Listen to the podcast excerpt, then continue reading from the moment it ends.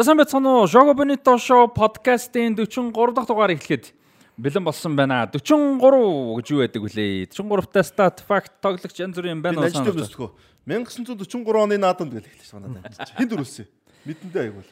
43 онд Аатл усан чамцгай улсын баяр наадам төрүүлж Архангай аймгийн хайрхан сумын яриат тэгээд бас тэр сумын яриат суугаа содуу гэж бүх үзүүрч Монгол улсын арслан цолорч исэн. Хайрхны наадам болж исэн гэж хар багасаа л ингээл юунд сонигдсан байт юм да. 5 цаг өнсөн хүмүүс давуу талж ийн нөхгүй. Би ч бас бүксөний их уншдаг байсан шүү дээ. Яг би бүх уншиж байгаа үгүй. Яг 5 цаг дээр гарч байгаа бүхийг бол бүгдийг уншдаг байсан. Яаж энийг яг ингэж цээжэр. Сая ерөөсө сонсож байгаа үзэж байгаа хүмүүсээ ерөөсө бэлдсэн юм биш шүү. Зүгээр яг харин яаж ингэж би өөрийнхөө амьдралаас тэдонд ясныг асуухад бараг салдгүй шүү дээ. Одоо тэгээд нэг ийм давуу тал байна. Одоо яг 5 цагаар уншиж өсөжсэн ч юм уу. За 5 цагаар ч гэлтгүү. Хуучин бол ингээ гол хэрэглээ чинь нөгөө сонин хэвлэл байлаа шүү дээ хүн сони хэвлэлээс юм уншдаг өөрөө одоо тэмдэглэлийн дэвтэр дээр тэмдэглэж авдаг. Энэ бол хүнд бол ерөөсөө маш их тийм юмыг цээжлэх тогтоох хамгийн тийм чухал нөлөө байж. Өөрөө буулгах тий. А одоо үе чинь нөгөө хүмүүс чинь нэг тийм сошиалос ч юм уу утасны цаанаас дэлгэцийн араас компьютерийн араас харчаар одоо хүн ер нь баг утасны дугаар тогтоохоо болцсон ба шүү дээ. Бараг л ойр тойрны хүнийхээ дугаарыг ч мэдэхгүй. Хит их мэдээлэлтэй тий хит их ингээд юм байна. Тэр нэг тогтоож цээжилж процессыг шаардлага байгуулчаад байна бас давхар тий. Төрүн тэрийг өссөн ярьж байсан. Одоо 43 хүлээ надаас 5 цаг уншижсэн. 43.18 гэл одоо алдарт Майкл Джонсны 400 м ирэх гээд орчих штэ. Шууд. Одоо тэгвэл яг тэрийг 43 тик 2-оор тэр Вэдэ Ванда нэрх гээд юу эвдсэн юм байна. Юу өмнөд Африк 16 онд. Тэгэл 43-ыг хаглал 400 м дэлхий аврах штэ л гэдэг одоо тийм үг байж штэ. Хөлөн мөдөр 43 гэхээр одоо лицийн хин биш штэ. Porsche тоглогч Матиш Клих гэдэг. Аа, Клих 43 таа тоглож байна. Тэгээс 43 гол молтой ч юм уу тиймэрхүү статус байж магадгүй те энд тэнд. Бас яг нэг тийм гол стат бол санаанд орохгүй тийм яг том юм бол те. Одоо 43 гэхээр юу л байж таарна л да нэг. А лигдээ нэг 20 эдийцэн 30 эдийцэн бус тэмцээнд нийлүүлээд нэг 43 гол молтой нэг үлрэл дуусж байгаа тийм гарч. Анрын Ванистро энтер нэг 2000 оны үед бас төгсөн байж магадгүй те 40 41 2 3. Тэгээ бас юу байж магадгүй дэлхий болон дэлхийн аврах шалруулах тэмцээний одоо Европын бүсийн ч юм уу те өмнөд Америкийн бүсийн ч юм уу одоо нэг улсынх нь мөргөн бус нэг 43 мөрөгтэй бас байгаа ах шүү. А бас тийм те. За 43 ранкинг юу бол Норвег болж таарлаа.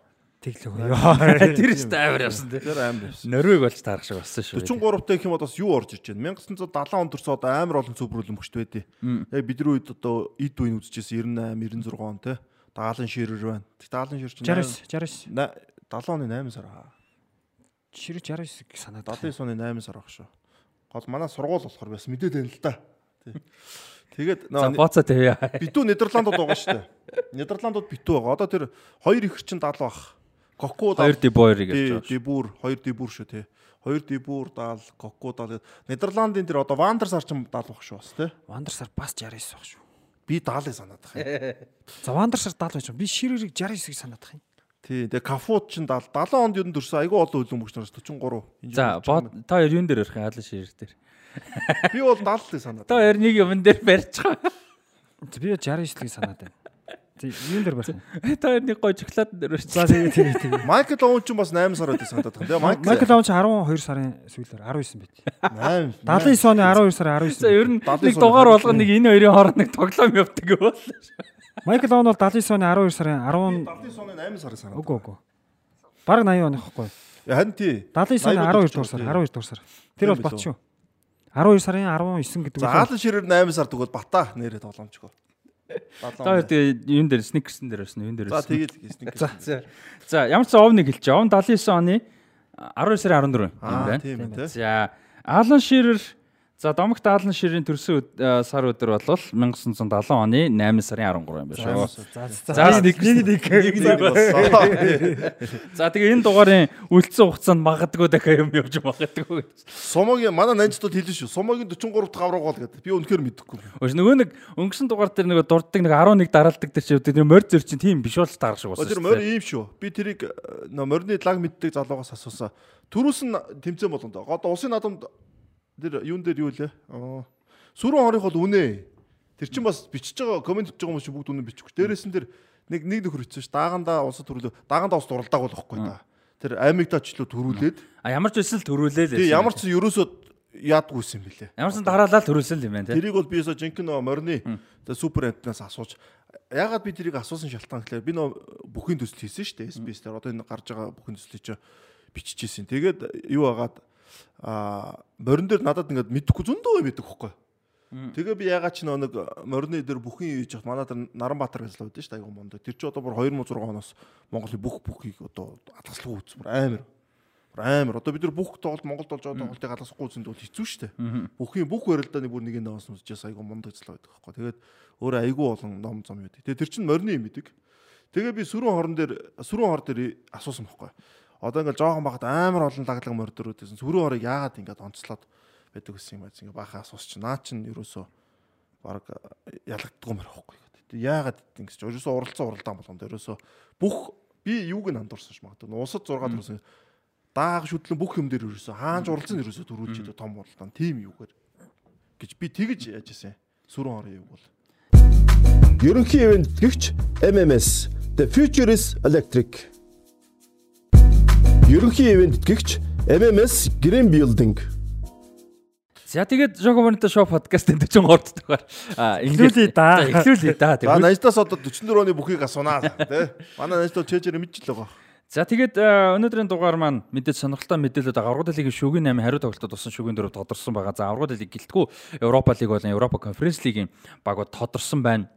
За эмэгтэйчүүдийн аврагын лигийн бас шүгэн дөрвийн эхний тоглолтууд болсон байгаа. Шүгэн дөрөвтэй бидгийг санаж байна. Дөрвийн эхний тоглолтууд болсон байгаа. За өндөр нэмээд мэдээж лигийн топ тоглолтууд том өрсөлдөөнүүд Байер Мюнхен, Дортмундын өрсөлдөөнд өөрчлөлт орлоо. Ювентус бас бөө юм боллоо. За иймэрхүү сэдвүүдээр эхний хэсэгт ярих нь. Хоёрдугаар хэсэгтээ өнөөдөр юу ярина?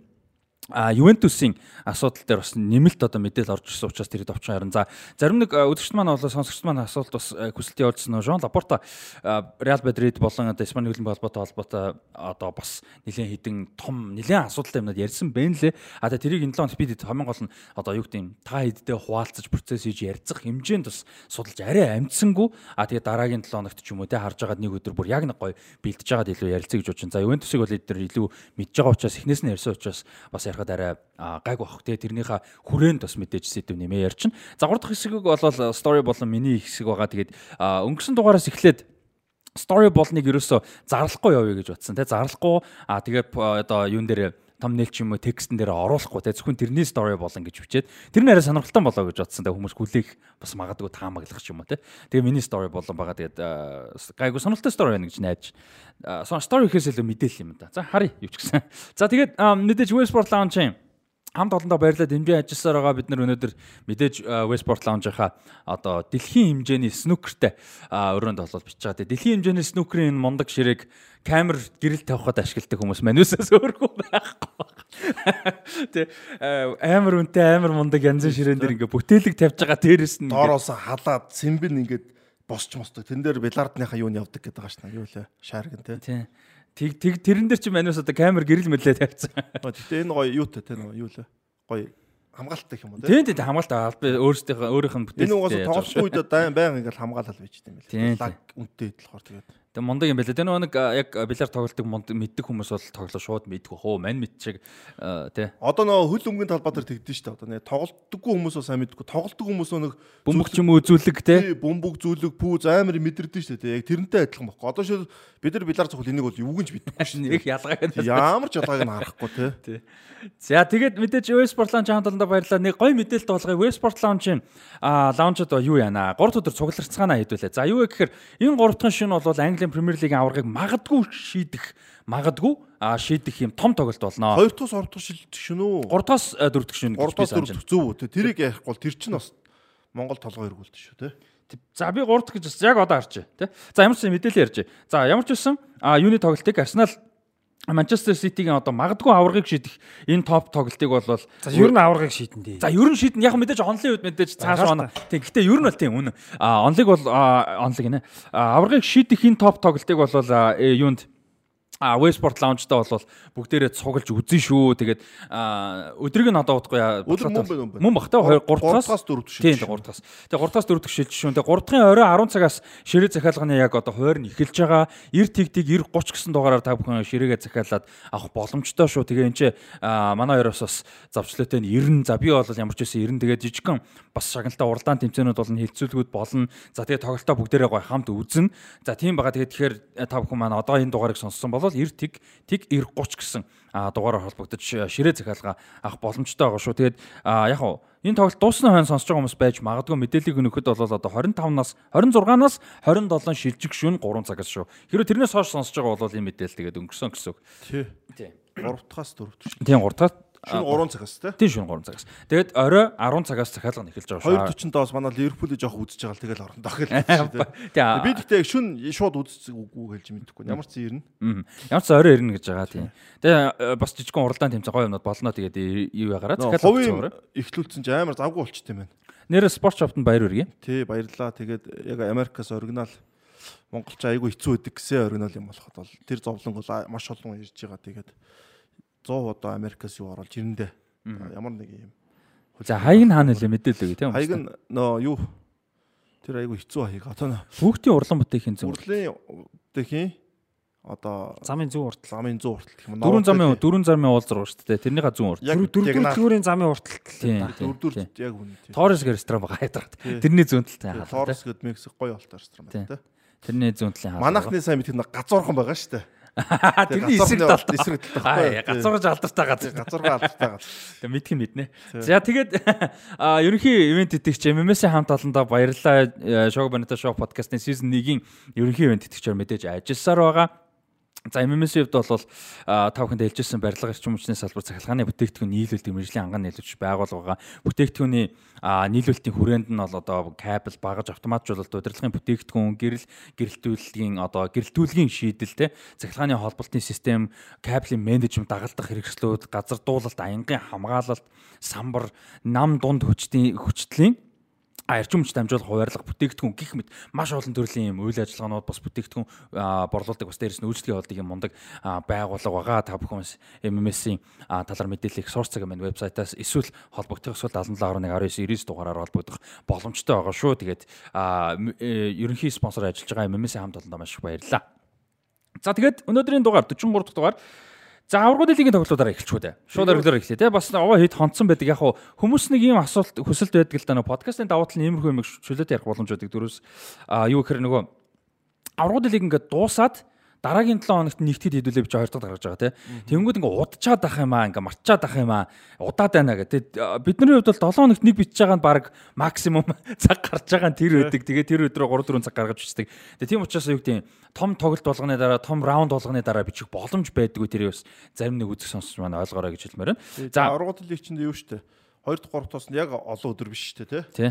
Тэгээ бус лигүүд маань ерөөдөө хагас цаанд болдог учраас угаасаа нэгтгэх юм 2 дахь бичсэн хамгийн зөв шийдэл болчиход байгаа. Базаал ярьчаад байгаа тийм. Тэгэхгүй бол авралын лиг дуусаа ярих нь лигүүд яачих гээд байгаа. Бас хаягдчих гээд тийм. Голдчих гээд байдаг тийм. Яг жинхэнэ телевиз байсан бол хэдүүл аль алийн тусна яаж болох юм тийм. За харамсалтай тийм биш учраас боломж байна. За авралын лиг За шүгэн дөрөв бол тодорсон. Реал Мадрид, Манчестер Ситигийн эсрэг, Милан болон Интер Миланы эсрэг. За энэ бол өстой үнэхээр гал гарсан топ тоглолт болох нь ойлгомжтой. Реал Мадрид Сити ч гэсэн мэдээж том тоглолт. А гэхдээ Миланы дерби гэдэг. За тэгээ Миланы дерби яг тоглолтын талаар удахгүй ярина. Миланы дерби гэдэг өөрөө нэг юм бас нэг юм одоо онцлог том юм болж байгаа. Юу гэхээр дараа 100 энэ алдарт Сансиро буюу Жюзеппе Мяца цэнгэлтгийг одоо хотын цагиргаатайгаа хамт хүлэн зөвшөлдснөөр бол одоо нураахаар болсон байгаа. Энэ одоо домогттой хөлбөмбөгийн түүхэнд л домогт цэнгэлдэг шүү дээ. За энэ цэнгэлтг бол одоо ингээд бүтэн нураагдсан оронд нь хотын цагиргаа Интер Милан, AC Милан клубуд хамтар хамтарч одоо баг 1.5 тэрбумын төсөл хөргөж одоо хөгжүүлж юу яаж байгаа юм бэ лээ. Шинэ газарт уу те? А тэр газартаа гэж би ойлгосон шүү. Ойрхон байж магадгүй. За тэрийг би марччихсан. Тэгэхээр тэр газар гэж ойлгосон. Тэр одоо юу юм те? Нэг одоо яах гэдэг юм Тэр газар чи одоо нураах айгу том ажил байгаа ш нэгдүгээр. Тийм маш том ажил, маш их цаг аавна. Нураан тэгээ дараа нь барих асуудал хэлээ. Тэр хоёр маань одоо яг хаана тоглох юм бол яах юм бол. Миланда нөгөө байдаг ойрхон байдаг нөгөө жижиг нэг олимпийн зингэлт юу лээ нэг тийм жижиг зингэлт байд юм байлаа. Тинчээ тоглоно гэж би ойлгосон шүү тийм. Тийм тэгээ ямар ч үсэн зүгээр яг уучлаарай энийг судлаагүй байсан.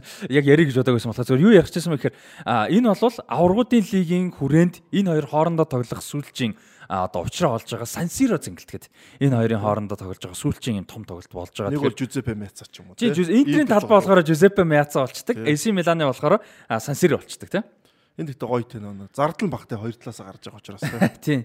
Тэгээд нөгөө энэ хоёр чинь хотын захиргааны эзэмшдэг цэнгэлтгийг нь. Тийм. Ийм байгаа шүү. Тэгээд а, 35 хүртэл AC Милан эзэмшижсэн юм байна. За товчхон мэдээлэхэд Сан Сиро цэнгэлтг бол мэдээж Милан хотод байдаг. Тэгээд албан ёсны багтаамж нь бол 75817 гэж явдаг. А тэгээд бүр тулгаж одоо дээд хязгаарт нь хүрэх юм бол 80018 хүний судалтай гэж а, явдгийм бэ шүү. Тэгээд хамгийн анх бол 1926 оны 9 сарын 19-нд нээлттэй хийж байсан юм байна. Тэгэхээр 100 жил арай л болж амжихгүйгээр л одоо нураагдсан тийм. 26 онд тийм амар том их хүн багтцсан гэлтэх байдаг бас амар тий. Яг Ромд байж болно шүү дээ нийслэн тий. Милан хотод тэгж бариад бас бас амар том байгаа шин бол. Ромын зингэлтгий одоо хоёрд орох уу энэ чинь тотал дор хоёрд ор зингэлтэх байгаа тий. Тийм бах. Стадио Олимпикогийн дараа Тий, орох та. тий Олимпийн зингэлтгэхийн дараа орох. Дараа орох нь бараг илүү ч урд нь гарах нь Олимпико жоохон 80 хөрхөөгүй байл бах та. Тэг ямар ч юм тийм бах. За тэгээд ийм байна. За тэнгуут аврагд лигийн өрөөнд AC Милан бол Наполитэй 1-1 харьцаатай тэнцсэн хоёр тоглолтын нийлбэр дүнгээр Милан 2-1 харьцаатай буулгаж авсан. Интер Милан Бенфикагийн тоглолт хамгийн одоо сонирхолтой нь болж яг одоо дөрөв тоглолтын тий. А 3-3 харьцаатай тэнцсэн. За тэгтээ ер нь бол сүүлд нь Бенфика барьсан. Тэгээд 5-3 харьцаатай нийт нийлбэр дүнгээр Интер Милан шүгэн дөрөвт бол шалгарсан. За энэ хоёр тоглолтуудыг үзүү сонон хачин анзаарсан тактик анализ зүйлүүд юу вэ? За яг Интер Бенфикагийн тоглолт бол ерөнхийдөө магадлал нөгөө талдаа Интертэй их өнөрөөсөн тий. Тэр тоглолт бол 3-3 гэж байгаа боловч одоо тэр тоглолтыг бол одоо юу гэж чинь энэ бол ихний тоглолтоор шийдэгдсэн. Би бол Милан Наполи ч ихний тоглолт нэр шийдэгдсэн гэж яг хоёр тоглолтын үнзэл харлаа л да. Яг тэгвэл ихний тоглолт нэр Наполи өөртөө маш их боломж алдсан. Тэгээд өөртөө нөө хууцны асуудал гарсан те ангисаа болон хий хоёр Ким Минжэ гэх те. Тэнгүүд л хоёрдугаар тоглолт руу орж ирэнгүүт л Миланы тоглолт бас өөр болсон. Чи яд бол нийтгээс жууч хамгаалт бол шалаа те. Тийм давуу эхэлж штэ. Тий давуу эхэлж байгаа. Тэгээд Наполи яг нэгтгэж тоглолтчгээ бүр яг тийм яг боломжууд гарсан нийт тоглолт нь бол яг яг тоглолт байсан байгаа хөөе. Наполиг бол одоо тэнцвүүлэх ч юм уу, илүү гарах ч юм уу те. Тэгээд тэрэн дээр жоохон Наполи алдсан. Тэгээд яг харахгүй юу яаж яана л да хичнээн одоо супер формтой байсан ч гэсэндээ одоо багийн класс гэж үүдэг. Яг тэр форм удаан барих маш хэцүү. Тэгээ тэрэн дээр Наполи энэ дээр одоо жоох асуудал гарсан тий. Одоо Кварацхела одоо Месси Роналдо бид нэрээд ч олон жил ингээд доктортой тоглолт тий. Одоо Салахаа гарч ирэл Месси Роналдо зэрэгцэл тоглонгол одоо нэг үлрэлийн одоо гайхамшиг гэл тэгдэг гэсэн. Тэнгүүл нөгөөх нь бол олон жил явж. Тэнгүүл яг тэгж форма удаан хадгална гэдэг тухайн тоглогч болон баг ямар хэцүү вэ гэдэг одоо Наполид яг энэ дээр харлаа л та. Хамгийн чухал үе дээрээ хамгийн чухал тоглолтын дээр инхо Наполи ингээд үе дээрээ яг ингээд тоглолтын форм ингээд яг гоё үр дүн ингээ үзүүлж чадахгүй байж байгаад. Наполигийн юуг харах юм бол удирдлын их нэгэд айгүй олон гол оруулдаг гэсэн шүү дээ. Өөртөө гоолж алддаг гэсэн юм бол. Тэнгүүтээ нэг өвөл болоод ирээд Наполи ч ерөөхдөө өөртөө гол алдахгүй. Гэхдээ 1-0, 2-0, 2-0 гэж явдаг гэсэн юм байна.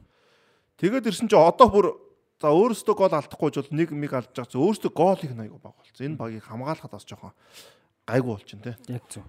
Тийм байдал руу орснод би бол яг энэ тоглолтын дээр Наполи бол эхний тоглолтын дээр юу гол юм аас алдсан болов гэж харсан.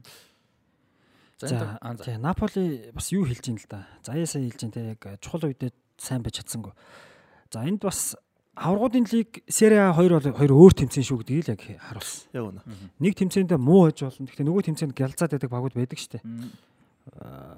Зарим нь бол ингээд дотоод Барса шиг гэдэг шиг Барса шиг одоо 20 жилийн өмнөх Барса ч яав аврагууд одоо энэ жилийн Барсач бараг тийм биш үү тийм тийм Ерөөсөө яг тийм. За Наполи эхний тоглолтод нэг тэгэр хожигдчихсан. Тэгээ хоёр дахь тоглолтод Диего Марадона цэнгэлт хүрээлэндээ Миланыг авч тогсон. Энэ бас тийм хаашаа жиргэж магадгүй тийм тоглолт болсон л доо.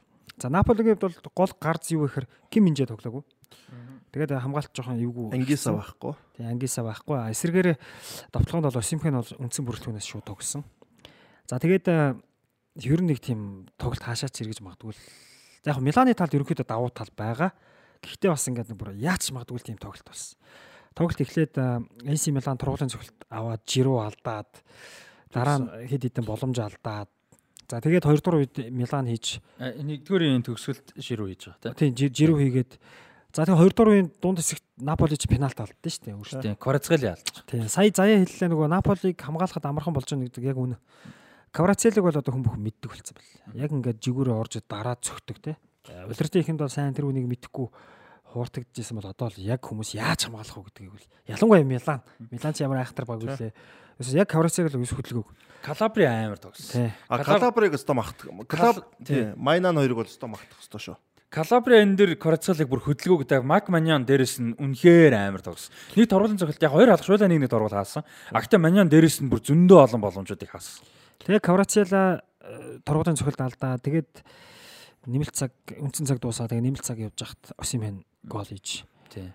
Тэгтээ их оройтсон. Хитрхи оройтсон тий. Хэд оройт оройт. Тэгээд нэг нэгээр тэнцээ хоёр тоглолтын нийлбэр дүнгээр одоо Европын домогт 7 төрөвтэй Милан баг цаашаа явлаа. 2007 оноос хойш хамгийн сүүлд одоо анх удаага юу яаж байгаа? Шүгэн дөрөвт орж ирж байгаа. За Интер Миланы хувьд бол мэдээж 10 оноос хойш тий. Тэр хоёр хоёулаа 7 онд 10 онд айлал нь төгрүүлсэн. Энэ хоёр чи яг хав юун дээр аврагд хэлээ тагс шид ер нь таарч ирсэн түүх байд юм. 20 жил юм таарсан. Нөгөө нэг Нөгөө нэг 3 оных чинь энэ хоёр чи штэ тий. Тий. Тэгээ Милан хожиж Тэгээ 2005 онд шүгийн 8 таарсан. Нөгөө нэг Албатай зураг байдаг. Абандоны нөгөө тоглолтыг цуцалдаг тоглолт. Тэр амар. Тэгээд тэгээд л ер нь 3 дахь таарч да баг. Өмнө таарч байгаагүй байна. Тэгээд бас нэг гоё юм таарж байгаа нь яг Итали лиг руу орохоор нэмж ярих байх. Ювентус буцаага оноо авч байгаа шүү дээ. Тэгээ гурлаа оюун хоёрын чи дээр ороод ирсэн. Тэнгүүд энэ хоёр аврагууд лигт яг мэдээж угаасаа л ачаал бэг л өгөн л дөө. Гэхдээ лиг аврагууд лигээр дамжиж тий бүр бүр одоо 100% хөөсөн бол 110%. Одоо альчгүй болж болох. Энэ одоо ингээд одоо юу гэж чимдээ түүхэнд бас байхгүй айгу сонир. хачин тий Эргэж бутсан шийдвэр. Яг үнэ сонир биш хачин. Яг үнэ. Тэрийг 20 дугаар Тий. үе ихсгээрээ хэдэл Тий. 2 дугаар үеэрээ гэдэг. тий. Илүү нэмж ярина. Тий, яг яг нэг тэр болчихж байгаа. Тий, тэрний илүү нөлөөлчихж байгаа.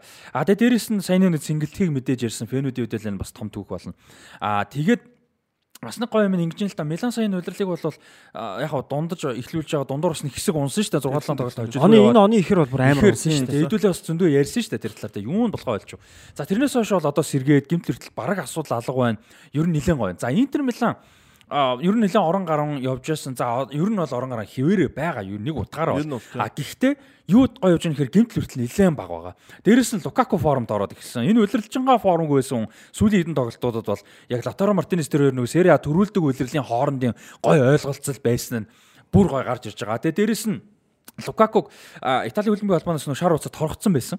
Нөгөө нэг ү- үзэгчдийн нөө фэнүүдийн өдөөс баяр баяр Гол. тэмдэглэсэн. За тэрийг бол би буруу гэдэг 100% одоо сэтгэлдээ байсан. Тэгээд тэгсэн чинь тэрэндээ ер нь бол одоо юу яасан гэх юм уу хүлэн зөвшөөрсөн буулт хийсэн гэх юм уу. Тэр бол одоо а, тургуулийн байхгүй болгосон. За тэрний үр дүнд бол Копа Италийн шүгэн дөрвийн хариу тоглолт Ювентустэй тоглох Интер тоглолт байгаа. Тэр нь тоглолцохоор болсон байлээ шүү. За тэгээд тэр хоёр бол одоо форм нь орцсон бүр яг ингээд дээрэс нь бас тэр а, арьс өнгөөр ялгуурлах за тэгээд тэр бандуулах янз бүрийн тургуулах гэх юм одоо бандуулах гэхээс илүү. А тэр зүйлд бас Лукаку нэлийн ирчлэг шиг боллоо. Тэрнээс гадна юу нэлээд- ирчихсэн бас давхар Лукакуг одоо Интер ч гэсэн их авч үлдэх сонирхол баг гэдэг яриа гараад Интер ёо, Челси ч гэсэн жаа авсан ч гэсэн одоо баг бараг тоглохгүй байж магадгүй гэдэг ч юм уу тиймэрхүү яриа гаргаад тэр чин бол ерөөхдөө бас тоглож байгаа бол амар сэтгэл зүйнд гимтэж байгаа шүү дээ. Тэр бас нэлээд хурцлж байгаа гэж Бас тийм байгаа тийм байгаа. Тамирчууны бас нэг зам байгаа шүү дээ. Тэрийг өөрийгөө харуулах, батлах. Энд угаасаа гэрээгээ сонгох зээлийн хугацааг сонгохгүйгээ мэдгэцсэн шүү дээ. Тэгээд э, юу вэ? Челсид бол ямар ч юм буцаж ирэндээ дээрэс нь мэдээж авсан өнөр бол буцаа зарагдах боломжгүй дээ. Челсид товтлогч үсэж байгаа мөртлөө тоглуулах тий. байхгүй байх. Челсид очиод тэгэл зарагдах байх л та. Нэг өөр нэг тийш. Тэгээд гол нь одоо хин ахуу гэдэг хэцүү асуудал байгаа. харин тийм. Одоо бараг Итали руу буцаа шүү. жоохон эвгүй болчихлоо. Тийм. Гэхдээ удирлаа сайн дуусгах юм бол бас босгол Яг байна. го Челсигийн дасгалжуулагч ирээд Лукаку бол манад товтлогч байгаа бол тоглоочч болох юм те. Тэр дасгалжуулагч ямар хүн байх вэ? Тэр нэг нэг бол ингэж магадгүй. Одоо бүр нэг авах баг болтохгүй. Тэгэл нэг үлддэг штэ тий. Тэгэл баг. Тэгээд яг Лукаку бол үнэхээр юу л да одоо хөл өмх нөө би билдраас гадна тарих толгой чухал гэдэг л одоо яг жирүүг эсрэг байгаа шүү дээ тий. Жирүү бол тэр төгсгөл тал дээр тийм юу тал дээр бол сэтгэл зүй тал дээр мундаг шүү дээ. Лукаку сэтгэл зүй аягүй муутай байхгүй нь бол. Одоо би тарих толгой тий. Нэг алдаал ихлүүл тэгэл алдаал алдаал. сэтгэл зүй аягүй олон юмыг хамруулж хэлж байгаа шүү. Тэгэхээр өөр ганц хоёр зүйл биш шүү тий. Тэгээд энэ жил одоо энэ удирдлал Лукакугийн хувьд бол ерөн зүгээр яг удирдлаар нь авч үзвэл бол маш муу. Одоо энэ хүний Удирлаар бол маш муу. энэ хүний одоо дэлхийн аврал шалруулах тэмцээнч тэр удирдлагч тэр энэ хүний ерөн зам л одоо өөрт итгэх итгэлийг ч алдуулсан бусад багууд клубүүдийн энэ хүнд итгэх итгэлийг ч ерөн нэлээд барцсан. Одоо нөгөө Жеко солиж очсон шүү дээ. Чин Жеко Лукаку хоёр үн амар зөрөөтэй те. Тэгээ багийн эс нь Ромагаас шүү дээ те. Асуудаг шүү дээ. Энэ хоёр тэгээд ямар вэ чи. Өө үн амар зөрөөдөлтөй тоглолтны ялгаа өглөө штэ гэж хэлсэн те. Энэ бол бас Лукакуг бол одоо юу чимдээ хитрхийн өндөр одоо өндөр үнэлэгдсэн байсныг харуулж байна л да манай. Одоо тэгээд юу ш нэг Магварыг хүмүүс нэг жоохон дооёолоод идэв штэ. Доо жоохон жоох одоо сүүлийн үед бас эргээл амар боллоо. Ер нь Лукаку бас хиний араас орцсон штэ. Ер нь нэг Лукаку дах гэдэг үг гарцсан Юу нь штэ. бол үнэ үнэ те. Тэ? Бент Бентнер дэх гэдэг Тий. хүмүүс байдаг шиг те. Тэгээ Лукаку дах гэдэг үг гарч чадсан штэ. Тэгээ одоо нөгөө Винисиус ч нөгөө Шгшогийнхаа цугларлан дээр хинтээ маргалж хагаад нөгөөдгөө чи бол Бразил Лукакуга хэлсэн те. Тэгээ тэгээ маргаан болсон штэ өнгөрсөн амар. Юу гэсэн үг юм бэ? Лу- Чи бол Лукаку гэж дөрмжилж штэ. Тий. За тэгээд Интер Бенфика. За энэ үйлрэлт Бенфика бол бас Наполи бас гадна тэ аврагын лиг өрөөнд ялангуяа онцлог багуудын нэг. За Юнда ч гэсэн Португалч гэсэн мундаг Рожер Шмидт тасалж болгочтой. А за Интертэй бол яг хожигдож 3-1-ээр хожигдож явж байгаа сүүлд 2 гол хийсэн. А гэхдээ Бенфикагийн хувьд бол одоо байж болохоор хамгийн л одоо мундаг амжилт байлаа тий. Португалийн багууд юу н аврагын лигийн шүүгэн амд үлдчихэ. Амаргүй шүү дээ. Амаргүй шүү дээ. Хэсгээс гар Ялангуяа одоо үед бол тий. хэсгээс гарна гэдэг чинь өөрөө маш том юм. Гараа тэгээ том багтаад харсдаг байхгүй тий. Сая тэгвэл нэгээр гараад Парис Сен-Жерменийн 2-оор гаргасны даваад нь гарлаа шүү. Юуэг мултлаад тий. Тэгээд гоё юм боллоо л да. Тэгээд Милан дээр бол яхаа харахгүй тэр Калабрыг бол өстой онцлохоосоор харахгүй. Одоо юуд чимдээ а хүмүүс гэдэг чинь хамгаалтын юуг айгүй нөгөө багаар үнэлдэг байхгүй энэ бол Хамгаалагчдыг тий. хамгаалагчдыг юу л их үнэлээд байдаг. Тийм хамгаалтын чадрыг тэгвэл тэр чинь одоо юу ч юм да тухайн тоглолтын тухайн тоглолтыг шийдэх байсан моментуудыг хааж байгаа байхгүй. Яг яг яг. Тэгээ тэгэхээр Калабрыг бол энэ тоглолтод магтах хэрэгтэй. Дээрээс нь Миланоос энэ хоёр тоглолтод хоёуланд нэг тоглож байгаа юм бол шууд майнаа нөхгүй. Яг үндэ эхний тоглолтын дээр Наполи бол амар олон голомжууд гаргасан шүү дээ. Тэр тоглолтын дээр юу нэгдэг. Тэр Наполид нь баг 2 3 ч тэгээр хожих боломж байсан тий. Тэгээд тэн дээр бол Миланы хаалгач майнаа бол үнэхээр супер асан. Тэгээд энэ хаалгач бол угаасаа үнэхээр юу болцсон юм бэ нөө? Одоо world class хаалгач нэг болцсон юм бэ нөө? Одоо саяхан нэг би нэг юм оруулсан шүү дээ. Хэдүүлээ нэг чат манай жогагийн чат байгаа. Яг одоогийн формоор дэлхийн хамгийн шилдэг хаалгач бол Майнан гэсэн э, юу яваад байгаа шүү дээ. Яг одоогийн Одоогийн формоор бол тэр баг үнэн бах уу? За тэр штег нь Манян. Штег нь Иштег нь хамгаалтан сайн байгаа шүү дээ урталтаа. Сая би Майнан ч бол яг өөр төрж байгаа цогцолтыг хаадаг Гэтэ тэр штег нь хаалтууд бас амар байсан Бага энэ үйлрэл. Майнаны яг энэ хоёрыг жинлүүл Майнан Наад бол Тийм аврагууд лигийн шүүв дөрөвт явж байгаа юм ч тэ. тий Майнаныг шүүгэн дөрөөс гадна дээр Италийн лиг тоглож байгаа тоглолт молдуудын жарсан чи хамгийн гол нь хэцүү цохилтыг хаана идэг аюу шгшээ огта бас нэг шгшээ огта. Тийм. үнэ, тий шигшээгийн тоглолт. Одоо шигшээгийн номер 1 болсон шүү дээ. тэ?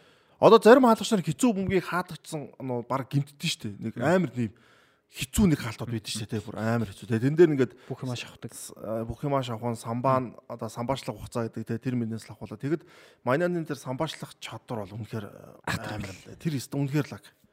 Одоо зарим хаалгач нар сайн хаалгач нар тийм самбаачлах юу муу өдөн штэ. Тэгсэн мөртөө нөө нэгттэй.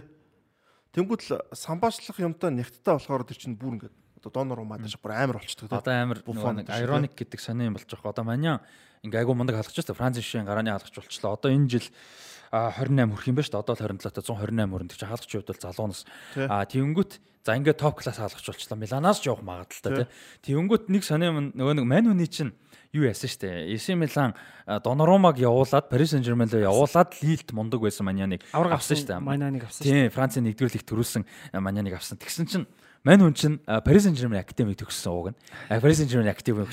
Тэгээ академик төгсөөд хоёрдугаар их тоглож байгаад а нэгдүгээр их боломж олохгүй байсан учраас тухайд нь чи Кейлер Навас байдаг л Навасын өмнө хаалгач юм байла. Трап. Трап Навас Мавас юу идэл мэн гарч ирсэн байхгүй. Тэг санаад шүү. Тэгээд Навасаа арай өмнө юм байна. Навасын өмнө тэгэхээр Трап л юм байна л да. Тэр мөр үед. Тэгээ мань хүн тоглоулаг байхгүй. Тэгээ мань хүн чи яваад Лил рүү. Навасын өмнө ч нэг буфон нэг хэсэг байгаа шүү дээ. Тийм, ямар ч сан тэр үед Нэг шалаагүй нэг тийм. жил нэг Ямар ч сан нэг 16 7 оны үед байхгүй 17 он. Тэгээд мань хүн чинь Лил рүү яваад тэгээ Лил шууд очоод өөрийгөө угаасаа амар Ариола байсан шүү дээ. А Ариола чинь айгүй Ариол чинь тэгтээ ирээдүй гэсэн ер нь яваагүй. Гэ нэг хэсэг тэгж явж байгаа тэгээ яваагаа байхгүй. Тэгээд Маньян ч Лилд очиод хоёр үлрэл билүү гурван үлрэл болоод дунд нь Лил нөгөө юунд төрүүлж байгаа шүү дээ. Кристоф Галтиадас очоод гэж 21 та онд. төрүүлээд тэгээд юу явж байгаа байхгүй. Милан руу. Тэгээ хоёр үлрэл Миланд очингуудаа шууд бас яриа төрүүлж. Одоо тэгээ яачих вэ? Парис чинь Доноромагаа явуулаад Майнана авчих вэ? Бохоо. Тэнгүүтээ явсан Доноромаг нь Милан авчих вэ? те? Тэх нь бараг болгох. А тэгээд яна уучлаар. Юу а Маньян юу яаж магадгүй гэсэн юм яригадаад байгаа. Тэгээ нөгөө сая Тотнамыг удахгүй ярих бах. Тотнам мэдээж Лорис нэгдүгürt нас нь явж байгаа. Хоёрдугаар багийн ч асуудал ихтэй байна.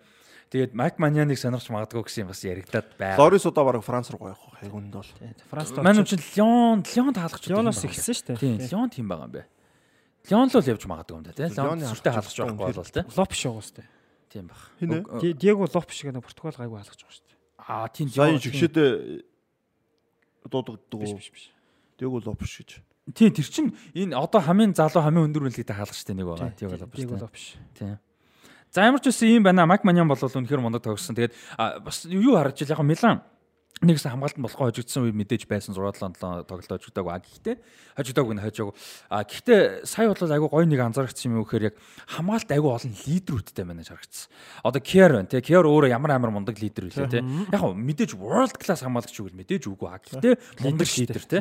Тео Эрнандес айгүй залуугаасаа мундаг тоглоод эхэлсэн. А дид ахлагч хийдэг мундаг лидер. А тэгээ багийн ахлагч нь өөрөө Calabria тоглож байгаа тий. Тэгээ Майк Маньян яг ингээ харангууд хамгаалт бол world class биш юм а гэхэд айгуу гол лидер ихтэй. Тэгтээ Томори. А тэгээ Фикао Томори айгуу залуу мундаг хамгаалагч. Үүрэг гүйцэтгэгч. Сайн үүрэг гүйцэтгэгч. Мундаг биеттэй тий. Яг Тэо Эрнандес шивэр баг world class гэж ярихад ч одоо буруудахгүй болох гэдэг шүү дээ маний хоёр. Тийм Милан дээр одоо бид ингээд хамгаалтыг онцолж шүү дээ. А Милан дээрээс товтлооны онцлох юм байна. Одоо тэр Рафаэл Яо гэж одоо тэр бол яг үндэ Наполигийн эсрэг бол хамгийн гол зэвсэг нь манай хүн байлаа шүү дээ. Яг сөрөг товтлон дээр бол Брахим Даз Рафаэл Яо гэдэг. Рафаэл Яо бол тэр юун дээр бол тэр хэнийг гол дээр бол урагшаа ганцаараа гүйж гарч ирээд 2 3 толж гураа тий. тэгсэн тэгсэн. Тэгээ гол Бүгднгээс нь ч хурдан те. Тэр чин болохоор одоо жинхэнэ оног энэ юу байхгүй. Одоо тоглож шийдэж байгаа байхгүй. Тоглож шийддэг шийдэж чинь маш чухал байхгүй. Тэгээс бол тийм чадварлаг хурдтай нөхөд байгаа дээ. хаяа нэг тийм үед. Тэгтэл ийм чухал тоглолтын дээр Шийд чинь. тий зөвхөн нийт тоглолт ш. Рафаэло ч юм бол ерөөхдөө том том тоглолтуудаар аягүй сайн тоглоод байгаа байхгүй. Португалийн шидэр ч гэсэн. Тэгэхээр энэ тоглолтчийг бас бид нар бас магтах хэрэгтэй. Энэ тоглолтч бол ерөөхдөө одоо ер нь том багууд авна шүү. Тийм байна. Ляв чин сая Наполитэй тоглоход шийдсэн шүү дээ. Тий. Ганцаараа бүр хуурж ингэж юу Тий. баг баг л өөрөө зооноос 16-аас Тэгсэн, зооноос зооноос явсаар агаад жирууд яг эцсийн дамжуулт. гурван тоглолч уураа. Тэгэд жирүү бол зүгээр яг үндэ жирүү гол хийсэн тэртэл болохоос ер нь бол Тэгсэн тэгсэн 99%-ийг нь яав байсан. Индомбеле бөмбөг алтчаал араас нэг хөөгөлөдөг хөөгөлөдөг гүйцэтгэв. Тэгэл тэгэл тэгэл. Тэгээ Домбеле яа харахгүй хэний оронд л гарсан л та. Ангисаг. Ангисагийн байранд тоглох гэж үзсэн л дээ. Ангиса бол Домбелегоос өөр тоглогч л. Домбеле ч Тоттенхэм ч гэсэн тоглолчоор тоглож үзсэн шүү дээ. Яг болоог байхгүй. Тоглолчоор бол Ляо нэг тийм анарыг санагдуулдаг уу? ер нь тэгдэг. Зүүнээс тоглолдог өндөр Тийм том алхаатай. Ер нь байшгүй одоо бодсон чинь. Тэр нэг тийм онц содон сүртэй юм хийдгүү зүгээр найдвартай. Анарыг тийм л байсан ер шүү нь дээ. тийм биш үү. Тий. Надад бол анарыг их санагдуулаад. Манай үзэгчд маань одоо зүгээр яг анзаараа яг хуу хуучны э, хөлбөмбөг сонирхт хүмүүс анарыг бол мэдэх байх те. Одоо үеийн хүүхд залуучууд маань бас тэр болгон хуучны бичлэг бүтэн үзэх боломж байхгүй те. Гэхдээ ингээд аврагын лигийн одоо Facebook хуудас энтер дээр анарыг нэг жижиг жижиг бичлэгүүд хаяа гардаг ш. Нэг тог Тий. зөвхөн нэг тоглолтод яасан Тий. Яг л анарыг чи өөрөө тэг шийдэл зүүнээр яваал биеэрээ хаагаал. Ер нь яг яа бас Тэр нэг чинь бол юу ч одоо ингээд тамирч тэнийг нэг хуурахад ямар нэг одоо нэг зэвсэг байх ёстой шүү дээ. тэ. Зарим дэлхийн супер одуудын зэвсэг нь ерөөдөө мэдрэмжлэр оролдог тий. Одоо юу ч заавал нэг гоё михгүй өргөн уурж болдог тий. Тэр чинь бол асар өндөр мэдрэмж ихгүй. Тэнгүүд л ингээд заавал ингээд гоё юм хийж хуурах гэдэг хүмүүс чинь заримдаа бол ерөөдөө тэдэр нь хүн ингээд яасаар гад яачдаг. Ой энэ одоо ингээд хөлөө давлал ингэн тий. Одоо мэдчихдэг ч юм уу тий. Тэнгүүл тэр чи одоо Барзил Роналдо, Криштиану Роналдо тэр чи хийсэн мөртлөө тэрийг хөгжүүлээд Илүү үр дүнтэйгээр илүү үр дүнтэйгээр хийгээд байдаг тий. Яг хаана хийх юм мэддэг тий. Тэнгүүл зүгээр л нэг эрдэлэг солгоод хийгээ сурцсан хүмүүс байдаг зүгээр. Тэрийг хүн хараад ингээл хургад. Тэгэхээр Рафаэл Йогич хувьд болохоор тийм амар сүйттэй юм хийхгүй мөртлөө тэр анирын шиг тэр бөмбөг тууж байгаа тэр мэдрэмж гэдэг юм чи ер нь. Яг, яг, Тэр нь бол үнэхээр лаг байгаа. Тэгээ өндөр. Өндөр өндөр хууртай. Андрын яг нэр ингэдэг байсан нөгөө нэг хүн эрэнгүүт яг хүнийг эрхийг ирмэгц хол тугаад холдуулах хуурчин. Тий. Тэгээ дараагийн ирэхээс юм дахиад хол тугаа тугаад ингэ явцдаг те. Амар том алхаатай. Ляо ер нь бас тийм биш. Тэгээ нөгөө онц сод юм юу ч хийхгүй зүгээр гол нь үр дүнтэй юм хийдэг. айгу хурдан дээр тэр мэдрэмж чи өөрөө одоо юу гэдэг чинь тэ хүнд зааж өгдөг юм биш үү тий. Яа одоо илүү одоо юу гэдэг мундаг төсөгчтэй багт мундаг төвийн хагастай багт илүү левел авах. Яг мэдээж аврагууд лигт шүгэн дүр төлөлдсөн баг мундаг байгаа. Гэхдээ л одоогийн үеийн Милан мэдээж юу гэдэг хуучин цагийнх шиг арай биш шүү дээ. Тэгэхээр хэрвээ шаардлагатай бол шат ахих гэж ярих юм бол яа бүр бүр илүү тоглох хаа. Гэтэ Рафаэлио бас ийм одоо ийм тоглогч нар бас байдаг. Сөрөг товтлоонд одоо тоглолдог баг байгаа шүү дээ Милан, Наполи сөрөг тий. Энд илүү сайн тоглоод том багууд ч сөрөг товтлогыг нь баг штэ. бөмбөг эзэмшч үү тоглолдог баг тий. эзэмшигтэй муу тоглох нь яах нь тэр бас айгүй чухал байдаг. Маш олон тоглогч тэгж алддаг штэ. Одоо энэ бол Манчестер Сити дээр битүү тийм фейл зөндөө байна. Жигүүрт айгүй болон одоо тоглосноор авчихсан. Одоо хамгийн гол чинь Нолито байна тий.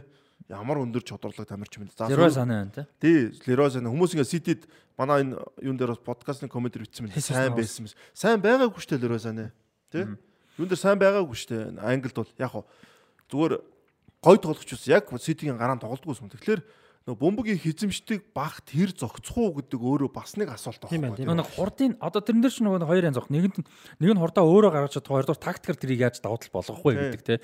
Нөгөө бөмбөг илүү эзэмшдэг баг нөгөө хэд нь сууж хамгаална. Яг зөв. Тэгээ зай хамгаалж зай ард нь зай гарахгүй тэгэж хурд гаргах. А тэр тэр зайг тактикаар гаргах уу хүчээр а нэг бол тэр тоглогч хувраад давуу талаа өөрөөр ашиглаж одоо э, тоглох уу гэдэг лээ. Тэгээд айгүй чухал байхгүй. тэгээд бас тэр тоглогчийн одоо юу гэдэг тийм CT шиг багт очихоор ялгарахгүй байхгүй.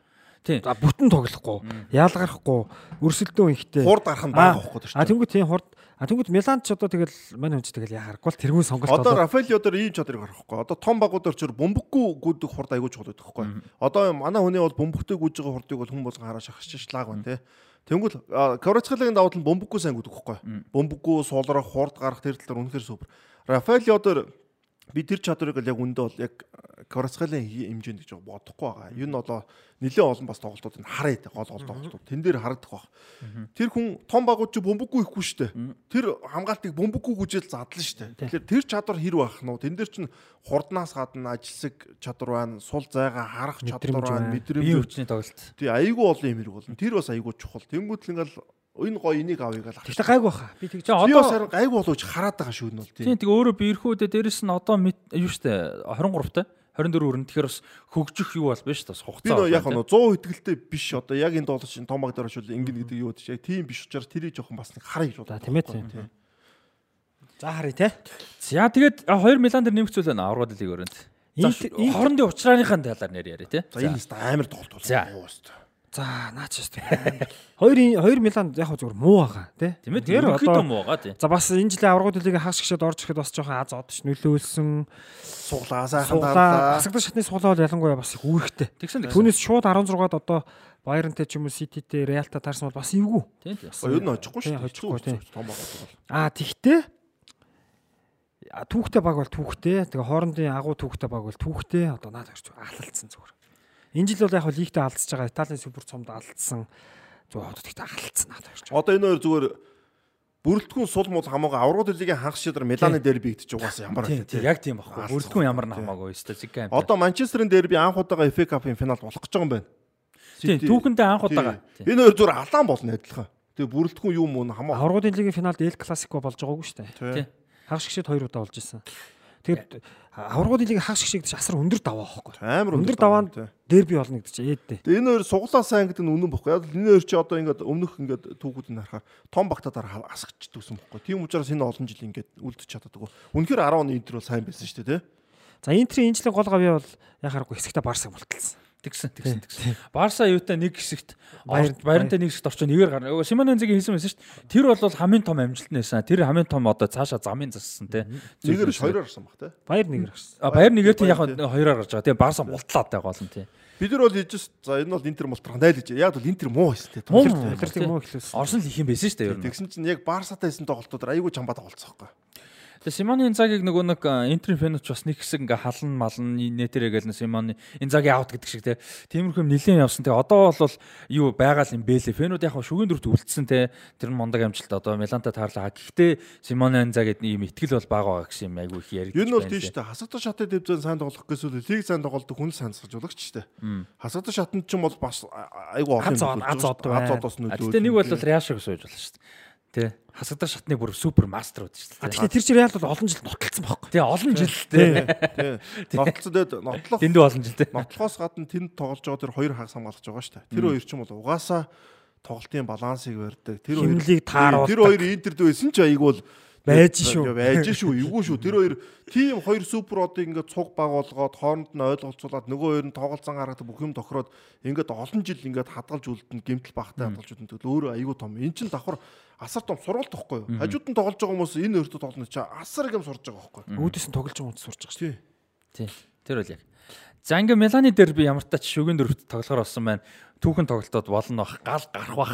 Филиппо Инзагигаас ярьслага авсан байлээ. Мэдээж дүүн Интер Миланыг тасалж болж байгаа те. Тэгсэн чинь за би дүүтэй хайртай. Гэхдээ Миланыг бол өөхрийн хөвгтлээ дэмжинэ. Милан гарч ирээсэй л гэсэн байлээ. Гэхдээ энэ жил яг хоёр Миланы уучраанд бол Интер нь давмгаалаад байгаа шүү. Мм. Тэг яг хоорондоо тоглоснуудад те. Илүү нэг дөрөв тэгэр чодсон нэг тохиол байгаа шүү. Италийн томчид хоорондоос олон тэмцээнүүдээр хоорондоо тоглох гоё. Одоо нөгөө түрүүсэн Испани, Испани, Италийн цомын шүгэн дөрөвт хариу тоглолт байгаа. Ювентус Интер. Тэр бас нэлээд том тоглолт. Аа болох байх. За Тэгээд нэг дээрэс нь Италийн энэ багуудаас 7 баг хамгийн олон баг байсан баха. Одоо 5 одоо 5. юу лүү Хагас гişэд. Европ хагас гişээ тав. Одоо 5. Европа лиг болон конференц лиг те Тий. 7 хойж байгаа 5 болж байна. тэг шүгэн дөрөвт нь нийлээд 5 баг болж Тэгээд юун дээр 7 хэсэг надах юм. Шүгэн 8 дээр нийт. Тийм баг. Тийм 7 гэдэг тоо яваадсан. Тий, тий. конференцтэйгаа энэ бол амар өндөр доо. Яг бол Италийн хөлбөмбөгт ойр дарагдаг гот байхгүй энэ бол энэ бол 5 гэдэг ч бас амар өндөр шүү. Европа лиг дээр. За Европа лиг удахгүй ярина хэдүүлээ. За аврал лиг нөгөө тоглолтуудаа яриа тэ. Челси, Реал Мадрид. За Франк Лампард дасалжуулагч э, болол өргөжлүүлж мэдээж бага байдсан. Тэгээ Реал э, хоёр тийг харьцаатай Stanford Bridge-д буулгаж авсан. За Родриго ч юу юм бэ? Карьерта Реал Мадрид клубын төлөө карьерта аврал лиг ихтэлүү болно гэж оруулсан юм байна. Юунаас Ла Лигаас. Ла Лигт мэдээж тэр чинь хэд дахин илүү олон тоглолтод оролцсон байгаа шүү дээ. Тэгсэн мөртлөө аврал лиг ихтэлүү болно гэж оруулсан байлээ шүү. Клач төрлийн тоглож байна бас те. Оо, Сити Сити хоёр уссан шүү дээ те. Ливерпул дээр э, бас хийдэг үстэй тийм. Тий. Тийм. Аа биш аа тийш Винишиус хоёр. Vinicius тий тий. тий тий Сити дээр. Энэ эсэгтээ интертээ ороод байж захад гарч сүүлийн минутанд гол. Ливерпул За Родриго юу яасан бэ? Сая өнгөрсөн тэр Реалтай хийсэн, Челсид За. хийсэн тоглолтын дараа За. Ла Лигийн 100 тоглолтод 12 гол хийсэн бол. Аврагын лигийн 37 тоглолтод 15 гол хийсэн. Тэр тэр яг яг яг тийм байсан байхгүй. Бас амар гоо шүү тий. 10 дэлхийд 20 тоглолт нэг гол оруулж шээ тий. Мас мундаг ба. Тэгэд э, яг юу л да нөгөө мань хүн Реалд бас яг нэг гараа бас биш шүү дээ. Ер нь бол тий. Валверде баруунд нь тоглолцоод байдаг. За нэг хэсэг одоо өөр хин Асенсио тоглолцдог ч гэдэг юм уу тий. Бас яг нэг байнга бас нэг тоглолдог. Родриго гараа гарвал гараанд гарвал баланс алдагдана. Гараанд гарвал Винисиусийн орон л гарна. Юу бол. Уул нь өөрөө үндсэн барин зүүн байхгүй. Тэгээд яалч юу Винишиус тийм амар байгаа үед баруун дээр л гарч таараад. Тэгээ өөр байрлал гарвал энэ хоёртой хамгаална гэдэг бол хэцүү байхгүй. Яг Бензема гимтэлтэй үед нэг ганц хоёр удаа төвийн товтлогчоор бол тоглосон. Гэтэ тийм ч бас нэг сайн бол Ер нь бол бас Родриго ч Винисиг бодох юм бол довтлогчийн ард довтлогч бодож бас хөргөн тоглолцоод идэв шүү дээ, тий? За тэгээд Челсигийн асуудал за хэдүүлээ Реал Мадридыг нутгаар а Челсигийн асуудал нь за одоо дасалжуулагч сайн ингэж байна. Юлиан Нагelsман бол одоо өрсөлдөөнөөс байхгүй болж байгаа юм байна тий а гэж болол мэдээлэл гараад ирсэн. За дээрэс нь Луис Энрике болол яригдчихсан Луис Энрике бас одоо байхгүй болсон тий одоо сон- сонголтод бол байхгүй. За одоо Челсид үгүйгцэн. Тэ Челсид өгөөгцэн. За одоо бол 3 хүний сонголт шорт лист гэж ярьдаг те. Богино юм одоо 3 хүний жагсаалт орцсон байгаа. За нэг нь бол хамгийн номер 1 одоогийн байдлаар яригдж байгаа сонголт Маурицо Почетино гэж яригдж байна. За дараагийн сонголт нь Винсент Компани гэж яригдж байгаа юм байлаа. За нөгөөх нь бол Рубен одоо Рубен Амор юм тийм.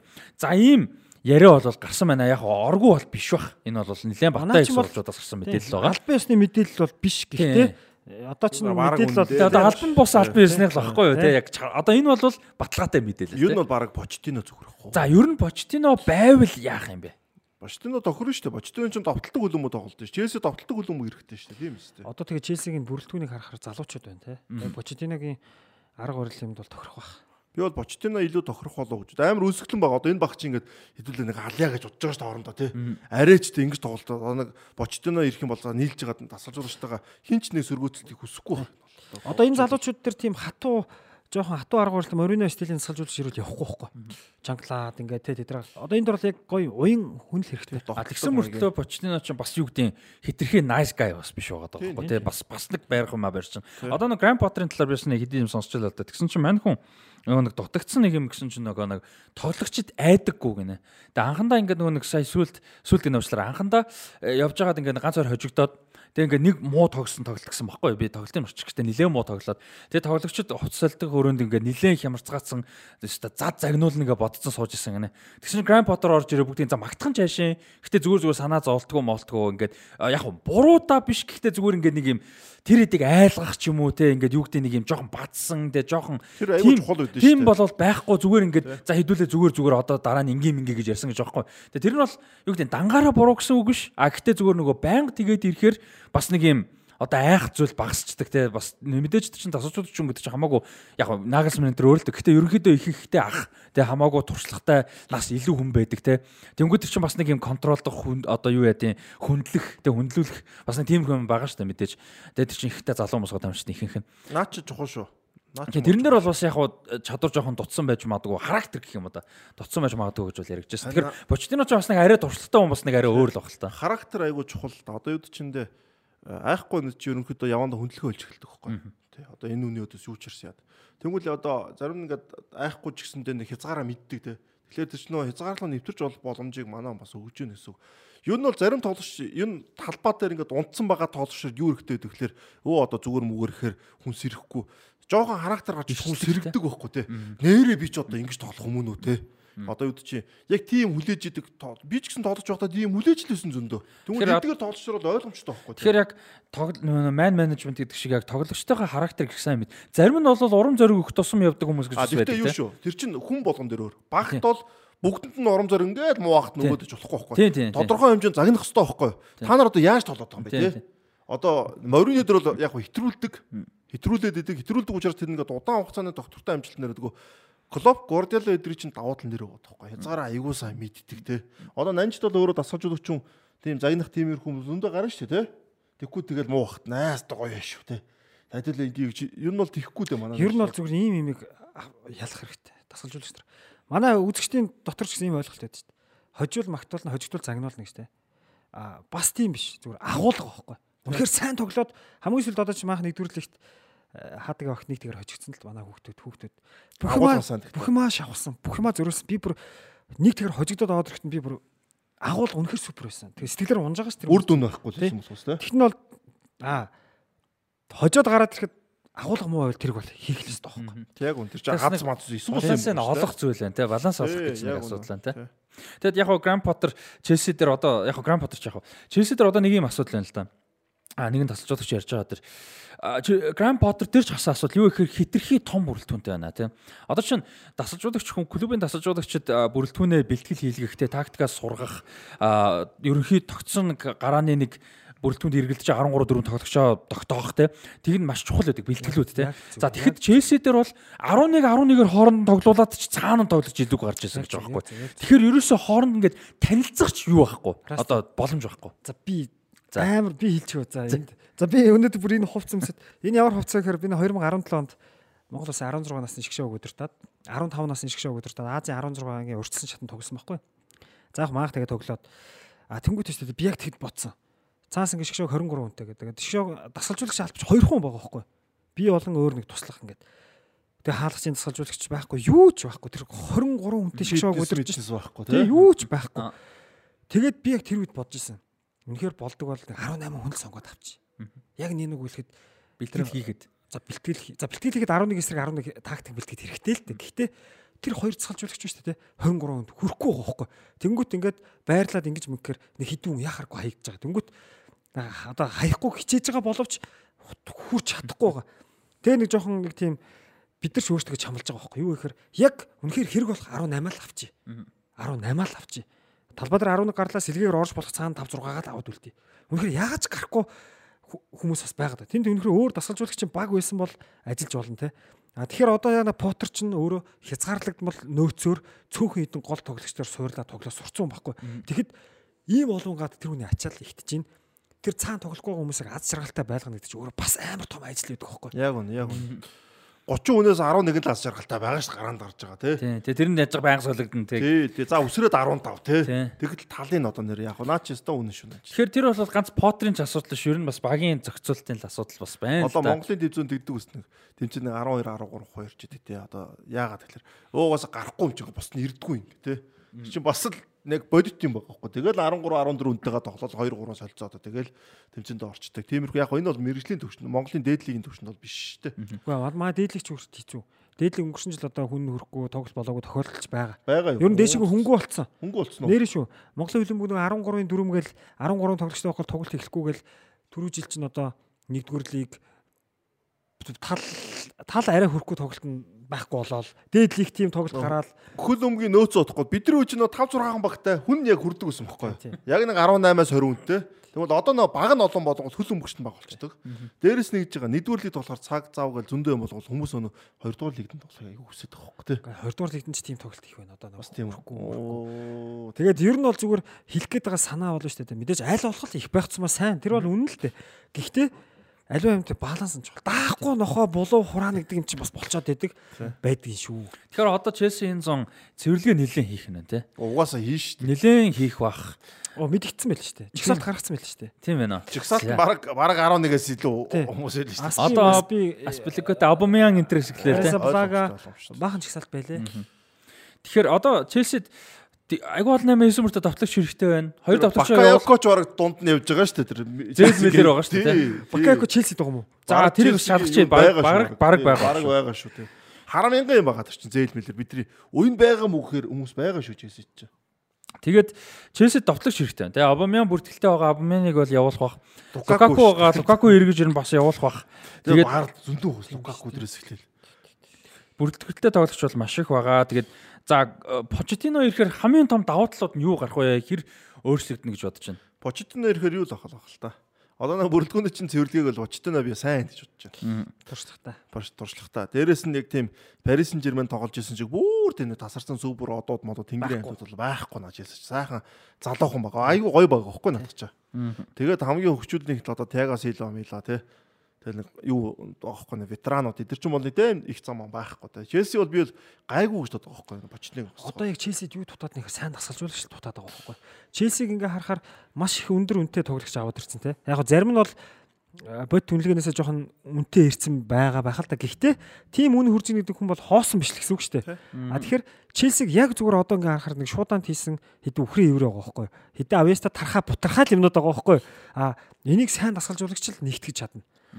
За тэр нь одоохондоо Челсид данж байхгүй. Тэгээд Челсигийн хамгийн гол давуу тал нь бүх байрал дээр амар гоё шинжилүүд хийгээд байгаа байхгүй. Уул нь. Бүх байрал дээр одоо ингээд төвийн хагас Одоо дээр хаалгач давтлагч хоёр л баг дутуу байна уу да. хаалгач нь бол класс биш те. Тийм хаалгач бол ер нь өөрчлөл гээд байгаа шүү дээ тий. Мендиг бол явуулна гэдэг юу оролцсон. Тийм Кебач бас яг нэг Оруулна гэдэг шаардлага, өөрөө тийм. Тэгээ давтлагч бол тэгээ Хамгийн урд хамгийн хойно хоёр л байхгүй. Бус нь бас гайгүй байна тий. Тий. Тийм яг оо хаалгач бол гэхдээ довтлогчоо бол бас гайгүй шүү дээ. Тиймээ довтлогчоо бодлоо. гайгүй. Кепа мапета бол нэг үлрэл хоёр үлрэл бол явчууд бол би гайгүй гэж бодож байна. За одоо зээлэр явцсан байгаа тоглогчдоос одоо онцлог тоглогчдоос. Тэгвэл айгүй олон академиэс гарч марсан тоглогч. харин хар мянган юм. Зөндөө байна. За тэгтээ зүгээр яг онцлог хүмүүс гэх юм бол Тимуя Бакайоко байна. А Лук Лукаку мэдээж байгаа. За тэгээ нэмээд Малан Сар Монакод байгаа.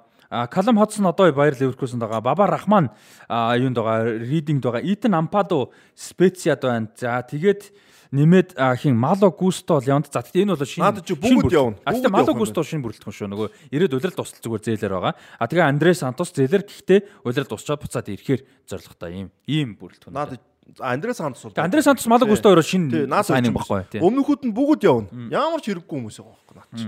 Одоо Баба Рахман хайтар одоо одоо бол байгаа гэхэлэр баслаа. За одоо а, үндсэн хаалгачдын бүрэлдэхүүн гэдэг ихэд л а, гурван үндсэн хаалгач байна. За яг мэдээж гурав байдаг л та. А, Берт- Беттинелли, Менди, Арев, Забалага байгаа. Хамгаалагчдын бүрэлдэхүүн Бадишил, Силва, Чалоба, Чилвел, Рис Джеймс, Колибалиас, Белгвета, Кокурея, Уэсли, Фофана гэж байгаа. Энд чэнэс одоо За хэн бол нэг удахгүй бах Тиаго Силва бол тий нэг жилийн гэрээ сунхаар яригдж байгаа юм шүү гэлээ. Тэгээд хэн бол На явах хамгаалтын бүрэлдэхүүнч амар зузаан сосгож байна. Уул мундаг тэ залуу байгаа байсан. Бодохоор яг яг нэг явуулчих гэсэн бас нэг байхгүй байгаа байхгүй. За Спиликотой явж болно. Гэтэ шүү дээ. явсан ч гэсэн нөгөөд нь гоё байгаа байхгүй. Рис. Джеймс Чалабаар тоглож штэ баруун тийм биз? Бүрэлдэхүүн бол айгүй давгүй. Заавал Спиликото байлгаад шаардлага Фофана ч ч баруун руу тоглолт штэ. За төвийн хагас дээр болохоор байгаа бүрэлдэхүүн Энцо, Фернандес, Канте, Ковачич, Лофтус Чиг, Маунт, Закария, Галагер, Чукомека А за тэгээ Льюис Холл академи хөгт. За тэгээ Андрю Сантос эргэж ирнэ. За ийм бүрэлдэхүүн. Наач бас олгой. Одоо наас ч хахад явуулна л та тэгтээ. Тэгээ Маунт дээргээд айгу гой хүнээ явуулмаа. Маунт ч одоо бүр явах нь баг тодорхой болоод байгаа юм шүү. ийм гой тоглож байгаа одоо. Манай Ливерпул авчаасаа нэрэ тоглоомч. Наа чи хаач утсан заа. Маунт бол одоо тэгээд хаач утсан ямар ч байран дээр тоглохоор хэмжээний тоглож шүү дээ тий. За тэгээд урд за энэ дээр харин хамгийн олон өөрчлөлт байгаа магадгүй юм хүнээс. За Обамян, Pulisic, Феликс, Мудрик, Стерлинг, Броя, Сиех, Давид Датров, Фофана, Кай Аверц, Нони Медуке гэсэн. Наа чи олон солилцоо авах юм байна уу? Тал нь явах нь шүү. Одоо на Броя өдөр чинь товтлох Челси тэнцэд товтлогч биш ээ. Яа Селине товтлогч та тий. Тэгээ Броя амар хазгүй нөгөө яг Обамян байхгүй Лукаку нь явцсан өөр яла тэгээ ингээд ганц боломж өөрийгөө гаргах боломж тэгсэн чинь амар дээ. гимтсэн шүү дээ өвдөгний Яг чагтаа. Броя үлдвэл Селине товтлочоор л үлдэх баг. Угаасаа нэг World Class товтлож авах хэвээр. Тэгэхээр наа чи одоо Лукаку нь ирнэ, Лукакуга явуулна, Пулисика явуулна, Зэш угаасаа явна тий. Зэш явна, Пулишич явна, Тий. Абамаянг явна. Тэгэл Мудрик үлдээд Стерлинг бол байхад бол зүгээр тоглогчтой энэ бол. Тестертинг бол ганц нэг жил байж хат болно. За шинэ 8-нууд байгаа тэгээ Давид Датров, Фофана, Нони Медуке, Мудрик энтер гэдэг. Оо Датра Фафана хий эдрийг бол тэр юм бэлээ нөгөөх нь. Ноны медик. Деко наад матах ч юм бараа зээлсэн зүгээр ш дахиад те. Нэг үлрэл молрол зээлээд нэг бол нэгийг авч үлдэж байгаа ч юм уу нэгийг зээлж мэлээд тэгэхгүй бол одоо наад бүрэлдэхүүнээс Челсигийн бүрэлдэхүүний цаар хинч бодсон тийч баг хоёр баг тоглоод дахиад гурван баг яваад тэмцээн зөхөсөн. Тэгээ надад ч удирдахад аягүй хэцүү байгаа байхгүй. шүү дээ. Тэгээ бүгдээр өндөр цалинтай одоо хин гарах юм байна аач одоо тэгэлэрч. Тэгэл гомдолтой хүний хүний тоо нэмэгдэх гэсэн л дасгалжуулагч Одоо наад Жо Феликс дээр байгаа бас ахаад. Тийм тэгээ нөгөө багийн бүрэлдэхүүний уур амьсгал те. Феликс Феликс бол авч зээл үл те. авч үлдэхийн төлөө бол бүх юм аа Жо хийн Феликс, гэсэн. Кай Хаварц эдэргээл бас зөндөө гарч иж байгаа. тийм. Феликсийг бол авч үлдэхийн төлөө юм аа хийн гэсэн байл шүү. Мгм. Хаверц бол бас нэг тоглолт нас таарахгүй юм байгаа л байгаа те. За Реал Мадрид аврагын лигийн шүгэн дөрөвт ингээд дахиад гарч ирж байна. За Реал Мадрид юутай тоглоно? Манчестер Сититэй тоглоно. Реал Мадрид за Ситиг ярахаас өмнө Реал Мадрид энэ үйлрэл хэр явна гэж бодож байна. Одоо ингээд шүгэн дөрвөлө гараад ирлээ шүү дээ. Реалын бол одоо ерөөсөн хамгийн час Реал яг ийм. Би нэг өмнө ч мэдчихсэн. Зүгээр сүүлд стат гарцсан л байлээ л дээ. Реал гэдэг хөр 16 айгу хүнд байдаг байхгүй. Олон жил дараалж 16 дараа мулт явсан шүү дээ. Лионд их олон жил явсан. Лионд явсан, Рома одоо Баерн те. Нэг дараалал 16-д явдаг байсан шүү дээ. А тэнгууд Реал 8-ыг бол давдаг байхгүй. Реал бол 8-д бол Монакадлхан сочигдсан. Мгм. 2004 онд. А Реал нэг эвгүн хагшгшээ. Хагшгшээд их явдаг. А хагшгшийг давхан бол төрүүлдэг.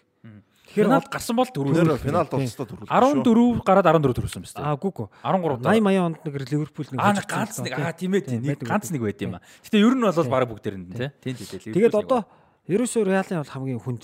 Одоо энэ жилийн аврагын дэлийг баг аврагын хувь цаг шийдэх тоглолт. Энэ баг бас. Реал сүүлийн 13 жил 13 улирлын 11-т нь хагшгшээд үлдчихэв.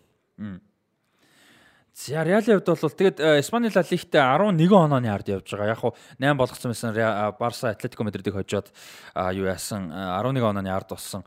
Онлын хувьд бол боломж байгаа. 8 тойрог дотоо 24 онооны төлөө тоглоно. За гэхдээ бо ер нь бол аврагууд хэлийг баг тий зорилго. Оос хотлоо л да одоо лал хитэр те хин том багууд ийм олон оног амжихгүй. Тэгээ 12 оноо зөрнө гэдэг ус арай хэцүү тий. За Реалын хувьд өөр нэмж ярих зүйл байгаа юу? Асуудал багтаа багийг ярих юм багтаа юм да тий. А нэрээ юу яасан? Анчлоти нэрээ сонгож магадгүй хэдүүлээ хэдүүлээ ярьсан тий. Нэг жил мэл. Тий. Реал дасгалжуулагч олдохгүй байна л да. Хэдүүлээ тэрийг нэр ярьсан тий. За. Дэлхийд дээрээс суулж олдохгүй хэцүү. Тийм. Челси Реалын тоглолтын дээр ч нөгөө Челси бол Реал бол үр дүнгийн төлөө тоглолцсон шүү дээ. Хошоо хамгаалцсан, Челсид бөмбөгийг нөхцсөн, Челси довтлсон. А тэгээ нэгдүрийн төгсөлд нэг их гоё боломж олцсон, Кукурэ ялддаг. Канте бас нэг боломж алдсан тий. За Кантагийн нэг зүүнээрээ. Тийм. За нэг тийм байна. Мудрик алдсан те. Тэгэл ерөөсөө чи хийхгүй бол би хий. Тэгэл Реал бол хийцэн шүү дээ. Винисиусыг бол угаасаа Родригог бол зогсоох хамтан байгаагүй. Одоо нөө нанжтын хэлд нөө агуулгач айгууч болохгүй. Реал Ситигийн тоглолтноор л агуулга Ситигийн тал байсан шүү дээ өнгөрсөн жил те. За энэ жил ч гэсэн Ситигийн тал байна. Гол нь нэг өнгөрсөн жилийн шиг Реал үр дүнгээ авч чадахгүй гэдэг л асуудал байхгүй. Хүмүүс болохоор одоо юу гэдэг чинь нэг агуулга гарахгүй шууд үр дүнг нь яриад идэх бол байдаг л да тий. Аврагууд лидер бол а үр дүнгийн төлөө тоглолдог ойлгомжтой. Гэхдээ агуулга гэж айгүй ч том юм байдаг. Тоглолт эхлэх юм угаасаа Сити даваад нь байгаа байхгүй. Өнгөрсөн жил яг үндэ тэр шүгчийн мэдийн зэт 2 гол оруулж хожиж тэгвэл тэр бол хөлөө мөх тэр нь Бараг тохиох. бараг давахгүй тий. Маш олон зүйлийн Нэг хүн л магадлал. айгүй баг магадлахгүй. Тэгвэл тэр магадлалыг Реал илүү өсөн гэж яриндаг өөр Реал тэр банк хийхгүй байхгүй. тий. Хингсэн үйлрэл 3 тоглолт дараалаад ерөнхийдөө тийм байдлаар хайсан шүү дээ камбэк гэж. Тэгтээ тэр чинь үүд чи яг Ситигийнх ч юм бол бүр амар ахгүй. Ситигийнх бүр амар, тийм, бүр амар. Тэр чинь бүр 2-ын 2 гол итгэж байна. 90 91. Родриго шүү дээ. Тийм. За тэр хоёр за тэгээд тэгвэл шууд тэр үргэлжлүүлээ ярьч тээ. Манчестер Сити Байерн нэг нэгээр тэнцсэн. Тэгээд Байерн мултарж байна. За Кан бол нэлээд бухимдалтай байгаа. Кан хин хоёр те. Салихамид Тэгээ бас нэг захирал байгаа даа шүү Тийм том бас том хин блэ. Тэр бас том гараад болж байсан. Тийм. Хайнер хин блэ. Тийм. захарал хэмжээ том л байгаа. Манай бэлгүүл сайн Тийм ба. тийм сайн мэдээ сайн тоглолтыг бол тайлбарч таарсан. Тэгээд аа яа тэгээд ер нь Сити бол тэгээд илүү тоглоод нэг Баерн яг довтлогоонууд боломж ганцаар гаргасан. Лерой Сане нэг айгүй гой сугарж гарч ирээд хаалганы хажуугаар нэг явуулсан. Кимих айгүй санаа Кимих одоо бидний мэддэг Кимих ч нэг юм штэ. Яг байн үзэхгүй бол анзаарахгүй ч юм одоо. Гэхдээ Кимих нэг тийм илүү толгойтой илүү тайван. Тэгээд лидер. Тэгээд ингээд нэг юм тоглолтын темпч тогтоодог. Одоо ялангуяа Гвардиолагийн дор. Хуваарлагч дээ. Тийм Гвардиолагийн доор Кимих ямар амар боллоо те жигүүрээс гол руу орж ирээд. А тэгээд ер нь бол багийн лидер ийм байдаг. Тэгсэн чинь одоо ч юу яасан юм бэ? Кимих ч бас айгүй юм сэтгэл хөдлөл одоо юм реакц ихтэй болцсон. За тэгээд тэр нь реакцтай байна гэдэг муудаа биш зүгээр өмнө нь байснаасаа өөр болцсон. Тэгээд дими шаардлагагүй хүмүүсийг очиж ингэж үдэж хатгадаг. Муудсан. ханамжгүй байгаа хөөхгүй наа чинь. Тийм юм багтаа. нилээн гарч ирж байлаа шүү. Одоо Сэтгэл чинь ханамжгүй хүн тэгэн шүү дээ. одоо Гүндон дээр нэг Санечлоо нэг нь алдаа хийгээд гүндон унжах. Тэгээ угаасаа алдаа нь ойлгомжтой тэгээ нэг тоглогчдыг улаан цэмдэр зүр бөмбөгөө бариад унцдаг шүү дээ. Тэгсэн чинь шууд бөмбөг ингээ хүчээр очиж өшгөлж өшгөлээ.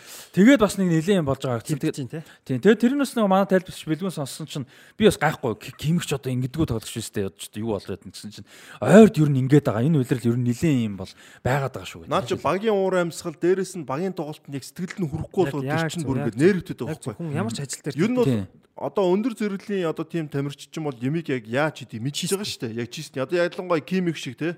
Одоо тэр мундаг супер төвөө асууч ямиг яаж их мэдээ. Тэнгүүл тэднийг тэд нар мэдээд идэг. Багийнх нь нэгдүгürt мэддэггүй хоёрдугт хийж чаддаггүй. Дасгалжуулагч нь тэрийг ингээд хийлгэж яг чадахгүй. хийлгэж чадахгүй. Баг одож чадахгүй. Тэр хүн чинь Яг яг. дотор асар заа бүр яг хэл. асар их стресстэй байгаа байхгүй. Яг бол тэр тоглогч өөрөө яг үндэ дасгалжуулагч майндтай тоглож шир байдаг байхгүй. Тийм тоглож болж байгаа. Тэгээ тэд нар чинь зүгээр нэг уурлаад байгаа да биш. Зүгээр үнэхээр ингээд болчих юмыг мэдээд байгаа. Нөгөөд нь мэдэхгүй бодож чадахгүй байгаад ингээ бүр тэр өстө яг үндэ тийм хүмүүсийг хамгийн их яадаг юм багхгүй одоо. Одоо хүн болгоны ууралдаг нэг юмнууд байгаа шүү дээ. Нэг ийм дууралдаг, тийм дууралдаг гэх тээ. Зарим бол ингээл нэг хууль зөрчилсөн ч тоодгүй. Аа яад ингэж явах. Нэг бол зөвхөн тийм дууралдаг хүмүүс идэх байхгүй. Тэнгүүл зөвхөн хожигдохороо ууралдаг хүн байгаа тээ. Тэнгүүл одоо юу чинь тийм кемик шиг ч юм уу тийм супер одоо тийм одоо тийм майндтай тоглолдог те тоглолтын хэмнэлийг барьдаг амар тоглолттой чи хамгийн их нэрвдэг юм. Тэд нар бол хожиглоогод уурладаг баг уурлахгүй яг үндэ бол одоо Модрич ч юм уу Кросс Инеста Шави дээр бол яг үндэ хожиглоогод нэг амар уурлаад хүмүүс чиг орилж харлаад байдаггүй шүү дээ. Хэрүүл болоход нөгөө нэг хэдэн давхцаа очиж хэрэлдэж яадаг шүү дээ. Тэгэд бол тэр нь баг гэхдээ тэр хүмүүсийг тэрнээс л уурлалт үзүүлнэ би бол энэ л болов гэж боддоо шүү дээ. За одоо яг юм байгаа зэ. За амар гоё хэлсэн. За би нэг бас нэг арай өөрөөр хэлэх гэж хичээ. Одоо Кимих одоо жишээ нь Гвардиолагийн удирдлагын дор баруун хамгаалагч байж байгаад за лам Кимих хоёрч байрын өснөө солиа хийсэн шүү дээ. За Кимих тэгээ хас хамгаалагч боллоо. Ер нь бол Кимих тэр үеэс Германыч болон Баерны ер нь ахлагч болох нь ер нь бол харагдчихсэн шүү олон жилийн өмнөөс. Угасаа ч одоо удахгүй Германы ахлагч болох байх. А тэнгүүт тэр үеийн Баерн ч бүр аврах том систем байсан байхгүй. Рибери одоо Робин Манжукич одоо хин юм бэ тий. За Манжукич арай байгаагүй хаа. Одоо ерөөсөө кросс өдр байсан шүү дээ те.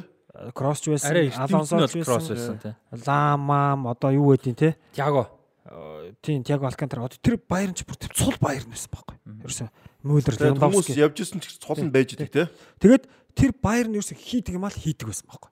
Юг хийх ёстойг яг тэр багаараа хийдэг. А гэтэл одоо тийг хийдэг тэр рефлекс дадал зуршил болсон хүн олон жил хийцэн ба хийхээр тэр нь хийхгүй. Яг хүмүүс гоё. Тэгэхээр хүн чинь болохгүй байхгүй. Тэр өмнөх хийдэгд нь бүр хүрхгүй, тэрийг ойлгохгүй дасгалжуулагч байна уу, тоглогч байна уу те.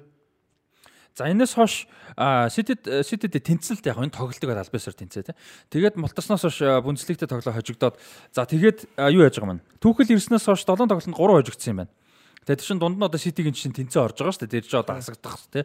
За тэгээд Нагelsманы удирдлагаар удирдлагаар энэ үйлэр 37 тоглолт 3 хожигдсан байсан юм байна. Түүхэл ирснээс хойш 7 тоглолтод орж 3 хожигдсон. Одоо тэгээд яг хөө Баерны удирдлага тэр үедээ тэгэл зүгэл гэж бодсон баг. Гэхдээ ингээд үр дүнд хилдэж штэ. Одоо Баерны буруу шийдвэр гаргачихжээ. Түүхэлж өөрөө бас өөрийгөө аалах юм руу орчижээ. Түүхэл Лампорт хоёр.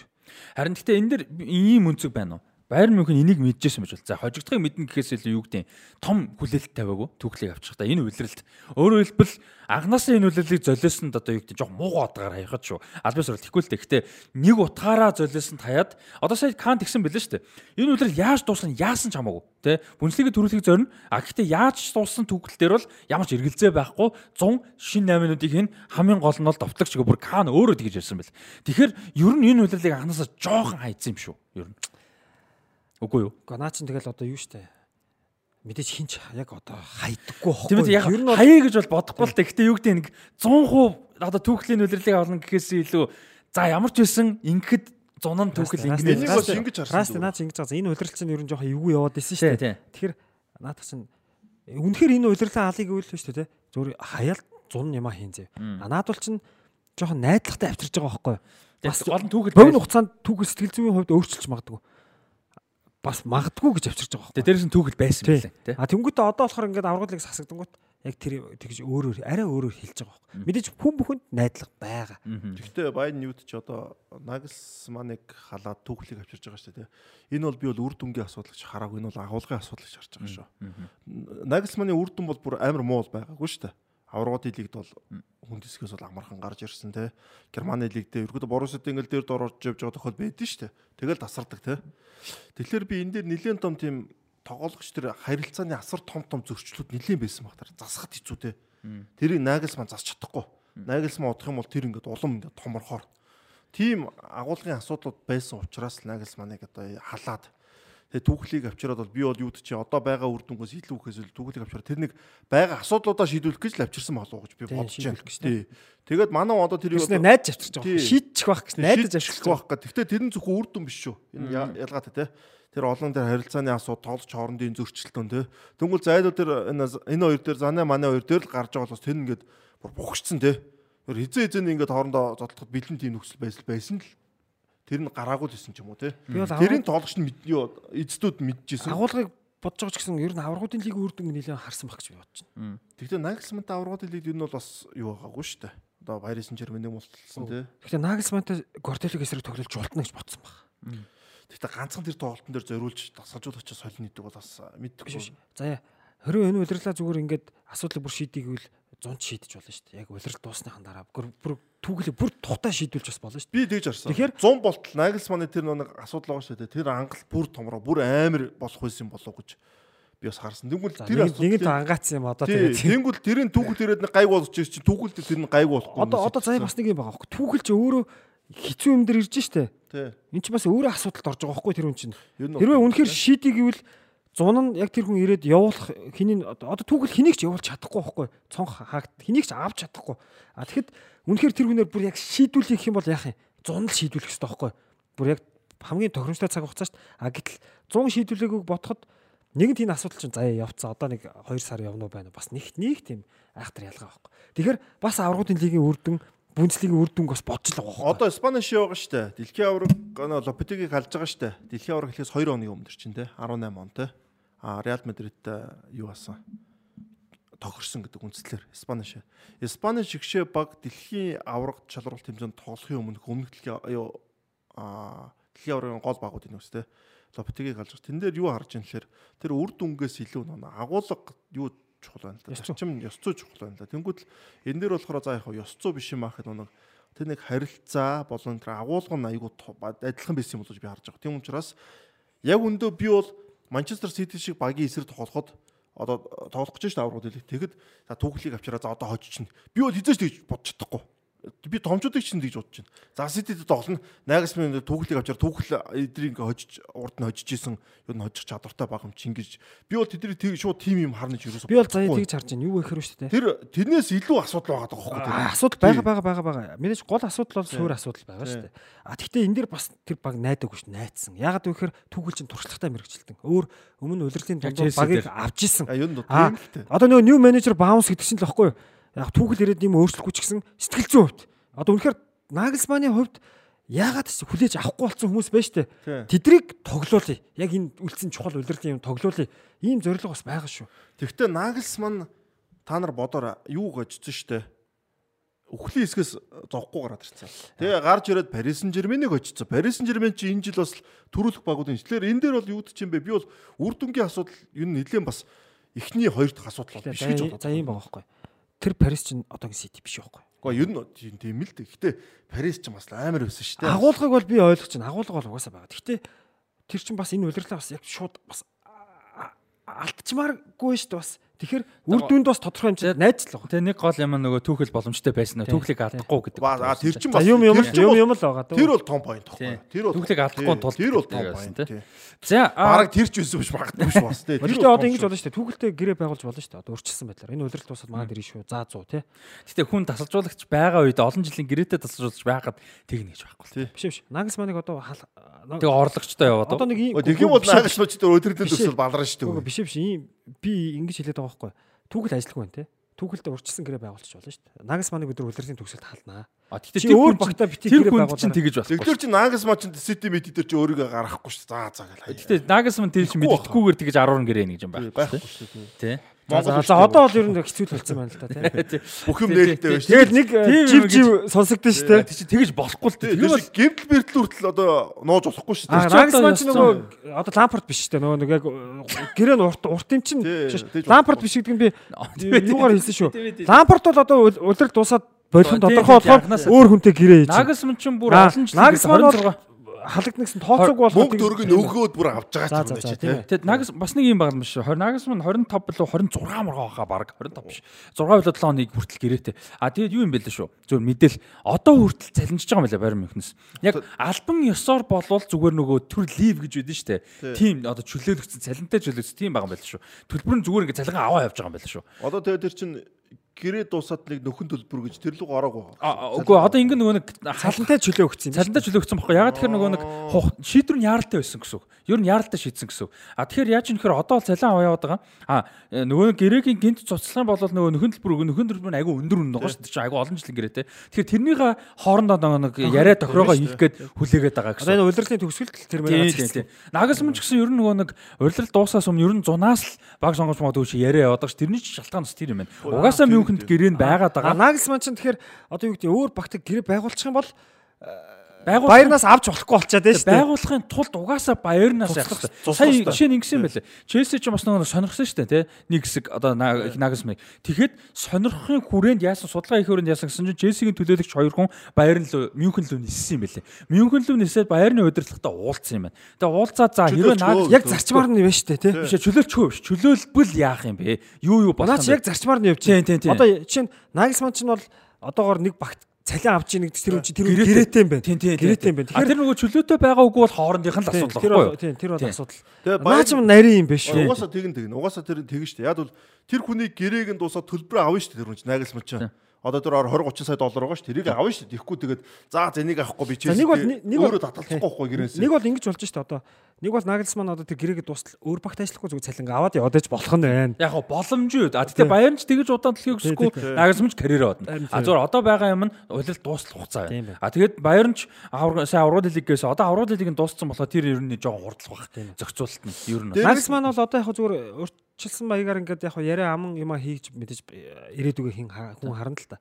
Гэтэ бол яг Баярнтайгаа твистаас ингээд гэрэлтээс салгуулаагүй байж албан ёсоор юу яаж болохгүй юм байгаа л. Албан ёсоор болохгүй дээрэс нь чинь бичиг цаасны үед ингээд албан ёсоор болохгүй чинь тэр хүн амар гимтэж байгаа шүү дээ. Одоо юуд чинь ингээд гимтэл гэдэг нэг Сэтгэл зүйн сэтгэл зүйд амар гимтэж байгаа байхгүй. чинь Тэр хүн тэр хүн хөл одоо юуд чи шууд дараа 7 хоног ч юм 2 7 хоногийн дээр өөрөө баг тасалжуулаад ажиллаж чадахгүй байхгүй. тий. одоо хэрэгтэй. 50 50 шиг энэ мэрэгжлийн бодож тунгаах тий. бодож тунгаах ингээд өөрийгөө тий амар Үнэ, үнэ, үнэ, үнэ. Тэгэхгүй л эн чин одоо робот шүү дээ тийм тий, үнэ. Ийм өндөр зэрэлдэж байгаад ийм өндөр багаас залуу хүнд бас бас олдохгүй давуу тал гарч байгаа тийм амрах боломж гарч байгаа Одоо энэ хүлэмжт олдохгүй шүү дээ. Яг үндэ топ класс дасжуулагчдад бол тэгэл шууд шууд шууд ингээл бүхэл юм ар араасаа амар яг шүү үнд дээ. бол хамгийн хэцүү ажлууд нэг шин бол тий. Тийм. Одоо дэлхийн хамгийн хэцүү ажил нь эрсдлийн менежер гэж нэг мэрэгжил байдаг шүү. Одоо олон ажил байгаа л дээ бол тий.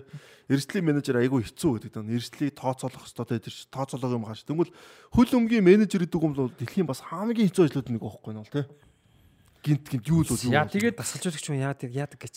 Одоо яг нэг л юм чи та. Одоо хуучин дасгалжуулагч хүн би тийм зантай. Би тэрийг гоохгүй гэдэг бол одоо тийм байхгүй. Одоо хараа би тэр тоглогчдыг бүгдийг л хариуцна. Тэр хүн надад дургу хандаг гаргаж ирсэн чи би юу ч болоогүй юм шиг бүх юм ингээд бүх юм болж байгаа nice. мэрэгжлийн юм шиг. Ингэж авч явахаас өөр аргагүй чи хамгийн балиар ажиллах байхгүй. Тий. Айгүй хэцүү ажил энэ сэтгэл зүйд бол тийм айгүй олон талд ингээд зарчмаа бариад явна гэдэг айгүй хэцүү байхгүй тий. Зарчмаа алдахгүй хэрнээ бүгдийг ингээд байлгаад гэдэг бол үнэхээр балиар хүн дүн түн. за Ситигийн хувьд Нөгөөд нь дандаа саятангуй суучдаг тий өдөөсөндөө. За Ситигийн хувьд юу яаж байгаа нөгөө нэг тактикаараа тогсон гурван хамгаалагчтай жигүүрэн хамгаалагч байхгүй голдоо Родри Джон Стоунс гэж. За энэгээр бол одоо баг сүүлийн сар тоглож байна. Бараг л. За энийг ер нь ер нь дуустал нь явах шинжтэй. Энэ янзаар ялангуяа за одоо юу нэ FA холбооны цомын шигшээ тоглолтод Манчестер Юнайтедтай. Премьер Лигт Арсеналтай одоо энэ 3 дахь нэр 90 тэгдэг Угаасаа жигүүр тоглох хөнгүү гэж. Суула суула захаар захиалаар 90 тэгдэг 90 шүү. Тий. Тэгээд бөөнөр үзэн тий тэр тоглолт. За тэгээд дээрэс нь аврагын лигийн шүгөөдөр маш чухал тоглолт. Одоо ингээ нөгөө нэгстэй тоглолт болгон финал гэдэг клишэ шиг юм болох байна тий. Тэгэхээр энэ энийг ер нь үргэлжлүүлэхээр болцоод байгаа шиг. А дээрэс нь би бас инглиэлтэй зөв санаанд нэг юм олж байна. Одоо юу гэдэг энэ үйлрэл эхлэхэд нөгөө Kyle Walker тоглож байгаасаа сүүл нөгөө Kyle Walker ингээд гол руу орж ингэж тоглож чадахгүй гэдэг айгу олон нийтэд бүр зарлаа хэлсэн шүү дээ тий. За нэгдүгээр тэгсэн. За Sergio Gomez гэж залуу Sergio. Сержи, Сержи. Sergio юу лөө? Каталон нэр бол Сержи шүү. Тав үстэй. Би- Испани нэр чинь Серхио шүү. Тийм тийм. Тэгээд би Сержио байсан сан. Яг тийм Сержи, Сержи явах Сержи. те. Катлан те.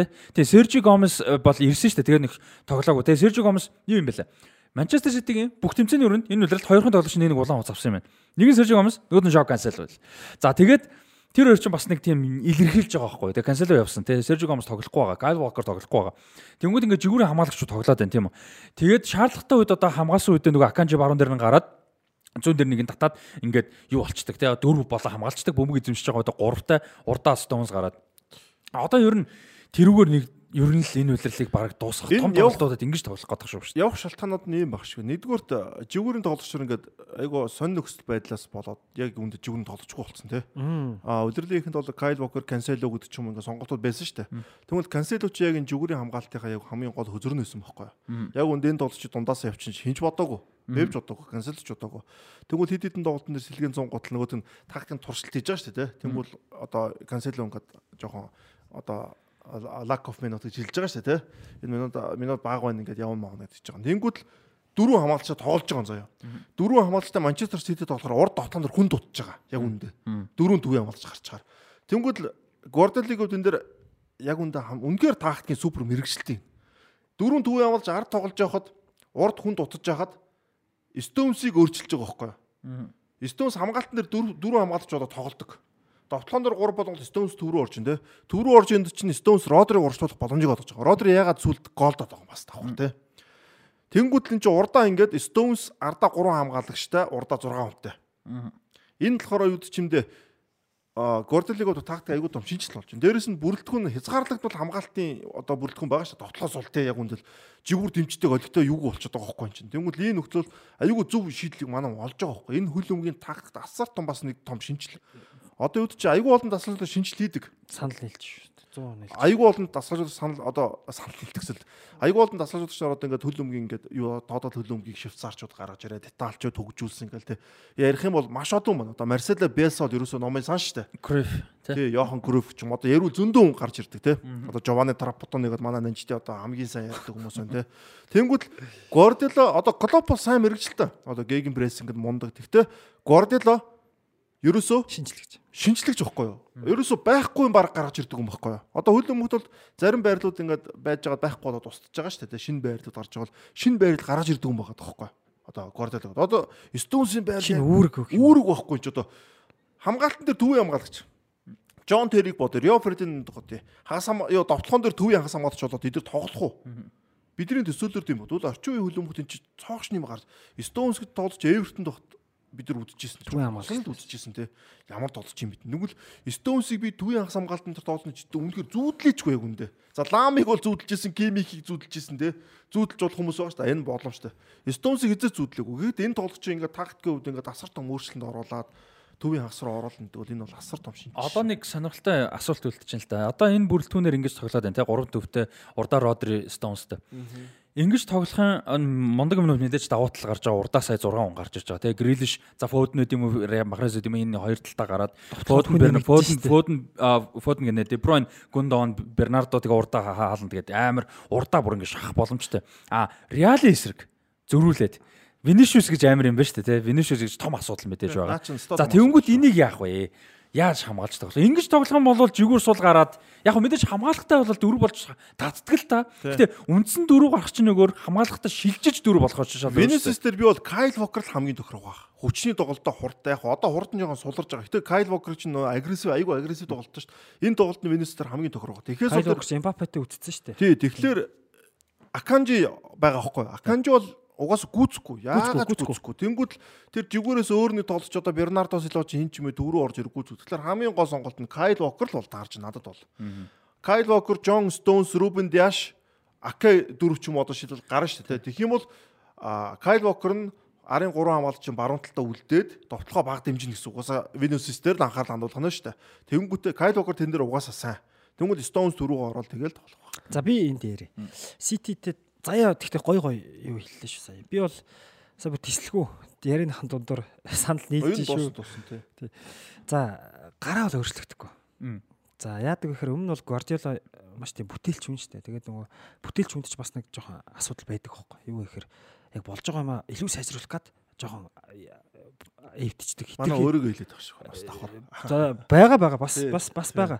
Тийм юу байдэн шүү яг үнэн одоо болж байгаа мыг илүү сайжруулах гад тэр нь бас хитэрчдэг тий. Гордол шиг хүмүүс зогсдгүй байхгүй өтер чинь ингээл сайжруулаад шүн унтчихсан ч хөлөмгөө бол тэгчих юм байна ингэчих юм байна гэл тий. Гордоло сүүлийн эдэмжлийн авруудын тэгсэр Гвардиола сүүлийн хэдэн жилийн 10 дэлэг дээр нөгөө том алдсан зүйл нэг өс нөгөө нэг сонин шин шийдвэрүүд байгаа. Одоо Фернандиньо хин хоёрыг суулгадаг те Родрио суулгадаг гэдгээс хавуулаад. За одоо тэгээд юм байна. Гвардиола нөгөө нэг маш олон өөрчлөлт тоглолтоос тоглолтод өөрчлөлт хийгээд алддаг байсан. Одоо тэгсэн чинь түүхэнд анх удаа зав. Сити дээрээд аврагд лигийн 3 тоглолт дараалж яг 1.11 гаргасан сая. Яг яг миний хэлжээс гол одоо инклюзив аврагууд дэлгэхдээ ингэхгүй бол болохгүй Болохгүй, тийм. туршлагаас ойлгож Аа одоо тэнэг л иш бол зав. Гимтэж бэртэхгүй л бол тургуул шийтгэлгүй л бол ягаал гаргана. Нэр шүү. Одоо хэрвээ өөр гараал хожигдвол тэрийг л гарах байсан гэдэг. За тэгээд Гвардиол яг нэг юм хүлэмгийн нэг юм амар гоё дасгалж үздэг гэсэн зөвлөгөө өгдөг байхгүй. Гэхдээ энийг бол хүн олон хүн мэдгүй л хэл та. За чи Барсаг дэмждэг гэж болно те дасгалж үзэж. Гэтэ чи багаасаа Барсаг бити шаарда. Чи багаасаа яг танаа багийн хүчин чадал таарсан зүйлийг л чи хий. Чи Барсаг хийх гэдэг нь өсө хэрэг галууг дөрөөж хөлөө хөлтөө. Тэ. анчлалт хэлвэ шүү дээ. хамгийн сургаал өгтөө юу болж шүү энэ манай найдаж бол сургаал эндээс уурсаж шүү дээ. Анчлалт хэлвэ шүү дээ. Зүгийг бол За ястаа за ууш. зүгээр гоё л шүү дээ. Гэхдээ тэр бол нэг яг мэдээж нөхцлөөс бас хамаарал та. Тэр бол анчлалтыг амын дом тавд та. За тэнгуут Гвардиола шүү дээ. За өнгөрсөн зуун яагаад ч зигүүрээ хамгаалагч аваагүй би мэдэхгүй л дээ. Аваагүй. Одоо нэгд баг нь юм байна. Одоо тэр хүн би тэгдэгэ гэх биш. Тэр хүн одоо яг багтаралт хамгийн тохирсон юм л олох хэрэгтэй байхгүй. За 3 2 4 1 тий. Мм тий. Энэ амар зэн юм. За энэ бол нэгдүгээр Ситиг нөгөө нэг довтлохонд а, дэмждэг довтлохонд хүн их болчлоо шүү дээ. Нөгөө багтдаггүй олон хүмүүс их болчлоо. А тэнгуут өмнө яадаг гэсэн Сити чинь 4 3 3 гэж тоглодог байсан шүү дээ. Нэг дефенсив мидфилдтэй. Дөрөв хамгаалагчийн өмнө нэг дефенс байж ерөнхийдөө хамгаалдаг байсан байхгүй. Одоо маш энгийн. Дөрвийн нэг дефенс ийм байсныг болоо нэг нь урагшлуулаад 3 2 болгоцсон. Ердөө. А давхар энэ шүү. Урд нь Сити ингээд Гвардиолагийн юу н тактикч чинь жигүүрийн тоглолт айгуу чухал шүү. Хамгаалагчаар. Сити дээрэл жигүүрүүдийг бүгдийг сольсон шүү дээ. 2 2-оор нь те. Одоо Майкл Рейжер Забалета 2 байлуу тухай чинь баруун жигүүртэй хоёулынгийн те. Ингээ явуулдаг. Тэгэхээр а Гвардиолагийн хувьд жигүүрийн хамгаалагч нарын хамгаалагч нар манай хүний тактикт одоо үүрэггүй болж байна яг үүндээ. Жигүүрээр ингээд нүдэлж тэр хүмүүс гүйжээрэл хөндлөн кросс. Яг үндэ Гвардиолагийн тоглолтын дээр кросс хайдгүй дээ. Баг. Тэнгүүд жигүүртэн тэр хэн бэ штэ хүмүүс нь бэ штэ. Уртлын довтлооны идэн. Одоо Марас ч юм уу одоо хэн ч юм уу те. Бернардо ч юм уу гэрэлж эдгээр нь жигүүртээ гоцлон тоглолтоо өгөөд зүсч орох. Тэнгүүд жигүүрийн тоглолт хоёр хамгаалагч аваад дундаа хүн нэмээд а жигүүрээр хамгаалагч нар нэмэхгүйгээр төвд нь хагасууд нь өөртөө байраа сольж тоглож байна. Одоо Бернардо Силва Марас хоёр хоёулаа жигүүрт гарч штэ. Тэнгүүд энэ өөр чи байраа сул тоглож байна. Заавал нэг хөндлөн дамжуулт хайдаг хүн биш. Энэ өөр өөртөө хөндлөн дамжуулт өгөн давхар жигүүрийн хамгаалагч удах бол хамаагүй илүү довтлооны юутай чадвартай. Ямар л бол ямар байдлаар тоглоно. Одоо энэ Stones Байрлал сэлгэж байна. Stones-ыг нөгөө бөмбөгтэй тоглолт амар сайжирсан байл да тоглолт нь. А тэг Родри бол угаасан мундаг. А тэгээд өмнө нь бол одоо жишээ нь өнгөрсөн үеэл ч юм уу тэрний өмнө Stones ингэж тоглож чадхааргүй байсан ч юм уу те. Тэнгүүт одоо Stones Rodri хоёр урд нь Бер- Бернардо хин хоёр шүү дээ. De Bruyne тэг хоёр жүгүүр Гүндэ өнөдөр орж Гүнд гүндэ он ер нь бол гүндэ он De Bruyne урд нь л да. Бернардо ч юм уу махраас баруун дээр нь тэгээ зүүн дээр нь Grealish. Тэгээ энэ үйл би бүх тэмцээний өрөөнд орсон тоглолтуудыг харсан чинь хамгийн олон тоглолтод оролцсон байгаа хүмүүс нь Rodri, Bernardo, Grealish хин тэгээ Эдерсон тэгээ хаалт байлаа ерөөсө хамгийн олон тоглолт оролцсон. Тэр Grealish Родри энэ чинь амар чухал байгаа юм нь юу гэхээр талбай дээр ингээд бараг 5 6 хин газарт гурвалжингууд үсгээд байгаа байхгүй дамжуултын гурвалжингууд үсгэж байгаа байхгүй Тэр ямар тодож байгаа хамаагүй Тэг хэн хамаагүй. А тэг яг грилиш бол ихэнхдээ зүүн дээр те. Жишээ нь махраас гам баруун дээр ойлгомжтой. А гэхдээ ер нь бол хин чухал биш. Грилиш гол руу татлах Деброн зүүн дээр гарчдаг ч юм уу те. Иймэрхүү байдлаар. Тэгээ энэ гурвалжингуудын чинь том юм нь юу юм бэ? Грилишийг яагаад энэ үйлрэл амар чухал гэдээсэн чинь Манайгүй ийм нэг би Very Football гэдэг нэг YouTube channel-ыг олсон гэж таад санал болгож та амир юм сонин сонин гоё юмнууд олоод ингээ оруулцдаг гэд. Тэрэн дээр тэгсэн чинь Grealish нэг юм одоо өнгөцгөн харах юм бол Grealish муулж байгаа юм шиг видео байгаа байхгүй? Дандаа ухарч хуурдаг гэд. Ингээд буруу хараад өөрийнхөө тал руу хуураа яваад идэг гэд. Тэгээд тэгсэн чинь тэр чинь амар тийм шалтгаантай. Grealish махраас хоёр ялангуяа махраас тэр хоёр гарахаар бүр ингээд нөгөө нэг hog the touchline боё ингээ хоёр талын шугамыг бүр ингээ тэрж ийн гэдэг утгаар болж штэ бүр ингээ бүр тэлчдэг. Талбай дүүрэг талбай дүүрэг. талбайг ингээд дүүргээд гэж. Тэнгүүд голынхоо дэс сул цай гаргадаг. А зөрүүлээд тэнцэнэ бөмбөг авахаараа нөгөө хуучин үеийн вингер шиг одоо хуураа дарж орох морох биш. Буцаж ингэж дарж ороод урдуур нь одоо нөгөө нэг жишээ нь зүүн дээр бол грилиш баруун дараад одоо төрүүгөө дарж ингэсэн шүү дээ төрүүгөө юм хойшоо. Тэгээд дараанг зөрүүлээд тэрэн дээр нь Дебройн явдаг ч юм уу те. Эсвэл хаалт тэрэн дээр нь зөрж хүдэг ягаад гэвэл грилиш инхэл таарна. Иймэрхүү үйлдэлүүд амар их байдаг гэд. Тэгээд тэр хоёрыг ингээ хоёр жигүүрт нь гаргацдаг, тулгаад тэлээд өгчдөг. А тэгээд голынх нь нөгөө хэд ч нөгөө ардаа Гурган үлдэнгүүт Родри Стоунс орж уршаага нэмж орж яаж ч хуйлаа зөгтөг те. Тэгээ бүр ингээд амар авилт болчих. А тэнгууд одоо мань сайн яриаг босгоч. Уушлаарай. Тэгээ сая би хэлэх гээд байгаа байхгүй юм. Одоо хараа. За нэгдүгээр яг жигүүрээ хамгаалагч нөөц нь бас нэг жоон тийм сонирн болчлоо. Одоо тэгэхээр эндээ тохируулахаас өөр арга байхгүй. А тэгээд өөр юу байна гэхээр маш гол point байна. Сити тоглооны дэмждэг те. Ер нь бол орчин үеийн хөлбөмбөг нэг хэдэн жилийн өмнөөс хоёр жигүүр тоглооны дэмждэг байсан шүү дээ. Одоо болж байгаа. Яг тэгэхээр тэр дэмжсэн хоёр жигүүрээр алдаад байгаа байхгүй. Эргээд эргээд алдаад Ливерпул дээр том жишээ. Өө ерөөсөө Ситиг алж байгаа ихэнх гол тийм шүү. Сөрөг тоглоогоор алддаг Сити. Сөрөг тоглоогоор алдахаар хоёр жигүүр нь хоёр жигүүрэнд хамгаалч яриад байгаа шүү. Тэгээд хоёр тэр жигүүрээ довтолдог, алддаг. Аа тэгээд ядж захт Сити чинь хоёр жигүүр нь орчдог, хоёр хамгаалагчийн урд нь ганц цэвэрлэгч үлддэг байхгүй. Энэ гурван хамгаалагч. Тэнд бараад гээд орчин зарим да тий. Тамаас дийлэхгүй. Одоо тэгэхээр яаж нэхэр ерөөсөө л дүр байж байгаад нэг нэгээрээ хүлэмбэг бол тэгж өөрчлөгдөж байгаа. Нэг жигүүр нь явсан бол нөгөө гурав үлддэг. А энэ чинь Ситид айгүй хэцүү. Яг тэгэхээр товтгооны нөгөө нэг айгүй инстинкттэй хамгаалагч нар чинь баян хамгаалтанд үлдэнэ гэдэг айгүй хэцүү. Тэгэхээр нэг асуудлыг шийдэж байгаа. Ерөөсөө л явдаггүй гурваалт байлгах. Жигүүрээ алдна гэсэн юм байхгүй. Өмнө хоёр байгаад алдаад шүү дээ. А тэнгуут эргээд голд нэг байгаад алддаг бол одоо 3 2 байхгүй. Одоо энэ хоёр чинь сайн анзаарах юм бол одоо энэ энэ энэ зах руу гарахад энэ ийшээ орчиж байгаа. Энэ зах руу гарахад энэ ийшээ ороод яг тэр хамгаалагчийг тэр хоронд нөхчөөд байгаа. Эргээд одоо ингээд хойноо хамгаалтын сул юм шиг хэрнээ ингээд шийтчлээ. Эргээд хойно байх авсан нэг хүн урагшаа гараад товтлогоонд яаж гэнэ гэсэн үг. Илүү болчихно. Одоо нөө растиг хэлдэг нөө гурвалжин үсгэж тэр ихгүй. Гурвалжин үсгэж жигүүрийн хамгаалж гурвалжин тол яг үндэ байраас үлдгүй шүү дээ. Нэг л одоо Александр Арнольд геймик тэр шиг биш бол те. Яг л жигүүртэй байгаад те. Дамжуулт гаргаж юм бол тий. Одоо тэр дундаж огол тэр долно дээ. Одоо Альмирон гаргаж бол Адан трипер гүйж гарч ирэл пүн дамжуулт өгөөл те. Тэнгүүл том багууд дээр бол тэгж пүн гэж дамжуулт өгөхөөсөө илүү тэр гурвалжин үсгэж долж яг үндэ бол баг саад болох гэдэг байхгүй. Яг л тэд нар чи хизээч нэг төв рүү ороод гурвалжинд ор тоглолдог хүмүүс биш. Угаасаа л хамгаалтаас жигүүрл орд нэг кросс өгчөөд буцаж гүдэг хамгаалдаг. Тэнгүүл яг тэр нь бас одоо нэг гурвалжин дээр ч бас яагаад байгаа байхгүй. Тэрний онд Марес энэ Дебройн Гюндэг нь гурав гурвалжин үсгэлтэй. Энэ гур бол яаж л бол яаж өөрнө шүү дээ. Хаана л хаана очин те. Одоо тэгээд юу харж байгаа юм бэ? 10 жилийн өмнө бол яг жигүүрийн хамгаалагч оверлапын хийгээд дамжуулт өхөн их байсан бол одоо болж байгаа. Одоо бид нар ингээд харж байгаа өнгөрсөн удирлаас эхлээд багуудын тактикт өөрчлөлт орсон. Жигүүрийн хамгаалагч давхардаж жигүүрт гүөхэ болцсон. Тэд нар жигүүрийн хамгаалагч гол руу орчдөг болсон. Одоо нэг Зинченко, Дани Алвс энэ төр шүү дээ, тэ. Тэд нар inverted fullback. довтгооныг дэмжих нь одоо боли. Одоо том багууд тийм болчиход байгаа байхгүй. Зүгээр тэд нар тэд нар яг гол руу орж ирэх хэрэг чи алдах юм бол буцахтаа хурдан байлгах гэж тийш оруулж байгаа байхгүй. За яг зарим нь бол яг тактикийн хувьд голдоо илүү үнэтэй яг тэр хормдоо байлгах гэж юм. Тэгэхээр жигүүрийн хамгаалагчийн тойрдог энэ чинь айгүй хүнд хөдөлмөр байхгүй. Яг үнэндээ бол хамгаална нэг амар товтлогчийг хамгаалах гэдэг тэр үн чинь одоо Эмбапег ч юм уу те Уу ер нь жигүүрүүд эвгүй шүү дээ. амар Эмбапег ч юм уу хамгаалах гэдэг нь хэцүү. Тэгсээр тэр хүн довтлогооныг яах гэдэг нь дэмжих гэдэг энэ чинь дийлэхгүй байхгүй. Тэгэхээр тэр Арнолдын ч буруу хөөх юм биш. Одоо тэр яг үн те. Одоо Арнольд муу тоглоод байгаа шалтгаан бас энд. Байхгүй. Энди Робертсон шиг биш болохгүй. Энди Робертс ч асар Машин л биш бол. Машин л биш бол. Энди Робертсон бол машин бохгүй юу? Гүүж ороод хайчаад буцдаг. Моринигээс үг шүү дээ. Хожигсон тоглолт төр. Энэ одоо ямар ядардаг юм бэ? Миний удаа үгүй л ах ингээ. Тийм. Тэнгүүд одоо Арсенал дээр шав. Арсенал яг адилхан. Хоёр жүгүн Бен Вайт Зинченко хоёр. Зинченко жигүүрээр дэмдэг гэсэл яг нэг Гвардиолагийн тактик яваад байгаа хөөе. Төрөө ордог. Төрөө ордог. Тэнгүүл Бен Вайт яг хуу баруунаар дэмжиж байгаа ч гэсэн яг үндэ Бен Вайт баруунаар бүр сүтээ тийм одоо нанжтэлэр оверлапын шиг хөндлөн дамжуулт хайдаг төрлийн хамгаалагч биш үхгүй юу? Тийм төрлийн хамгаалагч биш үхгүй. Өөрөө бас жоохон дөрөв ор тоглолдог. Бас нэг арай жоохон уяатан тоглох гэдэг. Тэгэхээр Арсенал бас тэгж тоглож байгаа. Артетагийн хувьд бол хинээс сурсан бас нэг юм байна. Одоо inverted fullback гэдээ судлах юм бол өстой битүү юм гарч ирнэ. Яг тэр донд ч одоо яг саяны хэд бүгд орж байгаа байхгүй.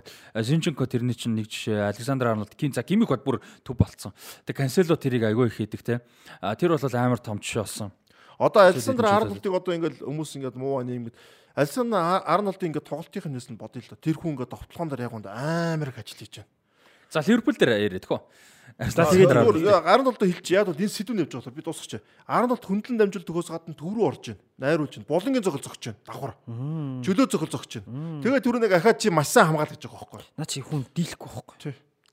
За тэгээд аврагууд лиг Реал Мадрид Сити хоёрын талаар ерөөхдөө ярьлаа. За энэ дэр Реалын талаас тэгээд Расти түрүүнийг асуусан. Нөгөө Венисиусыг яах вэ гэдэг. Одоо энэ дэрч бас нэг давуу тал байгаа. Ситигийн юм дээр хэдий 3 хамгаалж 2 цэвэрлэгч байгаа ч гэсэн үнэхээр одоо энэ тоглолтод дөрвийн довтлогчийн ард байгаа дөрвийн 2 хагас яхааргүй хамгаалтнаа туслана. Жигүүр доошо буцаж Грилиш тэгээд Фоуден гарах нь уу? хинийч гарсан хинийч гарсан тэгэл туслана Расти. Тэгэхээр одоо юу гэдэг хойно хүн дутсан юм шиг хэрнээ өөр газруу давуу тал үсээд эргээд тэрийг өөр өөр хүмүүс яг нэг шууд нэг хүн томилж хийхгүй ч гэсэн өөр олон хүн тэр үүргэн дээр бас туслана. Тэгээд Ливерпулийн сөрөг давталгаан дээр нөгөө Грилиш хааж хамгаалж Фоуден би гаруул энэ нь бол тэр төвийн хоёр шүү. Тэр лугаа тохирно. Яг бол Махрес гэрэл шори чинь тоглолтын маяг нь Болоод байгаа байхгүй. болохоос гадна тоглолтын маяг нь өөрөөсөө нөө нэг хүнтэй ноцолт шим моцолтоо ингээ бөмбөгөө хадгалдаг тэгж тоглолдог. Фөөдөн ч болохоор зүгтж тоглолдог байхгүй юу. Тэгээ хүнтэй ингээ зууралж ихээс болж гол хурдаар тэнгууд тэр чинь гурвалжин дээр зүгтах гэсэн л гурвалжин дээр тэр чинь бөмбөг барьдаг ч болоод учраас энэ Махресын хоёр гараад байгаа байхгүй. Гэрэл шорны илүү те. За тэгвэл Сити Винишиусыг яаж хамгаалах юм бэ гэж ярьлаа те. Тэгвэл Реал Хааландыг болон одоо энэ төвийн хагасуудыг яаж хамгаалах юм бэ? За юунууд бол би энэ гадны юунуудаар ярьж байсан энэ нэг иймэрхүү юунууд байсан. А Сити энэ жил одоо өнгөрсөн жилийн яг Реал тожигдсон Сити шиг байхгүй. Яг бол хааланд энэ бүх юунуудыг байхгүй болгоно гэж байгаа байхгүй одоо юу гэж юмдээ. Одоо нэг Реал нэг комбек хийж очиж шүү дээ. Хааланд байгаа учраас иймэрхүү зүйл болохгүй гэдэг маш олон би юмуд харсан. Энэ дээр би өөрөө ч гэсэн ер нь бас санал нийлж байгаа юм. Яг бол хааланд бол жинхэнэ үр дүн авдаг байгаа. Одоо энэ аврагууд лиг шиг иймэрхүү тоглолтууд төр маш зөгцөн тоглож болов гэж хараад байгаа. Реал харин яаж хамгаалах вэ? Реал бол хамгаална. Эргээ сөрөг тоглоо юм. Аа Гэхдээ Ситигийн эсрэг бол яг Реал бас жоохон эвгүй байдаг. Яг өнгөрсөн жил Реал Ситиг хоцсон. Гэхдээ 20 онд шүгэ 16 тараад бол бас юм болоогүй. Яг Реал мэдээж агуу баг. Гэхдээ яг Сити яг одоо Ситигийн стил чинь Реалд хамгийн хэцүү. Реал ч хэдэн жил нэг Барсагаа нэг хождгоо байсан шүү дээ. Яг Барсач нь яг яг ид яг тийм байсан байхгүй. Реал бүгдийг хождог. Гэхдээ Барсагаа хождгоо. Яг нэг тийм л зовлон байна Реалд. Одоо Реал дээр нэг дутагдах юм би өстой жинхэнэ энэ тоглолтын дээр л гарч магадгүй юм одоо юу гэдэг нь Чоменэл шаардлага их тогтох л та Касемиро шиг тоглогч л их дутагдах байх л гэж бодож байна да. Чомени мундагч гэсэн яг Касемирогийн хэмжээнд яг Ботлаа тэр үн чинь нэг хитэн жил шүү дээ. бас нэг арай дотох чанагтлаа боловсорч. Тийм нэг магадгүй энэ дээр өөрийгөө одоо жиг зарлж болох юм. Хүн бас михи мэдгүй. Тэгээ гэхдээ бас дутагдтал бах та. Одоо энэ лиг лигийн чомны арай барахгүй баха. Яг дэлхийн аварга өмнө өмнөөс өөрөөсөн шүү дээ тий. Дэлхийн аваргаар мааргаар. Яг одоо энэ дэлхийн аваргаас хойш бол чомны бас яг тийм бас онцгой харагдахгүй шүү дээ бүр ингэ. Гимтцэн байсан тий. Ясто Касемиро тутан та. Сто сто гол point. Тэгээ гол нь Реал дээр бас гой гой хүмүүс байна л да. Модерч кросс гадна Валвердег хамгаалт гэдэг айгүй гой туслаа. Валверде амар амар. Реалын нэг төвийн хамгаалт санаа зовооч. Бас яг үннийг хэлэхэд. Валверде чинь тэгээ одоо төвийн 3-т бол нэг тоглохгүй байгаа шүү дээ. Яг тэгэхээр нөгөө Модерч кросс хоёр чинь хойтлын 6 дээр тоглохгүй хоорондоо хамт тоглолдог. Тэнгүүт 6 дээр баруун урд болчиход байгаа шүү. Тийм баруун урд болоо тэгээд ард нь одоо Камавинга юм уу хин тоглоод Чомини тоглоод байгаа. Тэгээ Валверде бол Ситигээс баруун урд тогоос нь илүү угаас үр дүнтэй хамгаалтанд илүү гой туссан. Тэгээд тэр чинь нөгөө татаад 4 даймонд болчиход байгаа шүү дээ. Тэгээд даймонд болчиход байгаа байхгүй юу? Валверде үнэхээр гоё Реалын юун дээр зогтсон цолгоч л та. Сөрөг дээр амар л та Валверде хин хоёр. Валверде Бэжижинээс айгуу сайн ажиллаж байгаа шүү. Жоох асуудал юм да. Махраас хамгаалтанд туслах ч гэсэн яг Грил шигээ биш болохоор наач л жоох эвгүй байна да. Тэр баг Бернардо гарсан ч болох юм байна дөө. Бернардо гараад голд нь Гундон хин хоёр. Бернардо Де Бройне хоёр. Гэтэ Хааландыг одоо яг хамгаална гэхээр Реалын хамгаалагч нар тийм мундаг биш байгаа байхгүй. Милитао сайн байгаа тийм. Ер нь бол төвдөө угаасаа энэ Гюндэг нь угаасаа өөрөөс араас тоглолдог. Гюндэг нь Де Бройн угаасаа ойлгомжтой. Тэн дээр бол дунд бол хүн. Одоо Гюндон Де Бройн хинд Родри Джонс Стоунс болчиход байгаа байхгүй. Тэгээ зүүн дээр Грилиш бат. Хаалан дот. Тэгээ баруун дээр нь л баг Махрез гарах. Гурван хүн солигдож байгаа байхгүй. Фоуден Махрез хин гурав байхгүй. Бернардо гурав. Махрез гад Махрез гад. Гэхдээ ер нь бол одоо Гвардиола нөх өөрчлөлт. Фоуден бол гарахгүй.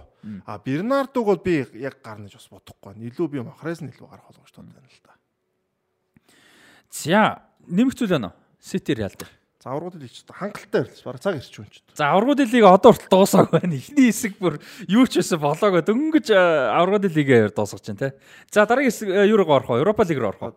За гэхдээ аврагууд лиг бас ингэж их яриад байдаг болохоор сонирхолтой гэж бодож байна. За 5 сарын 9 10-нд тоглолтууд болоод хариу тоглолтууд шууд дараа 7 хоногт 2 3 дахь шөнө болно. Тэгээд бас 15 оноос хойш бах тий 17 хөлөө 15 оноос хойш анхудаага бас Итали баг шүү юунд аврагын лигийн шигшээ тоглолтод гарч ирэх тодорхой болж байна. 15 17 онд Ювентус 17 онд Ювентус 15 17 Ювентустай байлаа. Тийм тийм 17 оноос хойш юм байна. 6 жилийн дараа анхудаага Итали баг гарч ирэх ингээ тодорхой болж байна. За Миланы дээр би топ тоглолт болох байх. За Реал Сити ч гэсэн ер нь лайлал тоглолт гоё болох хаа өөр шалтгаануудаар тий. За мэдээж тэгээ Реал Сити өрийн хожиж гарч исэн илүү фаворит байх нь ойлгомжтой баг. За Европа лиг. За Европа лиг дээр Sevilla Manchester United, Sevilla-гийн Ramos Sanchez Pizjuan Manchester United очиж цоглоод 3-ыг харьцаатай ажигдсан. За энэ тоглолтод бол хамгаалтын 2 том алдаа. За ер нь 3 ч гэж хэлэхэд бараг буруудгаа. А ер нь бол 2 том алдаа гарсан. За тэрийг нь бол одоо Sevilla өршөөлгүйгээр одоо юу яаж дуусгаж Ер нь бол тоглолтыг дуусгацсан. Ер нь энэ цуврал Манчестер Юнайтед угаас хамгаалтыг битүү алдаа. Өмнө нь ч гэсэн алдаа гарсан, энэ дээр ч гэсэн алдаа гарсан. Энэ Несиригийн хоёр гол хоёулаа алдаан дээр нь ажилласан. За хоёр алдаан дээр нь хоёулын дээр нь дэхээ буруутай байсан гэж би бол бодож байгаа. Хай Магуайр гэхээс илүү. Яг Магуайр бол алдаа их гаргаж байгаа тийм. Ер нь бол сүүлийн өөрийнх нь буруу газараа байсан л та манай хүн тийм. Нэгэн дээр нь би бол ингэж. Одоо ингэж байгаа. Яг таарс өрсөлдөж асууна. А тэгэхээр угаасаа л бөмбөгтэй тоглолт сайн хаалгач байгаагүй анханасаа. А шот стопер гэдэг утгаараа яг нөгөө юу гэдэг классик хаалгач үүрэг үнэхээр мундаг. Тэрнэр бол хинч хизээж маргаж байгаагүй тий. А гэхдээ маньху орчин хөлбөмбөг буюу одоо 30% гэх юм одоо юу гэдэг юм 30% л гэж та. Манчестер Юнайтед тогломоор байгаа хөлбөмбөгт одоо Тенгагийн Тенгагийн хөлбөмбөгт бол яг нийцсэн хаалгач бол биш. Ялангуяа бөмбөгтэй тоглоо. Тэгээ та харах юм бол нөгөө нэг юугаа distribution буюу одоо Дихеагийн бөмбөг гаргасан ардаасаа бөмбөг ямар маягаар яаж гаргаад ямар хувьтай ямар амжилтанд хүргэсэн гэдэг статууд байгаа. Тэрийг харах юм бол ойрхон тогсон болгоно нь алдаа гарах зөрүүлээ довтлогоо болох магадлал хамгийн их. Тэгэхээр яаж юм гэхээр тэр хүн чинь одоо тэр хүн муудаа биш зүгээр байхгүй чадвар байгаа байхгүй. Одоо чи ингээ баг 30 болж байгаа шүү 28 сте тий. Тэнгүүт анханасаа суугаагүй чадвар а тэгээд тэгж тоглохоор болохгүй байна. А дээрэс нь бас нэг юм гарч ийн гэхээр Магуайр юу гэдэг эд үдэ одоо Лестерээс эрэхтэй тий. Мундаг хамгаалагч байсан уу байсан. Араас довтлоо урагшаага тууж явж ихлүүл чаддгүй чаддаг. Болгон цогтоос гол хийдэг байсан. Тэрийг муулж одоо мартаж болохгүй. Гэхдээ юу мундаг биш гэхээр Stones шиг ч юм уу за магадгүй эд үе Фердинанд шиг юм уу хуурж. Бөмбөг барьж чаддаг, хуурж чаддаг, дамжуулт гаргаж чаддаг хамгаалагч бол. Одоо дамжуулт нь холыг болгаагүй. Ойрын тийм бол байгаагүй яалтчгүй. А тэгэнгүүт за Варан бол амар дутагдж байна. Тэгээ Варан бол тийм хамгаалагч мөн. А гэхдээ үнэхээр амар дутагдж байна. А тэгээ Лисандро Мартинес маш сайн байсан бас дутагдж байна. Тэр хоёр дутагдж байгаагийн айгүй асуудал байна л да айгүй нэлэхэд. А тэгээ тэр хоёрыг байхаар тэхээ тоглохоор арай яадгүй гэхээр хоёрын хоёр сонголт нь өөрсдөө тэрийг мэдрэмжээ сайн учраас байрлал зөв эзэлж сул гарч чаддаг. Давхар.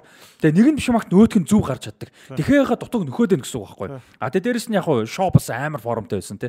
Тэнгүүд энэ гурвч ингээд нөгөөдөө нөхөөд байгаа байхгүй. Яг 70 бол урагш авчин. Тэгэхээр тэр чин байхгүй болчиход байна. Одоо тэр хоёр байхгүй. Тэнгүүд Магуайр нэгдүгээр тэр чадваранд очин дэхээ тэр муулгууд одоо тэр дамжуултыг хараарай. Гурван үний дунд гурван Магуайрыг шахаж хахад Магуайр л хайж байгаа байхгүй наазах нь. Тэгэхээр зүүнтлийн хамгаалагч суус бол байсан. Баруун сул байсан. Одоо тэр тэр чинь бас хэрвээ варан хэрвээ тэр дуун зогсчихсан бол над руу бития хийгээд эсвэл ийшээгээ ийшээгөө гэж заах тэр чинь Сандра Мартин. Тэнд бол яг хөө алдаа гэдэг бол яг нэг хүнийх байдаггүй байхгүй. Систем байгаа байхгүй. Одоо юу гэдэг би би нэг нөхчөө шүү дээ. Гол хийж нэг гэсэн одоо нэг хүний гавь биш байхгүй. Нэг адаглаад ассист өгсөн хүний хувь нэмэр бас их байна шүү дээ тий. А тэнтэй адилхан гол алдчихаар баг тэр хүнд өгсөн хүний баг ассистент алдаач юм шиг болчиход байгаа байхгүй. Тэгвэл эхнийг бол яг магуурын алдаа. Ягаад гэвэл одоо тэр бичлэгийг үзэр Севилягийн 3 тоглож шахаж байгаа. Тэр 3 тоглож хаан шахах гэхээр голд байгаа хүнийг л шахдаг байхгүй. А магуурыг яг харах юм бол магур хинд дихад пас өгчөд өөрөө талбайгаа дүргээд нүүрний зураас руугаа тилээд гарсан бол нэгдүгürt магур шахуулахгүй. Шахуулсан ч нэг хүн шахуулна. Шахуулсан ч аваад зүүн рүүгээ шилжүүлэхэд асуудал байхад магур өөрөө гол руу орж байгаа байхгүй. Тэр бол магурын ерөөсө ди тэр алдааны ер дийлинг гэн. А тэгээ магур яадаг вэ гэхээр яг харах юм бол нөгөө Лисандро Мартинесийг харж байгаа хэвээр Мартинесийн үйлдэлт байсан бол яг гэхээр сугараа гарч пас өгч байгаа. Магвар гурван талаас шахаж дөрөв дэх тал руу явах тийм чадвар тэр хүнд байхгүй байхгүй. Надад бол бодохдоо Магвайр өөр дөр хүн татчих байгаа санагдаад байгаа байхгүй.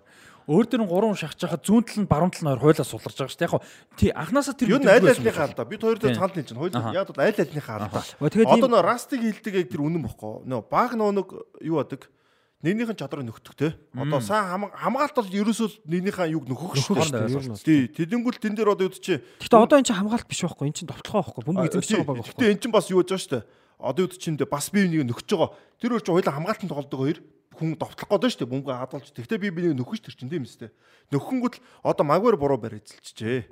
Тэгвэл буруу барь эзэлтээ нөгөөт мэдэхгүй байхад Дэхя мэджээд өгөхгүй байхгүй. Дэхя нас мэдэхгүй байгаа байхгүй. Тийм тийм яг аль альнийхэн зүй болчихж байгаа. Энэ хоёрын нэг нь мэджээд болчих байхгүй юу? Тэр чинь одоо нөө багийн адаглал дэхя цөлөөл явуулах хэрэгтэй. Тийм наазхан тийм. Тийм тэнгууд хэрвээ магуурын оронд варан байсан бол варан нэгдүгээр зүв байрлуугаа явсан. За зүв байрлуугаа явахгүй бол за тийшээ өгөхөд тэр чинь заа хилэн. Яг бол лидерүний амнаас баг тоглолт тайлбарлаж байгаа юм шиг ярьдаг байхгүй юу? Одоо маш олон тоглогч дэгдэг те. Монголч тэр гадаадч тэр тоглолтын зүгээр баг ингээд тайлбарладаг байхгүй. Одоо ингээ одоотыг дасгалжуулагч нар дийдэн шүү дээ. Яг талбай дөрөөгөө лидерүүд дийдэх байхгүй. Одоо баруун амар чухал шүү дээ. Тэр хамгийн чухал юу? Тэнгүүд тэрийг яадаг вөхлөөр варан шиг тоглож вандаг шиг тийм лидерүүд хилдэг тэр чинь ингээд төрөлдгийн характер нөхгүй. Хүүхд байхаас л тийм байсан. Тийм суулгана гэдэг асар хэцүү шүү. Тий. Тэнгүүд магур тийм чадвар байхгүй шүү. Энэ дэр нөгөө нэг шин тасалжуулагч байгаа шүү дээ. Севиагийн Хосе Луис Менделибар гэдэг. Нөхөр Менделибар Севиа төрсэн. Тийм Менделибар унштай. Испанд бол олон жил болж тэ. Испани 1 20 дугаар лигд. Тэгээд тэгсэн чинь нөхөр энэ дэр бас нэг юм сонирхолтой шийдвэр гаргасан л байлаа л дээ. Ламела гараанд гаргасан. Ламела ч одоо Севиад ер нь бол гараанд гардаг болоо удаж байгаа. Ер нь хамгийн сүүл хизээж ямар огтч гараанд байсан ч авас. Тэгээ додномч нэг гараанд бол байгаагүй шүү дээ. Аа тэгэнгүүт маньхүү энэ дэр гараанд гарсан юу шалтгаан юусан маньхүү довтлоонд бол биш тийм. Маньхүү хамгаалт нэгдүгээр тэгээд нөгөө тоглолчдыг одоо тоглолтын темпийг унгаах, өөдөж хатгах тэ нураа характер хэрэгтэй. Характер. А тэрний хамгийн том давтал нь юу нэр анзаагсан чинь Магуайр дээр юм Манайхуу энэ эсрэг хамгаалт мундаг ч гэсэн гүйлтээр бол биш нөгөө юу гэдэг агаар хоошоо сууга агаарт бие үчнэ шүү дээ. Түүнээс байн гүгээд байх бол биш. Я бөмбөгөө өдгөлт ихтэй шахалт бол биш. Том бит хүмүүс ч уусаа удаан гүхтээ муул зүйлтэй булчингийн асуудал. Тэгээд яж хүсрэлттэй тесрэлттэй болохоор тэрийг хадгалах шаардлага гардаг тийм. Тэнгүүт ламела тэр бөмбөг тасалж байгааз ламела ламела магуайр дээр ерөөсөө зурлцсан юм. Тэр тоглолчонгоо магуайр дээр ерөөсөө ламела байнга ерөөсөө магуайр дээр бөмбөг ирнэ. Таргет мэн магуайр байсан биз дээ. Тий, тий. Тэг ерөөсөө ламелагийн таргет магуайр байсан бил. Тэгээ тэр бас айгүй зөв юу яасан бэлээ тактикийн тим одоо шийдэл гаргасан бэлээ. Таргет маань нэг дээр одоо нөө нэг тоглолцыг олцолж авч штэ. Олцолж аваа. Юу нь бол олцолж авах гэж байгаа штэ. Энд чинь энэ дээр би хамгийн гоё чиг би хэлэх үү. Нөө Монголд нөө хин ирсэн штэ. Нөө Оо нөө Анк Хаспанда нөө үгүй үгүй герман солилцогч юм бэлээ биднийг нэг Вайс уу тоглолдог багт өө тэрнээс өмнөхөө 2000 Шлапнер уу аа тий Клаус Шлапнер багш. Шлапнер багштай ингэ ярьж чад хэлжээс байхгүй одоо Нидерланд тийм ч хожигдсон шүү дээ тэн дээр юун дээр а Оросд 2008 он тий. Үгүй ээ Шлапнерсэн өгшөн 4 5 онд ирсэн. За бэж гараа хим Йонг юм билүү? Би одоо андороод байгаа. Тийм ээ Шлапнер биш. Би ямар ч сан нэгнээс нь нэгэнтээ нь ярьсан. Тэгэхэд Шлапнер Кёд Йонг гэж Шлапнер багш сүулт бас нэг ирсэн санагдаад байна. Тэр дасалжуулаад ирж исэн. Дараа нь дахиад нэг сүулт ирж исэн санагдаад. 4 5 онд сургалт хийх гэж ирсэн. Тэр сургалтын дээр би бүр сууж исэн юм чинь. Дараа нэг ирж санагдаад байна. Би Клаус Шлаптер багш санаад байна шүү. Чи Тиод Дионг гэдэг нөгөө 74 оны дэлхийн арга шалралт тэнцээ мөнгөн медальтай Нидерланд сүүлд 2005 онд 15 онд хамгийн анх нэг уулзж ирсэн би. Дараа нь тасгалжуул. Тэгээд Монгол нэг тийм зөвлөх тасгалжуулагч маягтай нэг хэсэг байсан. Тий. Тэр Дионг байж магадгүй. Йонг биш ээ. Би За яг юу гэсэн бэ? За тэр ингэсэн. За би юуг нь яахгүй. За Шлаптер баг сүүлд ирсэн санагдаад шин. За бодё заяа. Тэгсэн чинь тэгсэн. 2000 юуны 8 оны Европын ор дээр Орос Нидерландыг хожиж байгаа шүү дээ 3-1-ээр тий. Тэр тоглолтын дээр бас мөлхөр Андре Ойрыг олж авсан. Ойрын эсрэг хинч байсан гоцсон тоглолт тий. Төвийн хамгаалагч тий. Харшаван, Жирков, Торбински, Билалетино, Торбински ч сүлд гарч байгаа шүү дээ тий. За Торбински ч гэсэн тий.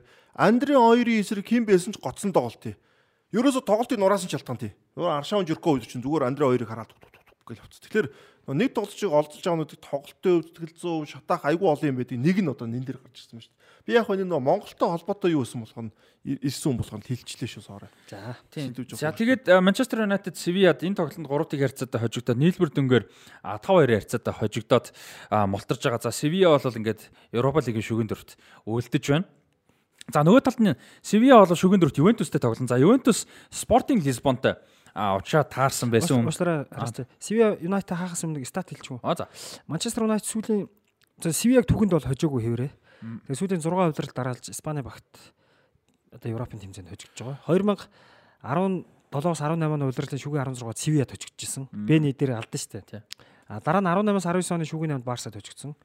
19-с 20 оны Европа лигийн хагас гişэд Сивиад хожигдсон. 20-с 21 оны Европа лигийн финалд Виаралд хожигдсон. 21-с 22 өнгөрсөн үйлрлийн яалаа. Өнгөрсөн үйлрэлч юу болоо Манчестер Юнайтед. Виарал. Виарал тожигдсон чинь тэрний өмнө нөө. Европа лигийн финалд тожигдсон. 20-с 21 оны Европа лигийн финалд Виарал тожигдоод өнгөрсөн жил бас юунд тожигдсон байна? Испани хогт. Атлетико тожигдсон шүү дээ. Шүгэ 16-д аврагд лиг. Тэгээд энэ жил Севиа. Ер нь Севиаг хожигддгүй юм байна. Испани багтаа сүүл муу байна. Спанта ер нь сүүлч ер нь угаасаа жоох аюу. Одоо тэр наад энийг баахан алдаа болж хамгаалтын те энийг харснаа Депортивотой тоглолтыг баахан хамгаалтын алдаа гаргасан шүү дээ Фабен Бертез.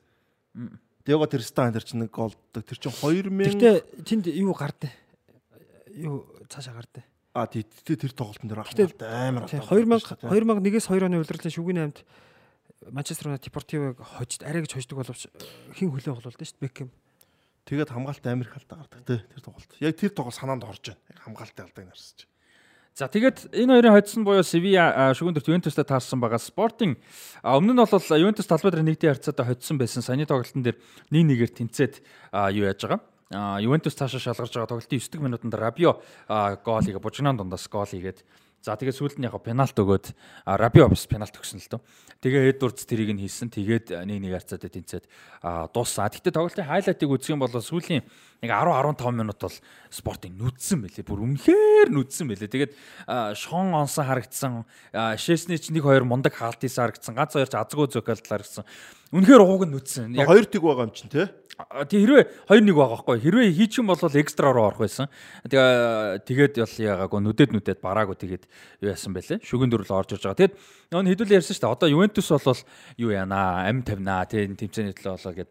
За ямар ч 15 оноо буцаа авчих тэрийг бодохгүй. Бас батлагаагүй тий. Тийм батлаа бас хэцүү шүү дээ. Тэгэхээр Тэгсэн ч 50 50 нь бол те. Тэгэхээр одоо бас бас цом өргөн гэдэг чинь бас чухал те. Ямар ч цом байсан гэсэн. Тэгээд аврагууд лиг ирэх авна шүү дээ. Тийм. Тэгээд Ювентус Севиа гэдэг одоо юм том гэж хэлэхэд буруудахгүй байх том. Одоо шүгэн дээр таарж. Энэ тоглолт ер нь ямар учиртай Севиа том хийсэл юу юм биш үү? Манчестер Юнайтед өөртөө айгүй халдаа гаргацыг эхний тоглолт дээр хоёр тэгэр дууссан байсан тоглолт шүү дээ. Би бол яг хаа багуутан домцсон тоглолтын үед бол би Ювентуст илүү юу байгаа. Севиа муу байгаа. Нөгөө Сивиа эргээс хэрэгцсэн. Одоо бол сүулдэ сайн баг. Сүулт маш сайн. Тэгээ. Ювентус ч бас яг үндэ буул асуудал байгаа шүү дээ. Ер нь Ювентус төвтэй хамгаалдаг хөөх асуудалтай шсэн. Би бол тэрийг хараад байгаа хөөх. Манчестер Юнайтед ийм хамгаалтын иймэрхүү алдаанд бол Ювентус бол гарахгүй шүү дээ. Сивиа одоо амиа тавина уу? Одоо одоо шал өөр. Севиагийн одоо ганц л юу л да. А, 13 байсан сая юг хожоод яана юг хожиж Том том том. Вириалик гэсэн тийм Вириалик э, хожоод болгож аваад яасан. талбад нь очсон баг шүү. Үгүй үгүй юу? Санчес би сонгосон. Би тайлбарсан.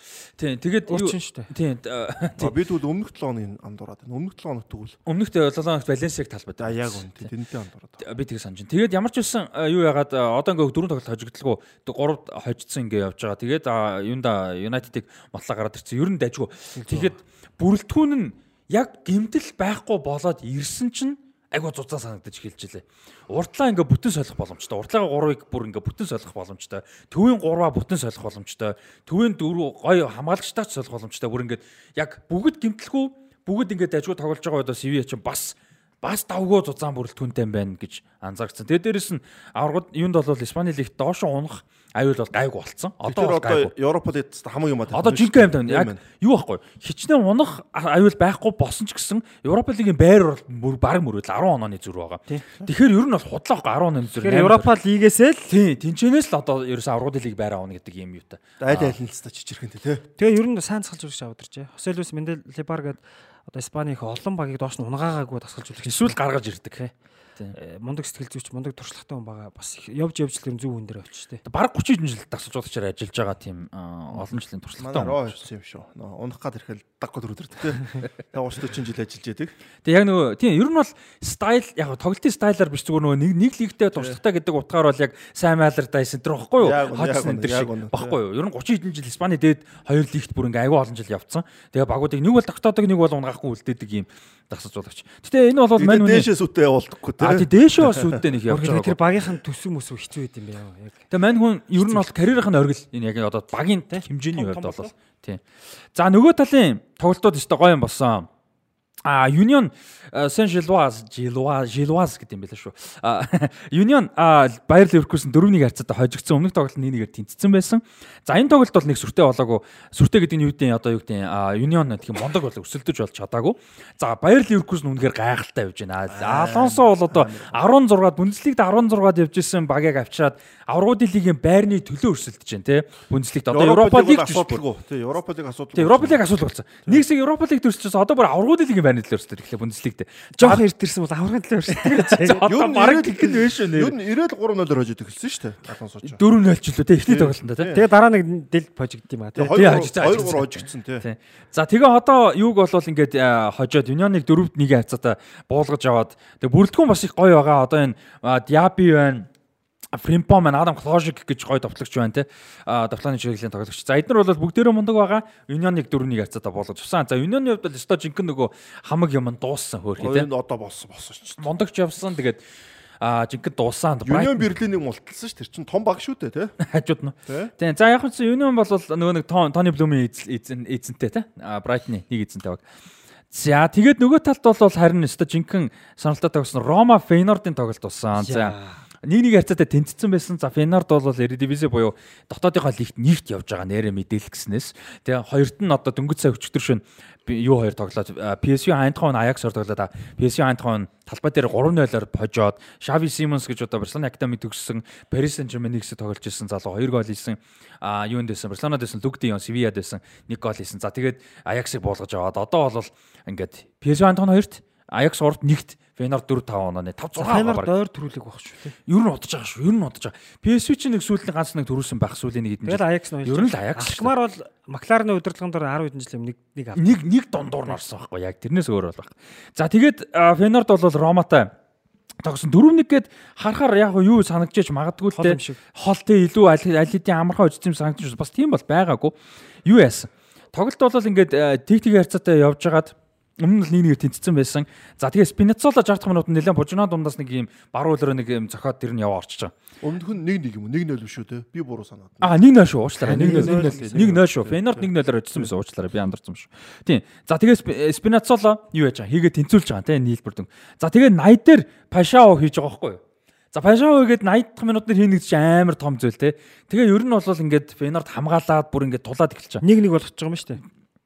Нэг болгоод нийлбэр дүнгээр Хоёр 2-1 нэг болчих жоох юм шүү байхгүй дээ, тийм. Ромагийн талбай дээр. За тэгсэн ч өстой нөгөө нэг клач тоглогч гэдэг юм а гаргаж ирсэн 89 дэх минутанд хин Дибала гол хийгээд тэнцүүлж байгаа. За Дибала ч тэнцээ өстой бөө юм болж байгаа байхгүй тий. Жинхэнэ Мартин Баатар болж а 89 дэх минутанд тэгээд нэмэлт цаг яваад. Ромын бат. Тэнгүүд Фенор зөрж довтлох хэрэг гараад хоёр алдсан юм А шүү үгүй тэгээгүй тэгээ экстра болсон. Тэ тийм хоёр экстра. За тэгээ экстра дээр бол өстой фенар дууссан хөрх яг эрч хүчинч дууссан экстрагийн сүүл рүү тэгээд нэр мэрүнж барагдсан тэгээд экс- экстра дээр бол Рома илүү тоглолцсон яалтчгүй тэрэн дээр бол. Аа тэгээд тэр Дибала Морино хоёрын нэг гоё зураг мураг явуулсан тийм Тийм Дибала ч яг 89 дээр тэнцүүлж байгаа байхгүй. За тэгээд э, юун дээр бол нэмэлтээр 101 109 дээр Эшарави Пелегрини орны нэг хэстэй ерөөдөө илүү тоглолцсон. Тэгээд Рома зөв юм байна да. за ингээд одоо Моринио тасалжуулагчтай Дөрөв том баг үлдэн шүү дээ Европа лигт. За тэглээ. Ювент- Ювентус, Севиа, Баер Ливеркузен, Рома. Бас л үүхтэй түүхтэй дөрвөн баг Баяр үлдээ. Ливеркузен Рома хоёрч бас гоё тоглолт. Наац гоё ялах гэдэг. Энэ дэс тагаа ялна гоё ялна. Хэдүүлээ хэдүүлээ нэг ярьжсэн шүү дээ. Sociedad биш ээ Betis Manchester United стан гоё үзүүштэй болно гэдэг наад харамслалаа тэгж чадаагүй. Гимтсэн баггүй. Гимтэл тоо гол хоёр тоглолт шиг гимтсэн Betis-с. За одоо харин Рома Leverkusen хоёр болоод тэгж наад дээр ч манай бэлгүүн бол захиалга өгцөн л байгаа юм. За энэ бол өстой амар тоглолт болох байхаа. Аа, Гэ баяраа хийж үзсэн шнэ урд нөө тайлбарлаад. Гэ баяраа эсвэл Гэ баяраа бэлгүй орох хоёр тоглолт. Аа Рома юу? За тэгээд энэ тоглолтын дээр ямар хүлээлттэй вэ? Жозе Мourinho Алонсогийн эсрэг Leverkusen Рома. Одоо одоо тэгээд яг зүгээр Морино бол арай туршлага байна л да. Европын тэмцээн. Ливеркузен гоё тоглоод барахгүй ч мэднэ. Яг Моринод туршлага байгаа зав нэ. Гэхдээ Алонсод орчин үеийн хөлбөмбөг байгаа байхгүй. Аа, одоо өндөр даваанд бол туршлага зөвөн шүү дээ. Тэгээд наад Рома ч ингэсэн байхгүй юу? Яг үүндээ түрүү жил конференц лиг төрүүлнэ гэдгс нь бас хэд хэд хасагдах шат үтцсэн л байгаа юу? ер нь бол наад ч юм бол айгуу том юм шүү. Тий. маш том даваа тал тий. Бэлтгэл дээр алчих гал гэдэг тэмцээн дээр тоглож чаддаг үсэн. Том Түүнээс- тэмцээний утаа өнөрлөг тий. За ийм бах одоо лигт байсан бол Рома Ливеркузен Ромагаас илүү ээж багдгүй те. За Ливеркуз. За Рома. Яа Рома. Стикерс чи. Стикерсийг сурчлаад байгаа юм чи. League Sneakers хэлсэн чи юм бол Энэ Sneakers-ний энэ үнд захиалгатай маркетинг хийлгээд байгаа юм шүү. нууцаар тийм байхгүй шүү. Данс шалгаж болно гэдэг шүү. А за Данс данс success нэг donation юу болж байгаа гэдэг байхгүй юу? за дон Нанжид тагаад стикерс гээд гараад ирэх үү те. donation гэснээс а, Хасонкны 500 556 2978 дугаараар donation хийж дэмжих боломжтой байгаа шүү. Тэгээ donation хийж дэмжиж байгаа гадаад дотоод байдаг бүх үзэгч сонсогчдаа баярлалаа. Тэгээ олон улсаас бас хүмүүс бас дэмжиж байна гэсэн бас юм явсан байлээ шүү. Тэгээ дэмжлэг ирсэн байсан. Тэгээ баг бүгдээр нь маш их баярлж Бас байгаа шүү. айгуу чухал дэмжлэг чи манайхыг лайк дарах, шеэрлэх, түгээх бас айгуу том дэмжлэг шүү бас те. Үнэ үнэ яалтчгүй. За Европа конференц лигийг нэг товчоо ярьцгаач хуу да. Хэдүүлээ нэг ярьдгүй юм чинь те бас а, яри гэж бодчих шүгэн дөрөнд тодорсон байгаа те. За Европа конференц лиг тэмцээний өрсөлдөөнүүд бол нэлээд ширүүн болсон. Тэгээд Фьорентина Лех Познан хоёр Лех Лех те. Лех Познан хоёр хоорондоо тоглосон. За Фьорентин аалсан зүгээр. За энэ тоглолт Фьорентина бол алаагүй шүү. Үгүй яг сүүлдгээр угаасаа эхнийх дээр алчиж байгаа юм чи. Тэг эхнийх дээр алсан. Гэтэ хариу тоглолт нь Лех юуны эсрэг Фьорентина эсрэг мондо тоглолт чинь амар ховор юм хэцүү Яг юм. Фьорентинаг нь тоглолт би хараагүй л да гараа маран ч өөр орсон болооч бодсон шүү тэгээд. А гараа нэг өөрчлөгдөг байсан. Тийм. тий. А яс эхний тоглолтод бол 4-1-ийн харьцаатай буулгаад авчихсан байсан. Талбайд нь шүү дээ бүр. талбад нөрөөнийг харьцаа. А тэгээд би бол Лехийг үнэндээ оо, одоо юу гэдэг. За шүтээд байгаа зүгээр өмнө амар өмнөсөн. Яасан гэхээр Фьорентинагийн талбад дээр очиод шууд 3 тгээр илүүрхэж эхлэнэ гэдэг амар хэцүү байхгүй. Оо тэгэж эхэлсэн. Тий. Оо би тэгэж Яг шууд эхний хэдэн минутанд бол биш. Гэхдээ нэг хийгээд хоёр хийгээд гурав нэгээд гурав тэг болж явж байгаад хоёр алдаж байгаа байхгүй сүүл. Оо би Яг харахгүй нэг зангараг 3 дутсан. 2 эхлээд за энэ хоёр жаахан нөгөө нөгөөтг нь чичрээл Яг Бенфика интер шиг ч юм уу биш байхгүй юу? тийм байна те. Бүр үнэхээр аим. Тэгээ сүултээ хөөрхийн амтад нөгөө сүүлийн шүгэл дор бүгдээрээ бүр ингээд салж унаад сэтгэл зүйн хэцүү болцсон. Тэгээ ядарсан бүр ингээд тийм үнэхээр сайн үтсэн. Тэгвэл амар болчих. Фьорентина ч явангаа алдсан шүү дээ. хэ? Баянга алдсан. Я Фьорентина явангаалц. Үнэхээр сайн тоглосон, гой тоглолт болсон байлаа. За тэгээд Фьорентинагийн хо- хоцсон нь бол энэ тоглолтын хоцсон юутай? А Базел Нис 2-тай. Нис 2 хоцсонтой таарсан. За тэгээд Базел бол өмнө хожигдсон байсан. 2-1 харьцаатай хожигдсон байсан. За энэ тоглолтод бол юу яаж камбэк хийж хожоод 2-1 харьцаатай. За жоо 2 а юугаар хожигдсон байсан юм чинь үлээ 2-2 А 2-2 тэнцсэн байсан юм байна. Тийм тэрэн зөв шуучлаарай. 2-2 тэнцсэн байсан. Энэ тоглолтын нийсэг талбай дээр 2-1 хожиж байгаа. А тэгээ 4-3-аар хожоод гараад ирж байгаа. За тэгээ Базел Фьорентина 2. Ред Клифийн баг мултарч байгаа юм шүү дээ. А юуны? Ред Клиф. А тийм нийс тийм тийм тийм Sir Jim Ratcliffe-ийн баг нийсийн баг мултарч байгаа. Офшор багууд мултраад байгаа юм шүү дээ. Нөгөө нэг Бэлгийн нөгөө юу те Жижигүүд нь яг нэг офшор багууд нь мултраад байгаа юм шүү дээ. яах нь тий. Тэгээ багуудынхаа фэнүүдэд амар хог юм байдаг үү тэгээд. А тийм. Нийцсэн Монгол туханаад уурлах үү те. Зодоолох бай тээ. За нөгөө талд Андерлихт талбай дээр Алкмарыг АЦ Алкмарыг нэг 2 тийг харьцаатай хожсон байсан. Сая талбай дээр Алкмар 2-2-оор 2 тийг харьцаатай хожоод пенальт явсан. За бол энэ бол цорын гац пенальт нь баг явах шиг болсон. За тэгээд а, өөр тоглолтод пенальт яваагүй те. Тийм тийм. А Европын тэмцээний цорын гац пенальт яг шүгийн 8-д яваад тэгээд пенальтан дээр бол Алкмар 4-1 харьцаатай хожоод а шүгийн 4 рүү орж ирсэн. За нөгөөх нь бол West Ham United. За West Ham United Sevilla шиг баг. За ямар утгаар юм бэ гэдгсэн чинь түрүү Родриго хэдүүлээ ярьжсэн шүү дээ. Карьертаа аврагууд лигт одоо лигээс илүү болон гол оруулсан байсан гэдэг 3 дахин цөгийн тоглолт. За тэгсэн чинь Sevilla чи энэ үлрэл э, юу юм бэл? А Европа лигт илүү болон гол оруулсан байгаа. Юунасаа? Бүтэн лигээс За, лигээс. илүү болон голыг оруулсан. Тэр яхахгүй Европа лигийн баг байна. Яалтчгүй тэгээд байгаа. За тэрнтэй мөн адилаар West Ham бас тийм байгаа юм байна. Яхахгүй конференц лигийн баг West Ham байна. Conference League-т бол маш сайн байгаа, гол ихтэй байгаа. Тэгээд юундаа бол ер нь гол жоохон та яг сая дөрвөн гол орууллаа л та Premier League өрөөнд. Гэхдээ ер нь бол гол таар байгаа шүү дээ. Тэгээд Conference League-т бол их сайн байгаа. За бүрэлдэхүүн гимтэл бүртэл бас ер нь нэлээд гайгүй асуудал яасан? За тэгээд Гентиг э, юу яасан? Дөрвөн хэсэгт болоод авсан бүр бодоолгосон. За наад чинь тэгвэл ийм байна зэ. За нэгдүгээр конференц лиг гэдэг тэмцээний гол ач холбогдол одоо гарч байна. Яг л одоо West Ham аврагуудын лигт орох магадлал маш бага. Аврагуудын лигүүд та Европа лигт ч орж чадахгүй шүү дээ. Ер нь бол энэ үлрэл таар байгаа шүү. Энэ баг чинь тэгээд Европын дивжээ үтсэхгүй Гэхдээ гоё баг байгаад байдаг. Хүчтэй баг байгаад байдаг. Том тийм. байгаад байдаг. А тэгвэл энэ баг ингээ Европ. Энэ баг конференц төрүүлнэ гэдэг фэнүүдийнх нь асар нэр үнэтэй юм. За нэгдүгürt тэд нэг Европын тэмцээн олгож байна. Хоёрдугаарт Англид даруулаа л гэдэг нөхөр чинь Европ дээр дарж байгаа юм. Наа чи одоо тэр олон гол хийж байгаа гэсэн дандаа зодуулж дарамтлуулдаг хүн чи одоо жижигүүдийг яста хунж байгаа байхгүй наа чи. Ямар гоё юм бэ гэдэг чинь. Ийм гоё байсан юм гэдэг. За тэгээ West Ham бол АЦ Алкмартай шүгэн дөрөв. Конференц төрүүлсэн баг Европа лиг. Европа лигт шууд орно. Тэгвэл болж шүү дээ. За тэгээ Фьорентина Базел, West Ham, АЗ Алкмар гэсэн баг тоглоно. За тэгээд юуны хувьд бол финалуудыг товчхон товчхон хэлж манай бас энэ тэнд байдаг монголчуудад гой гой боломжууд бас гарч байгаа гэж бодож байна. Conference League-ийн финал, Европа Conference League-ийн финал 6 сарын 7-нд Чехийн Праг хотын Fortuna Arena гэж цэнгэлдэхэд яг хотын 100 урталт байд юм бэлээ. Миний сая битэр намар яваад ирсэн байсан газраас нэг 4 км-ийн зайтал юм бэлээ. Гоё газар байд. байж л байх юм дээ. Байж л байгаа ч. Гурав төвч нэг хэдхэн хоног л төдөрсөн байдаг шүү дээ. Би чи Прагийн яг хааны очоогүй мэдээгүй. Та тэнд байж ах байсан юм шүү. Тэгсэн бол одоо энийг үзнэ шүү дээ. Конференц лиг финал гэсэн юм шүү. За Европа лигийн финал бас гоё боломжтой. Монголчууд бас их байдаг газар болж байгаа. За тэр нь бол Будапешт. За Будапештийн Пушкаш аренад Битүү. конференц а Европа лигийн финал Манай болно. За цингл Унгарт л авах. Цингл. Тэгээ Унгарт үлээ мэдээж монголчууд зөндөө байдаг. Тэрийн тоглолтыг бас боломж нь хэрэг байдаг бол олж үзээрэй гэж зөвлөмөр байна. За тэгээд аврагууд лигийн финал бас монголчууд ихтэй Монголд биелгүй газар. За тэр бол мэдээж Туркийн Истанбул хотын Ататүрк цэнгэл. Хэрвээ билет нь олдол шууд нийслэх. Билет хийсэн. Билет нь гараагүй л шүү. Финалийн билет нь. Тийм, финалийн билет хэцүүлтэй мэдээж. Hospitality гэдэг нь шүү дээ. Арай үнэтэй арай илүүтэй тэр нь 3700 доллар гэсэн бараа тиймэрхүү юм харагдсан шүү. Тийм баг. Яг билет олдох нь хамгийн хэцүү асуудал л да. Тий. Тийм. Гэхдээ ер нь бол зүгээр ингээд монголчуудад бас байдаг хотуудад болж байгаа нь бас гоё байгаа тийм. Турк бол битүү шүү дээ.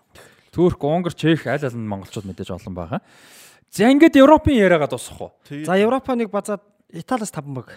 Тий, Италиас. үлдсэн. Аврагын лигт 2, Европа лигт 2, Конференц лигт Юу 1. ч Европ лиг хоёр лиг орохоос өмнө бараг ядарчлаа энэ. чинь. Тэглээ. Тий. За, лигүүд рүү орох уу? Яваа. Лигүүд сайхан товчхон дуу те. Их товчхон цаашаа. Гэхдээ их дэлгэрүүлэхгүй явчих те. За. За. Премьер лигийг яриа 32 дугаар тойрог Арсенал оноо алдсан. 3 дахь дараалал тэнцлээ. Саутгемптонд 2 гол сүүлд алдаад би буруу авсараг санааг бол 3 3. За тэгээд 3 3. Хоёр тэгээр хожигдож байгаа. А тий хожигч байгаа тий. Сака 11 халдаад. Гэхдээ Сакач өмнөх төр. А, Тэр өмнөдөр алдсан. Энэ дээр алдаг алдаг дахиад алдсан болов уу? Үгүй үгүй. Өмнөх би наадах чи юу үзсэн үзэж байгаа шүн нас нь өмнөх төр. тавтахаас хагасанд болсон шүү дээ.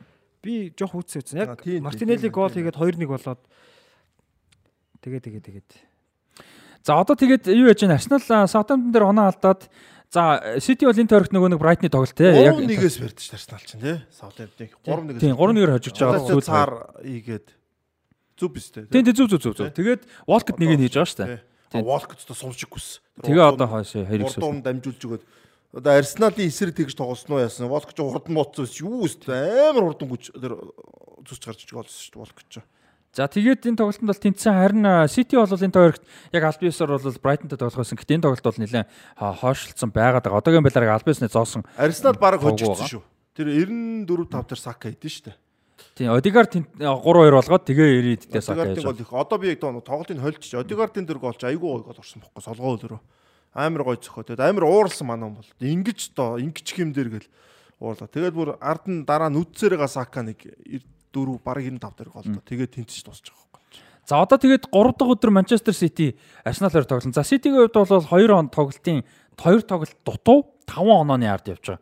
За хамгийн чухал тоглолт бол мэдээж энэ 3 дахь шин аа шин 3 цагаас болно. За Westport Lounge дээр бөөнөр үзэн шүү та хэд юу ягаараа. Аа ширээгээ эрт зааж байгаа. Эрт тэгтиг 90 дугаар ширээ захиалах боломжтой шүү. За. Арсенал бол одоо хожихоосор аргагүй л бол одоо. Тэнцэх юм уу Сити ч юм бараг. Сити хоёр нөхөнгөө хожчиход л дээр нь гарах гэдэг шүү дээ. Арсенал хожчих юм бол 8 оноо гэж амар том даваад л байхгүй. Тэгээ Сити ч нөгөө нөхөн тоглолтын дээр оноо алдчих болно шүү дээ. Тий, тийм сэтгэл зүйч юм бас амаргүй шүү. Тэгэхээр Арсенал бол одоо л хожих хэрэгтэй. За Арсеналын хувьд одоо Сититэй талбайд тоглоно. байна жах Ситигийн. Тий Сити Этихадад аа, юу юм бэ лээ? Этихадад 10 хэдэн оноос 17 оноос хойш байв да. Ер нь хожоогүй байсан баг шүү. Этихадад ер нь нэлээд муу рекордтэй гэдэг юу байсан.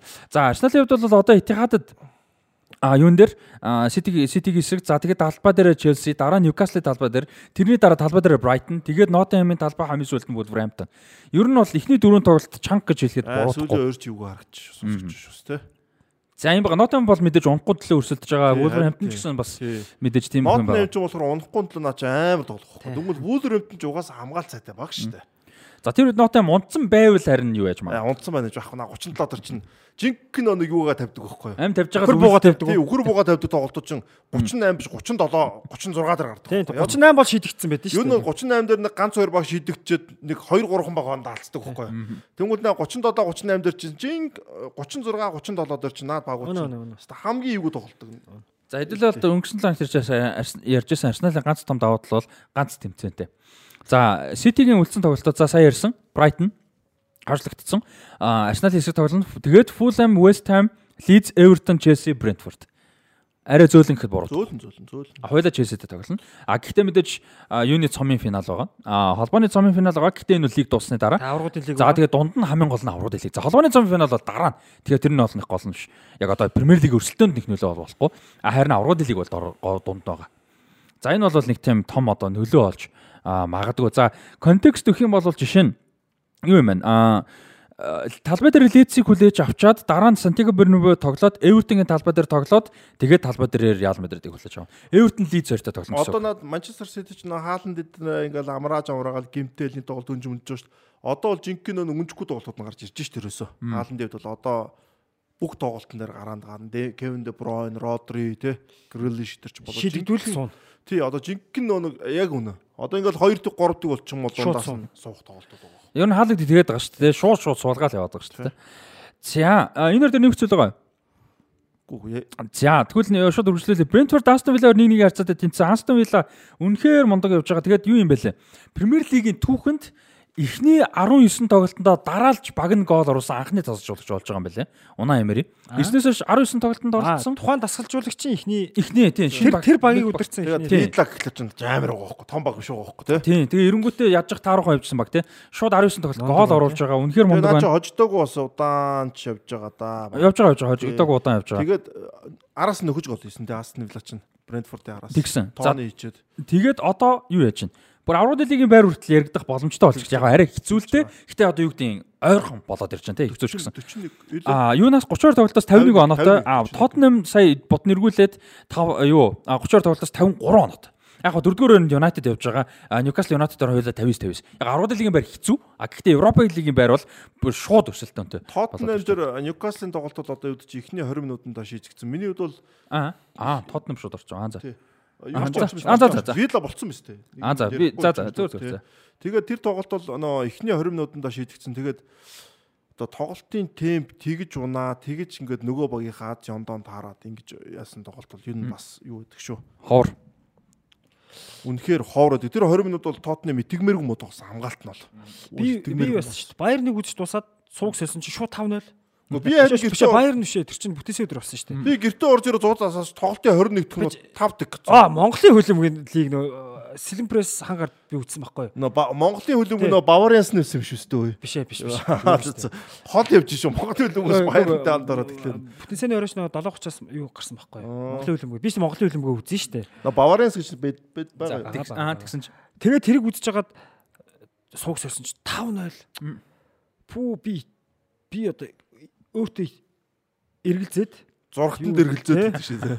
продакшн дэргэлзээ тэгээ Премьер лигийн продакшн дэргэлзээ тэгээ жоо сонсчихсон чинь тэмүүлэн тайлбарчлаа 5-0 болчлаа гэдэг. Тэгээ сайт руу орж сайттай эргэлзээд гэлтэй. Тэгээд энэ юу хэлж байгаа хэрэг шүү дээ. За энэ бол зүгээр Тотнамын ингээд энэ жилийн аврагын лигийн юг бол ингээд бүр цэг хатгацсан. Дуусгасан тий. Би би үзээгүй л дээ. Би цаашаа ч үзээгүй. А болио юг нь өстө Барса угаасаа. Би үтсэн шал тийм үтсэн байлээ. Би бол шал дими юм болныг би үзээчгүй. За тэгээд энэ бол зүгээр цэг хатгацсан. Тотнамын одоо ингээд бүх ингээд азгуут одоо багт болохгүй бүтэхгүй. Бүх юмний яг эцсийн юг нь энэ бол Одоо энэ баг сэрхэхгүй. Одоо энэ баг аврагын лиг онлын үед боломж байгаа ч гэсэн авч чадахгүй. Ер нь цаашаага нилээ оноо алдаа нилээ хойшлоо. би бол одоо яг тус- үндэ Хари Кейнийг яваасаа ч утсан. Яг сүүлийнхэн э, Макс Гэрэг гээл нэг багт одоо авраг авахгүй. Тэгвэл Тоттенхэмд угаасаа бид нар ярьсан шүү дээ. Угаасаа Тоттенхэмд бол авраг авахгүй. Тэр бол одоо ойлгомжтой. Ийм амар өршөлтөнд дундор. Тэгээ би бүр тэрэж ухрааж үтсэн хөөе. 21 түнөд 20 20 минутыг минутын ухраагаа технээс нь үзээ суулаа. Тэр Морфи ямар амар дамжуулт гаргаж юм бэ тэр энэ рүү. А Виллок sorry. Морфи хоёр гол. Тий, тий, тий, тий. Жолинтон руу явуулдаг дамжуулт үстэй. Үгүй хэн рүү өгдөг? Исак руу Исак руу аа нөө гадраараа гадар тэр өстө амар дамжуул. Жинхэнэ нөө нэг Модрич тэрний нөө нэг э, тоглолтын дээр идэг. Cancelo энтрийг өгдөг тий. Тий яг үн тийм дамжуулт байлаа. Тэгээд тэр Морфигийн цохолт амар байсан. Исакийн төгсгөлүүд амар байлаа. Жолинтны тоглолт гоё байна. Жолинт нь одоо юу ч юм да үнэхээр Бразил шиг дуудахгүй л дээ. Гэхдээ тэр төвийн хагас болон жигүүр рүү аль алинд нь ямар ч гоё тоглолт юм те. Тэгээ энэ дээр би бас энийг э, тайлбарлаж санагцсан. Одоо багийн тоглолт буюу Жолинт нь бөмбөг авч жатар араар гүйж байгаа тоглогч баг голын дамжуултын хинэ ирээний бөмбөггүй ч гэсэн гүйж байгаа байхгүй. хамгаалтыг татж гинөө те. Ерөөсөө хамгаалт нь Задлж гин те. зад үсрээл Жолинт нь дунд руу гарч болж байгаа байхгүй. Хоёр тоглож анхаарал. За нэг тоглолчд бүр анхаар сайн битэл өөрөө бүр үйл хөдлөлөөр дагаа явж байгаа шүү дээ. Жолинт нь нэг эсрэг болж байгаа тэнгуэл нөгөө хамгаалагч нь давхар хөдөлгөөнд орж байгаа Яах уу те. Яах уу гэдэг хөдөлгөөнд ороход нөгөө тоглолч нь гараад ирж. Тэгэхээр тэр үед чинь бөмбөг Оверлап ийм л чухал. Тий, бөмбөгүүд төр гүйлт гүүх амар чухал гэдгийг шууд тэр Жолинт нэг гол шууд харуулсан. Тэгээд Ньюкасл бол мундаг үлээ тоглолт моголт. Тэгээд Фабиан Шарын асын давжуулт тэр гоё үлээ шүү дээ тоглолт. Тэр Фабиан Шерин тэр нөө уршаа гаргаж өгдөг бүр амар дамжуулт амар. үстэй. Юу нь бол энэ тоглолт тэр эхний 20 минутанд Тоттенхэмийн хэмнэл муу хамгаалт муугаас хад Ньюкасл яг гоё тийм довтооны азууд өгдөн шүү дээ. Тэд нэг бүх юмуд нэг Хүн таарч штэ. амар таарсан баг. Тэгэд угаал оройс айгүй муу хассан юм бол. Угаал оройс дээр би ингэж харсан. Аа за тэр Морфигийн цохолт дээр бол хаалгач нар ингээд тохиол байдгаа байдаг те. Яг гоо хааж болохоор байсан бас тэр өсөж мөсөж болохоор жоохон анхаараас бол байсан. Угаал оройсын дээр Исакийн юун дээр аа тэр байрал дээр би буруу авсан болоо. Хүн ингээд одоо ингээд ойрхон орж ирж штэ те. 4 5 м багт хүн ингээд өөдөөс нь цохих гэж байна те. Хаалгач яадаг вөхлөр босоо байх юм бол алдах байхгүй юу? Өшөө жоохон сууж өгнө шүү дээ. Сууж өгнө нэдэд анхаарал сайжирна. Дээшээ өсрөх доошоо бүх бөмбөг рүү явхад ойрхон болно. Хамгийн ашигтай барилах. Хамгийн ашигтай барилахгүй. Шилчгэдтэй. Тий, тэнгуэл угаал орсон ингээд юу надаа юу харагдсан бохгүй. Реакц удаж. Тий, босоо барилттай байсан. Одоо тэн дээр хүн ойр төлөнгөл жоохон суугаад ингээд ингээд гар ингээд доошлол ирэн штэ тий. Тэг жоохон ийм ч юм уу тий. Тэнгуэл угаал орсон нэлээд босоо барилттай байнгут тэр нь доогор нь юусоо ямар ч асуудал байхгүй. Бара хинч доогор нь зөксөн орохоор тийм нөхцөл үүсчихэж байгаа байхгүй. За тэр ч үзийг үлдээ. Тэгээ. Тий, тэгэхээр тэн дээр Лорис дээр бас нэг тийм хамгаалт хаалт. Лорис ер нь жоохон болоо. Тэгээ Лорисыг шууд юунд авсан шүү дээ. Халфаруу. Тий, авсан дээ А Лорисыг. тэр дэхтэй яг хаа ер нь бол гимтэл юм байл шүү. Аа тий, тэгвэл гимтэлтэй тэгж муу тоглосон юм байна. гимтлэр сэлгээр суусан юм байл шүү. үү? Тий. Тэгвэл тэр гимтэлтэй тэгж байгаа гимтэлтэй анхаарад муу тоглосон. Ямар ч сан Лорис айгүй муу тоглосон. Тэгээд нөгөө хин орж ирсэн шүү дээ. Форстер тий. Fraser Forster. За тэгээд Кристиан Стилини үлдсэн байсан. Тэгээд э, нөгөө явсан дасгалжуулагчийн туслах нь үлдэх асуудалтай үгүй юу гэдэг сэдв ярьжсэн. Тэгээд ялтчихгүй бас болохгүй байна. Тэгээд Тотнам одоо энэ 100 болол маш их өөрчлөлт хийх шаардлага байна тий. А маш их хүнтэй Томс цэнгэлдэх барьсан. Одоо Европын тэмцээнд орж чадхааргүй болох юм бол маш том одоо алдагдaltaй ажиллана гэсэн үг шүү дээ топ багч нь тий. Одоо топ гэдэг нь зөвхөн мөнгөний хувьд тий. То үнэтэй үн- одоо мөнгө их хэрэглэдүүлдэг баг. Тэр Брендон Рожерсыг аваа гэдэг байгаа шүү дээ яг үүнд бол. Брендер Рожерс ер нь айгуу дагд Хамгийн давгүй Хамгийн давгүй сонголт. Нагelsmann бол Tottenham За яг Нагelsmann-ы төлөө явах нь зөв тий. Агнес маань өөрөө ирэх үгүй гэдэг бас асуудалтай тийм. яг үндэ хамгийн тохирох нь Рожерс байхгүй. Брендон Рожерс. Угаасаа тотал тоглодог байхгүй Рожерс. Тэмээд. За яа хэлж байгаа. За тэгээд West Ham түрүү хэлсэн Bournemouth-ыг дөрөвтэй хацаатай буулгаад авчихсан. Гэхдээ Bournemouth ер нь дайжгүй байгаа. Ер нь бол нэг хэсэг бүр хамгийн муу багуудын нэг байсан. Сүүлийн West Ham юугээ ботсон юм шүү. Bournemouth. Европа лиг авчихсан шүү League ботсон юм шүү. Conference лиг аймаа Conference League хариу тоглолт гэж хэлсэн юм шүү гэдэг. За тэгээд энэ тойрогт дотоо хоёр тоглолт байгаа нөгөө Brighton City. За тэгээд Manchester United Chelsea байгаа. За Brighton City-г одоохондоо тодорхойгүй. Аа тэгээд юуных болохоор Ливерпул Ноттингем орж ирсэн алаан болсон За шүү. тийм тэрийг одоо харна. А United Chelsea юу байгаа юм бэ л шүү. Хоёр дахь шүн. Хоёр дахь орой 9 цагт хуваартай байгаа юм байна л шүү. За тэгээд Liverpool Nottingham. За энийг би тоглолтыг үзээгүй үндэ үзэж. За Bayern цаана тоглож ирсэн. Тэгээ би сууг сольсон чинь яг саал Bayern хожигдоод сууг сольсон чинь Арнолдын дамжуулалтаар саалаа хийжсэн. Ер нь бол үзээгүй. Одоо сүүлийн хідэн тоглолтод Ливерпул нөгөө нэг Сити тоглолтоо өөрчилж байгаа гэдэг шиг Ливерпул инглэлтэй сүүлийн хідэн тоглолтод Александр Арнолд нь юу болцсон? Яг inverted fullback-аар тоглолтог болсон. Одоо сүүлийн нэг арай сарвахгүй. Яаж юм нэхэр довтлогоо бөмбөг эзэмшээ довтлонгууд Александр Арнолд ч салаагийн ард тэнчэнээс дамжуултыг өгдөг те эсвэл салаах руу гаргаж өгдөг. Ардлыг нь заг Хендерс авдаг байсан.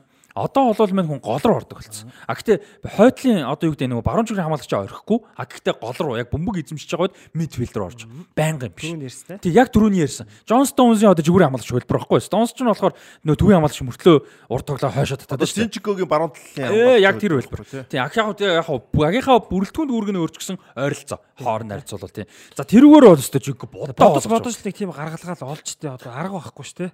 Тэгэд яг энэ үйлрэл ер нь тэгж тоглож байгаагийн юу тэгээ нөгөө нэг ер нь урдаа тоглохаа дээрэс нь Хендерсон ч бас жоохон сул тоглож байгаа юм байна. Тэгээд уршаага тоглоод ардаа алдаад байгаа юм байгаад байгаа шүү дээ Александр Арнолд.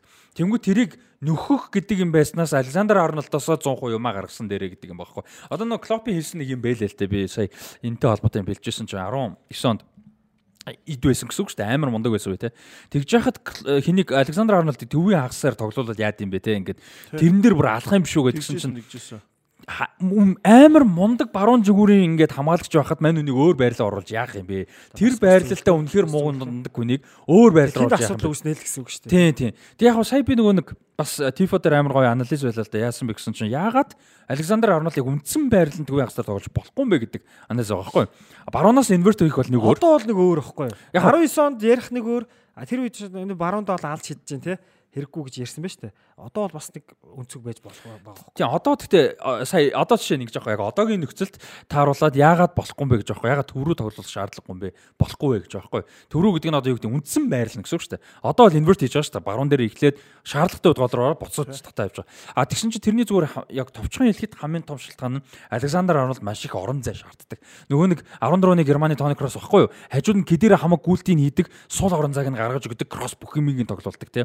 Одоо Гатусагийн хажууд Пирло байт юм уу юу гэдэг нэг тиймэрхүү юм байхгүй а тэнгүүт чинь Фабиньо Хендерсонтэй го байжиж гол руугаа ороод өөртөө сул орон зай гарч иж Александр Арнолд хамаг бүх тоглолтуудаа хийдэг. А тэгэхээр үндсэн байрлал нь төвийн хагас дээр тоглох юм бол маш их нөгөө өсөлтөнтэй ингээд юун дээр алцаантай жижиг зайд алцах ийм шаардлагатай тоглолт хийх гэдэг шүү дээ. Тэнгүүт Александр Арнолдын гол том давуу талуудаа гаргаж чадахгүй болох юм болно гэдэг байгаа. Илүү давчуу болно гэсэн үг. Тэгээ давчуу болно гэсэн үг яг зүйтэй тийм. Одоо юу ч орчин үеийн хөлөмөд Александранд айгүй гоо нөө уусах боломж нь байна л да. Одоо ингээ баруун зүгүүрээс яг төв рүүгээ ор тоглоод тэндээсээ тоглолтоо найруулж буцаа баруун зүг хүрлээ ирд. Тэгэхгүй яг төвдөө тоглоно гэдэг бол бас амаргүй. А би бол ингэж байна зүгээр. За одоо биш юм байна л да. Ер нь олон жилийн дараа хурд хүч саарна те. А энэ хүн чинь авиас чадвар нь байгаа дээ. Гэтэ үнэхээр хурд хэрэгтэй жигүүр тоглохын тулд. Тэр үед хагас дээр тоглож болох л юм байна. тэр үед бол яг болох байхгүй. Ер нь 28-с за 28-д гайгүй байсан ч гэсэн 31 2 үрээд ч юм уу байж бол болж байгаа байхгүй гол руу. Чадвар нь бол байгаа шүү дээ. Тийм багтаа болвол яг байгаа үр дүнгээрээ бол баруун дээр Тэр байсан үед одоо туршлага суугаад гол тийм давчууд зайн тоглох чадвар суух хэрэгтэй байхгүй. бол ерөөдөө гэхдээ Арнолдыг төв рүү ороод тоглох нь баг байсан шүү дээ. Хаяа маяал оролт. Жинчгүүд бол тогтвол шүү дээ. Ер нь өөрийгөө үүрэг болсон тий. Одоо энийг ерөөдөө баг дараачлаас үүрэг болгож тоглох баг. Тэгэхгүй бол Клопын тактик болохгүй байгаа гинжил угаас харлаа шүү дээ. Яг бүрэлдэхүүн сул байсан. Энэ дээр бол одоо ойлгомжтой бүрэлдэхүүндээ тусалбал байхгүйсэн ч гэсэн ерөөдөө Робертсон гүдгэрээ гүг Арнолдыг төв рүү одоо Инвертер тий. За ийм тэр тогтлоо. Яг нь инвертер буюу А тогтлоо. За тий тоглолоо. би би одоо тогтсон юм хэлэх гээд байна л да. Жигүүрийн хагас хамгаал хамгаалагч нар ингээд давтахыг төрөөгөө орох юм төрөв улирлаас мерсер харагдажсэн ч гэсэн одоо л энэ ингээд яг энэ жилээс ингээд тренд болчихлоо. наадах чинь бас яг үндэ лидс дээр биасаа хийдэг үсэн шүү. Тийм ээ. Марсело биасаа. Яг хөө тэгээд нөгөө нэг олон баг тэгдгүүл байсан юм байна. Одоо бол яг ингээд яг харахгүй нэг нийтээрээ одоо нөхгүй нөө том багууд хийдэггүй байсан бохгүй юу. Тэнгүүд лидс зингүүд лидсийг тоодохгүй байсан бохгүй юу. Одоо ингээд санахаар одоо л олон том баг хийгээд байгаа одоо ингээд Марсело биасаг чи яагаад номын сан гэж нэрлэдэг чи ерөөсө тэр байхгүй. маэстро. Тий, маэстро Марсело биаса лидс дээр хийсэн. Яг үндэ лидсийн төвийн хамгаалагч юу жигүүрийн хамгаалагч төв рүү ор тоглолтог байсан шүү дээ. Тэнгүүд л тэрийг Гордело харж аж Гордело гэж угаасаа багш нь биасаа байхгүй юу. Тийм ээ. Өөрөө хэлдэг Өөр тий. өөр миний ментор гэдэг шүү Тий, дээ. одоо тэнгууд л Гвардиола болон Гвардиолагийн шав Артета дээр яг тэрийг хийж байгаа. Тэгэхээр энийг бол Беса бас тавьчихсан юм зөв, дээ. Одоо санахаар бас. Бас Марсело Беса амар амт юм. За тэгээд Тотн а Тотнам гэнэ. Ливерпулийн бас нэг ярих зүйл бол Жота гимтлээс эргэж ирсэн, Луис Диас гимтлээс эргээд ирсэн байгаа. За за яг хөө Диас бол гимтлээс ирсэн. Гол юм нь бол Жота ирснээс хойш маш мундаг байгаа. Ливерпулийн төлөө оруулсан бүх гоолынхаа бүх гол нь ерөөсө 30 30% хуваагдсан юм байна. Баруун үл зүүл толгой. Яг ингээд бараг л 30 30% Тэнцүү юу, те, хуваагдсан. Бараг л яг жоохон зүрдэг гэхдээ ер нь бол 10 10 10 Тэгэд э, сая бол бас тэглээ шүү дээ. Мөргөж нэг хийсэн. Сая энэ дэр мөрөг мөргөг баха. Гэтэ ямар ч байсан ер нь бол сүүлийн 2 3 тоглолт нэг өөр он янзаар Би голыг нь бол харсан. тий яг яг одоо марчлаа. Гэтэ ер нь бол тэ сүүлийн тоглолт. Тэгээ Жота эргэж ирсэн нь амар том одоо нөлөө болж байна тий. Тэгээ дээрэс нь Диас эргээд ирсэн. За одоо ингээд Ливерпул бол 6 үндсэн товтлогч бүгд бэртлэгэмтлийн асуудалгүй байна. А Хендерсон яг форм бол дайггүй. Фабиньо удирлыг маш таараа өглөөсөн. Ер нь таараа байсан. Одоо бол харин хаавч овоо гайгүй тоглож байгаа тий. За ийм хөө тэнгуут Ливерпул айгүй хэцүү байл. Энэ үлрэл Ливерпулийг ярих. Гайгүй тоглолдог. Нэг хэсэг гайгүй тоглоо нэг амар ундаг тий. Нэг ийм асуудалтай. Яг за одоо 8 тойрог үлдсэн байна. Одоо гайгүй тоглож магадгүй. Одоо 7 тойрог. Ливерпулийн 7 тойрог. Ливерпул сонголт байгаа байхгүй. Урд нь яг үндэ Ливерпул төв дээр ч довтлогон дээр сонголт хийсэн. Одоо Ливерпул гайгүй тоглох байх. Яг тэгэхээр нэгдүгürt гимтэл бэртлийн асуудал нь овоо нааш наашлаа тэрлээ. Хоёрдугаарт хуваарь нь ч гэсэн одоо гайгүй болох хэвээр. Сая нэг амар эйгүү хуваар явцсан шүү дээ. 9 9 оноо авах бас 1 оноо авлуу те нэг тийм Arsenal City Chelsea те одоо Liverpool улирлыг гайгүй дуусчих واخа за аврагууд лигийн байрны одоо амбицыг ярих юм бол яг одоогийн байдлаар 31 тоглолтоос 50 оноотой 7 дугаар оронд явж байгаа аврагууд лигийн сүүлчийн байр буюу 4 дугаар оронд яг 3 4 дугаар оноо адилхан 59 оноотой тэгэхээр 9 оноо юу бол явчихна. Яг зүгээр эрх аавна гэж байгаа юм шиг. Ер нь гэхдээ нэг үлрэлийг машин даад гайгүй дуусчих واخ. Тий, тий яг нөгөө нөгөө тал нь United Newcastle-аар байгаа шүү, тий. Тий, тэгэхээр Newcastle ч одоо нөгөө юу талтай байгаа шүү. City дээр тоглосон. Арсеналтай байлаа, тий. За за. санаад байгаа. Тий санаад байгаа байгаа. Тий Арсеналтай байгаа. Тэгэхээр Newcastle оноо. За United-ны явдгаар явах тий. Тийм юутай байхгүй Ситид байх Арсенал таа. Ба- Арсеналтай нөө тий. Тий. Тэнгүүл Newcastle дээр дөр бас юу боломж гарч ирэх л баг гэж бодож байна. За Ливерпулийн үлдсэн тоглолтуудыг нэгэнт ярьсан юм чинь зүгээр дуртаж те. За Фулхамтай нэг хойшоосон тоглолт байгаа. За тэрнээс өөрөөр гэх юм бол за West Ham, Tottenham, Brentford, Leicester, Aston Villa, Southampton. А Тоттенхэмтэй байна те. Tottenhamтай за тэгээд Aston Villa тий. Tottenham ч муу. Өө зэ. Tottenham муу байгаа. Тоттенхэмч Ливерпулийн эсрэг тэгээд чардаа л та бас те. Бас дэгдэг тал бий те. За Ливерпулийн хувьд бол тоглолтууд ийм байна. За Premier League дээр нэмэгцүүл байгаа.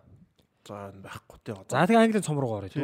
За тэгээд за Английн цом шүгэн дөрвийн хоёр тоглолт явсан. Sheffield United юу хоёр Manchester City тоглоо. За Manchester City-гээс Real Mahrez хэтрик хийгээд за ер нь ал амархан хоцсон сурагтай. За нөгөө талд Manchester United юу Brighton хоёр тоглоод нэг нэгээр тэнцсэн те. Тиг тиг үлээ. Тиг, тиг. А тиг тиг тэгээд оргуул зохиод сүүлд Соли Марч алдаад а тэгээд зөрүүлээ Виктор Линделов хийж Дээгүр зөгчтэй. Тийм. За тэгээд хоцсон байна лээ. За энэ хоёр тоглолтыг үзсэн үү эсвэл.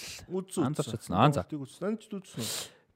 Би Сити ч нөө Баер Маяртай давхцаад тэг үзээгүй. Юнайтиг бол би хальт харсан. Потенциалын оройч нөгөө Барса тоглоод 21-30-аас тоглосон Тий. Орой тоглоод.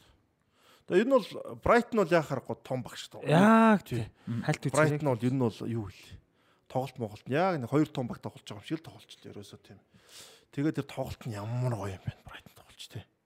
Инсисо юунд гарсан шууд гараанд гарстай. Тоглолчаар шууд гараанд тоглосон. Инсисоч боломж олдоо шууд хаалган цогт юм билээ шүү. Аа тэр өстө янз. Тэр нэг зүүнээрээ нэг амар оо шүү. тэр чинь баруун солгоогүй ерөөс таарлах юм бол Шууд цогт юм. Дил зүгтэх гарал. Амар цогт. Парагвай шүү тий? Барагва. Тэгээд ер нь бол хоёр том багш тоглосон. Тэгээд маш нихур тоглосон. Голын боломжуудыг аль аль нь гаргасан. Бөхөр явах юм бол одоо агн цоллол Юнайтед дарахаа аврах штэ. Нөгөөх бол нэг улсын цолчгүй бүх штэ тий. Брайтон тэгэхэд бөхөр явах юм бол хоёр арслан хав золгоцсон ан маань үзэж байгаа юм шиг л. Санжаа дамныг гарч ирээд нэг гаддаг шиг уу юу? Ер нь нэг хоёр ингээд нэг бүх ингээд ан маань үзээзээ. Ан маань Хин чинийхээ яаж чадах ингээд ингээд тийгс санагдсан шүү. Тэгээд тийм. Брайтны одоо үед чиндээ төвийн хагасын тоглолт гоё штэ. Кайседо одоо Макалистер гэдэг бол айгүй мондо тоглолт. Тэнгүүд басны тоглолт нь тэгэхээр Кросс. А яг хоо жигүүрт баруун жигүүрт байдаг гэсэн хамгийн гол нь зүүн жигүүрийн тоглолт айгүй чухал байдаг хгүй. Ступиниан болон Митома хоёрын тоглолт. Тэнгүүд Ван Бисака Митомаг оп хамгаас хамгаас. зүгээр ингээд Кармалцсан гэдэг шүү дээ. Кермалсан гэдэг шиг Керманаас нь Митома гарч юу Оо яг тэгсэн. яг тийм тоглолт болсон. Өө тэн дээр одоо Юнайтед бас нэг давуу тал харагдаж байна. Хоёр баруун зүгөр хамгаалсан нэг нь хамгаалдаг нэг нь товтолдог. Яг хиний эсрэг хинээгээ гарах уу? Далуу Амар тэр тийм, тий. яг- энэ дээр бол хоёулаа гарсан байлаа. Нэгэн зүүн дээр гараа тий. Тий, Далуу далуу зүүн дээр гарч тий. байгаа. Тэгвэл Ван Бисака байгаад байгаа. Тий, давуу Ван тал тий. Бисака ер нь Кристал Палст байхын л нэг эсрэг нэг үнэхээр сан тоглолт өгсөн. Ер нь формгүй үедээ ч хамгаалт муу тоглож байгаагүй вам бисаа. Хамгаалт ер нь гайгүй. Тэгээ дээрэс нь Довтлоонд л муу л да. Ван Бисакагийн бүр онцлог юм Кристал Палс байхасаа илүү а байхасаа нөө юу гэсэн. Нэг эсрэг нэг дээр энэ маш сайн тоглолдог гэдэг юутэй байсан угаасаа. Ер нь ч тэрүүгээрээ ирсэн шүү дээ. Бид нар тайлбарлаад өгөөс үн штэ. Тэгээд а, Ван Бисака чи гэмтэл гэмтэл зөндөө юм тулсан зайлвал. Тэгээд яг а, Метомодод харахад сайн тоглохоос гадна Джеймс Мэдисон ярилцлага өгсөн байсан тий. Твит хийсэн. Тий, а твит байсан Тий, твит хийсэн. А бид тэгвэл тэр энэ фэйсбુક дээр болохоор нэг шууд твит гэж харахгүй ярьцлах гэд бодчих. Тэгээд хэлсэн байсан одоо одоо инэттэй гэмээр одоо ridiculous гэж байгаа. Ridiculous-ийг чи одоо монголоор яаж гоё одоо инэттэй гэхээр юу гэж орчуулвал зүгээр юм. Мэдгүй нөхцөлд нь л тааруулдаг хөтө өөр үгэл Одоо- нөхцөлд тааруул. Яг шууд орчуулах гэж. Инэттэй гэмээр сайн хамгаалдаг чи одоо баг одоо юу гэмээр чи нэг тийм гоё үг байхгүй одоо тий. Одоо тийм За итгэмээргүй амар хамгаасан л. тэгмээргүй л одоо тий. Тий. Энэ нь бол тий. Яг ridiculous гэдэг чинь жоохон панаалтай итгэмээргүй гайхалтай гамшигтай юу гэдэг. Тий, нэг тийм үг шүү дээ. Тэгээд тийм ингэж хамгаалсан гэж байгаа байхгүй юу? Тэгэнгүүтээ нэг эсрэг магадгүй тэр хамгийн шилдэг нь байх гэж байгаа дэлхийд. Магадгүй гэж шүү. Магадгүй. Тэгээд юу яаж байгаа? Аа юу хэлж байгаа? Дутуу үлдэг гэсэн мөлөө нэг юм хэлсэн биз. Тэгсэн чинь а яг тэрнтэй холбоотой нэг статистик би харсан. За энэ дээр байна. 78.6% одоо одоо true tackle success rate гэж байгаа байхгүй юу? Одоо бол- амжилт. Тий, таклын Ямар өндөр юм бэ? Тий, тэгээд энэ топ Европын топ 10 лигийн нэлийн олон тоглогчдоос авсан үг нэгд орсон гэж байна. А юу 2017-оос 18 оноос хойш 2017 оны 100-аас хойш шүү дээ. 17 оны 17-оос 18 оны улирлаас хойш одоо хүртэл Европын топ 10 лигт хамгийн өндөр хувьтай хамгийн а юу өндөр хувьтай амжилттай такл хийсэн тоглогч. Нэг эсрэг нэг. Тий, нэг эсрэг дээ. Нэг эсрэг нэг шүү. Такл яг одоо таклж угаасаа нэг эсрэг нэг л дээ. Тэгээд тэгэхээр энэ болохоор юу чи энэ тоглогчийг бол ерөөсөө муу тоглогч биш ээ гэдгийг л харуулж. Тэгээ тэрийг Маш том өчтөр чадвар байна тий тийм. маш том чадвар. Энэ бол айгүй том чадвар. Яаж ашиглах уу гэдэг. Одоо орчин үеийн хүмүүстэлдээ манай хүний чадвар бол жигүүрийн хамгаалтан дээр жоохон юу болчиход байгаа байхгүй. Довтлоондоо яалчгүй Одоо тэг хүн чинь бүх юмтай л байхгүй бол болохгүй болчиход байна тийм. Одоо тэр нөгөө нэг а, very football гэдэг сууг дээр тий- тэрэн дээр үзэх юм бол тэр нөгөө Van Bissaka-гийн таклууд байгаа амар хэцүү таклууд. Яг ингээд Манга соргид ордог байхгүй гол нь. Зоригтой гэхдээ хүний ардаас ингэж одоо хөг хийсэн юу гэв дигээдсэн гэх юм уу бид нар чинь нөгөө жоохон бах дигээд нэгж ингээд дигээдэж араас нь ингэж нугаларч орж ингэж амар авд юм бэл айгүй хэцүү. Хажууд талаас ч юм уу өөдөөс орчныг өөрчлөө те. Тэгэхэд одоо тэр чинь болохоор хажууд араас нь ингэж дигээд А ингэж орж байгаа одоо. Ван Бисакигийн онцлог нь хажуунаас нь орохдоо хөлнийх артлаар ингэж зөгтөх байхгүй. Өсгий ч юм уу юугаар ингэж бөмбөг зөгтөх. Тэнгүүл тэр чинь хөлийн гадаа нь тойж байгаа ч алдаа биш болчихж байгаа байхгүй. Гарууд чинь хөлнийхэн гаднаас нь ч юм уу салтаа малтаа нэг пүнг ороод ирдэ шүү. Тэр чинь алдаа болчихж байгаа шүү. Толч нөө цилиндэр буюу доотлын хөл дах гээд ордог те. Манай ч хоёр хөлн байхад хоёр хөлийнхэн гадуур нь ингэж одоо хөлийнхэн гадна Тойруулчих юм. тойруулээд одоо эн чинь нуглааст дэс ингээ тойр орж штэ те. Тэгж хурж байгаа учраас алдаа гэхэд бас шууд хэцүү. Тэр ч одоо айгүй өндөр ихгүй. Юу нь бол такл дээр юу нь бол Ван Бисак амар зоригтой, амар мэдрэмжтэй байна. Тэгэл зөвл ашиглах хэрэгтэй юм шүү дээ. Одоо чинь Винисиустэй үзвэл яах юм те. Яг тэр үед энэ хүн чи хэрэг болох нь шүү дээ. Одоо тэгвэл Ван Бисака ямар багт бол Арсеналын Бен Вайтийн үед амар тохирохгүй. Бас адилхан. Сайн хамгаалдаг. Тэгтээ зинчиг нь орчдөг учраас сайхан арын 3 муу болж тоглолдог ч юм уу те. Тэгээ сайн нэг нэг Варан Лесандро Мартинес шоо гэж тоглож байхад бол бас тааруулт таарч болохоор яг ихэнхдээ 70 тоглолцсон л доо. Гэтэ тэх юм бол бас болох байсан байгаа болон болно Ер нь те. бол Тэгвэл их яг гоё. Ван Бисака юу нь бол гимтэхгүй бол бас юу тоглож байгаа хөө баруун жигт бол. За тэгээ Митомог хөдөлгсөнгүү. Метомо кармалчлаа. Одоо Метомо Кармалчга тэр чинь Брайтны одоо хилээд байгаа нэр ихгүй. Брайтны баруун зүгүүр бол гоцсон тоглолт хийдэг баруун зүгүүр биш ээ. Тэр бол одоо кросс яваад араар нь хөнгүүгээд хаюулдаг ч юм уу те. За нэг бол арай өөр тактикийн тоглолт явдаг. Одоо гоцсон тоглолт гэхээс илүү гурвалжин тоглолт явдаг те. Тэндээсээ хөндлөн дамжуулт хайдаг. Зөв үү? Тэнгүүл Паскал Гроссоос гадна Соли Марс лоогоор энэ Паскал Гросс араар нь гүүнэд ч юм уу. Нэг бол зүгүүрийн хамгаалчгүй ниймэрхүү тоглолт бол Метомогийн зүгүүр чи ерөөхдөө Метомогийн гоцсон тоглолтоос нэлийн гардаг ш. Яг үнэхээр сайн байгаа юм чи манай тоглох хэрэгтэй байхгүй. Брайтны голуудын ихэнх нь үүдэлтэй. Тий. Зүгээс үүдэлтэй дээ. Эсэргүүгийн хамгаалтыг зүгээр задалдаг байхгүй Метомогийн тоглолт. Тэгвэл Метомо түрүү орно ш. Тэгэх юм бол Ступаниан гэдэг. Ступаниан ч өөрөө зүгүүрээс ямар гой дамжуулдаг үү тий. Тэгэхээр энэ хоёр тоглогч ингээд гурван дотч хийх ажлыг хоёр дотч хийж болж байгаа байхгүй тоглоомор аюул үүсгэж Дийлдэх дийлдэхгүй зүгүүрэлтэй. Дийлдэхгүй зүгээр. Тэнгүүд энэ зүгүүрийг хэн байхгүй болгочих жоох байхгүй. Ганц хүн. Одоо юм бэлээ. Wan-Bissaka гол тоглож Метомог нь авчиж байгаа байхгүй. Тэгэхээр энэ өөрөө аюул том Брайтны тоглолтыг хязгаарлах давуу тал. А төвийн хагасыг бол Манчестер Юнайтед бол тийж амар хязгаарч чадаагүй. Чадаагүй. Төвийн нь бол үнэхээр лаг байл. Энэ гоё байгаа Брайтон нэг цом авахд их ойрхон ирээд л Би уг нь Брайтыг Болцорлаа да, тий. Би дэмжиж За тэгээ хоцсон ч яг хоо амархан гэж байгаа юм биш шүү Манчестер фэнүүд. Зүгээр хоцсон ч цаана Сити явах гэсэн. Бас хэцүү тий. Гэхдээ энэ багч нь баг баг л анх удаа FA Cup-ын финалд гарах байсан байх. Тийм л тий. Тийм бах. Бараг л тийм бах шүү. Тийм. Тэгэл нөө Брайтоны олон дэмжигчнэр хөрхи ямар бах вэ тий. Вембли рүү баяр баяр хөөр болоод явах байсан баг. Тий, Бас харамсалтай тий. Яг гоё үйлрэл дээрээ. FA Cup-ын буюу дэлхийн хөл өмгийн хамгийн анхны тэмцээн хамгийн түүхтэй тэмцээний финал Манчестерын дэрби анх удаа тоглож байгаа. Тий. Наач Би бас сони юм байна. тий холбооны цомын түүхэнд тий. Манчестерын дээр би анх юм удаа.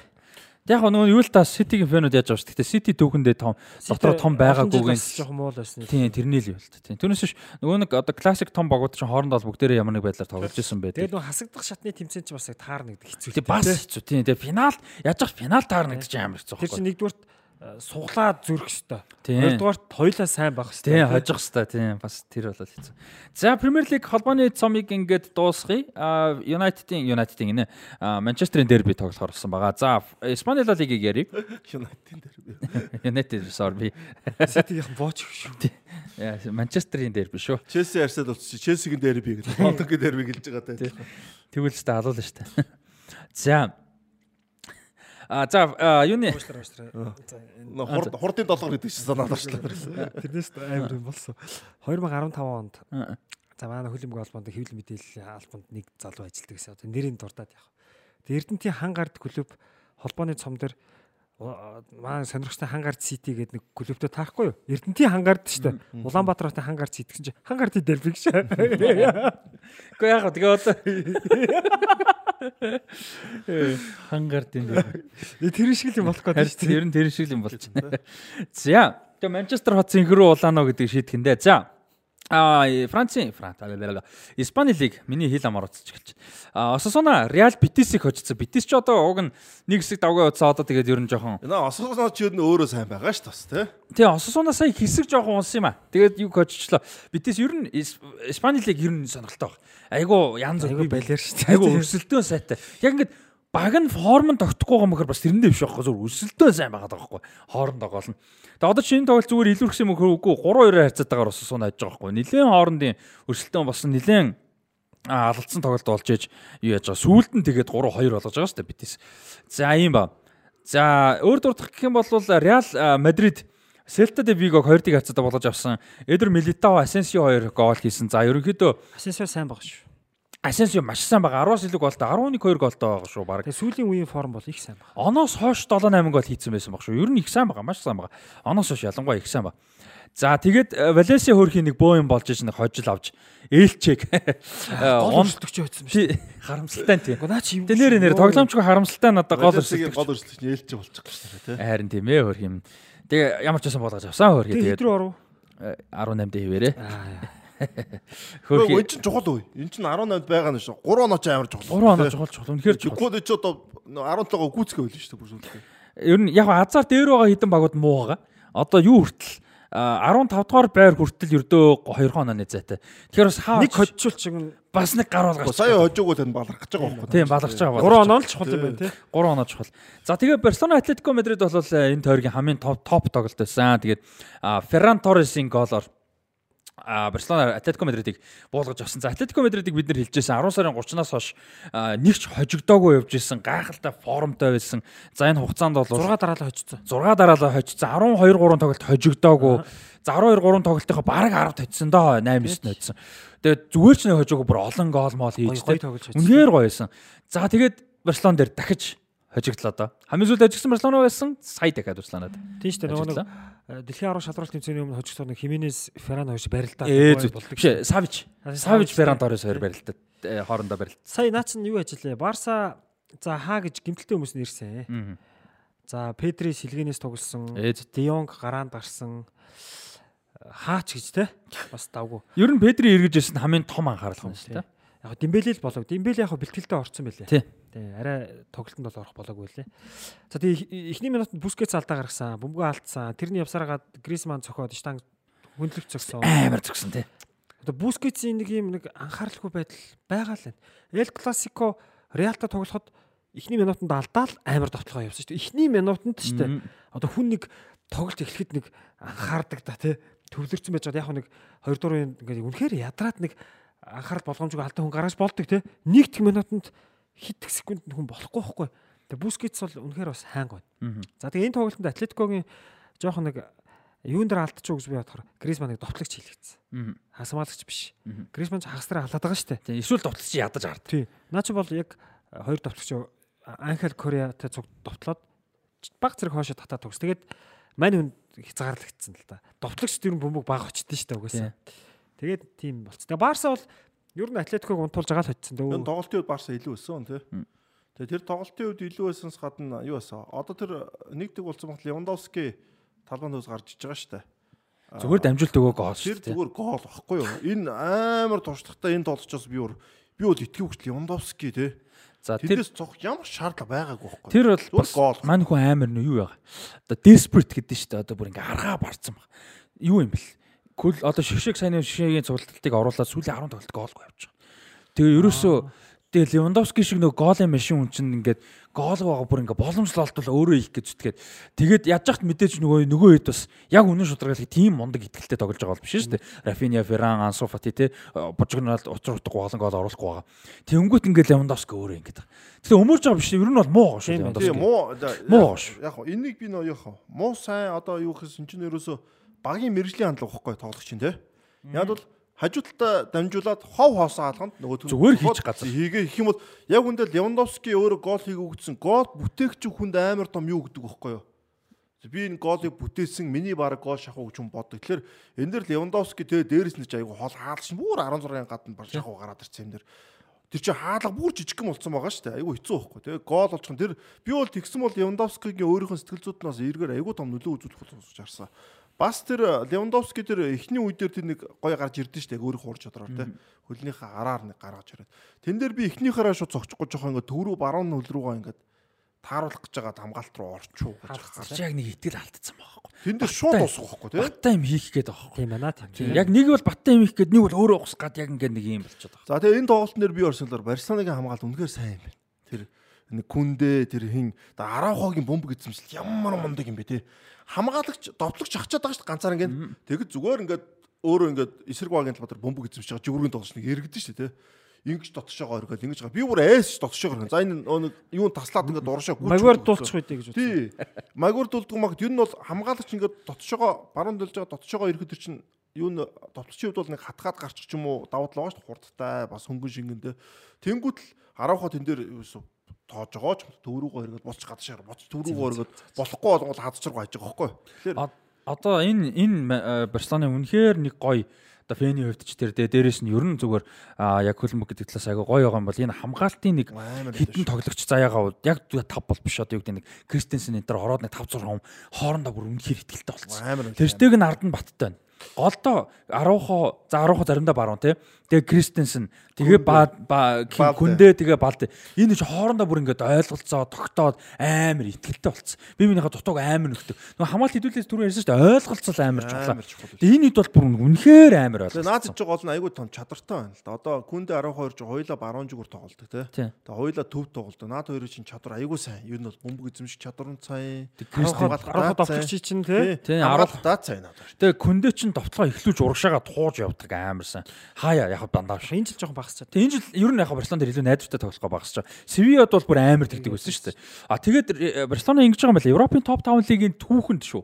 Европын Европын топ 5 лигийн түүхэнд 30 тойргийн дараа юу гол алдсан. Хамгийн цөөхөн баг гол алдсан болж байгаа. 8 билүү дээ тэр. 9 гол байсан. 9 ч үлээ тийм. За яг одоо хараад тийм. Ямар ч үсэн хамгийн одоо цөөхөн гол алдсан баг болж байгаа юм байна. Тийм. Хоёр төвж байгаа баг нь бараг 20 гол. 9 тийм 9 9. 9 голтой. Хоёр тавьж байгаа нь 20 байсан. 24 а яг хав Ньюкасл бол 24. А Лацио 2 Тэгээ Лацио 20 байсан. 20 Лацио байсан. тий. Тий. Тэгэхээр чи юу гэсэн үг юм Лацио ч бас юм байгаа. Тэнгүүд үгүй үгүй. Лацио зөвнөөс гадна Барсаг бодолтой. Европын бүх лигийн багуудаасаа өөрийнхөө ард явж байгаа багаасаа хоёр дахин энэс илүү баг гол авсан чинь Энэ бол дээд амжилт болж шүү. Энэ бол Тэгээ NBC түүхэнд гэж хэлсэн хоёр тэрийг. Челси ав гэдэг лөө те. Биш бисээ түүхэнд гэсэн байна. Тэгсэн дүүгс. Тийм 30 дугаар тойргийн байдлаар түүхэнд Энд рекорд. А тэгээд Европын топ 5 лигийн дээд рекорд нь баг Челси яхаа тэр нөгөө Мориньогийн амар Челси байж магадгүй. Бараг л тэр. 2004-5. Тийм. 15 билүү 10 билүү. Тэр бүр амар байд юм а. Тэр бүр шал утгагүй.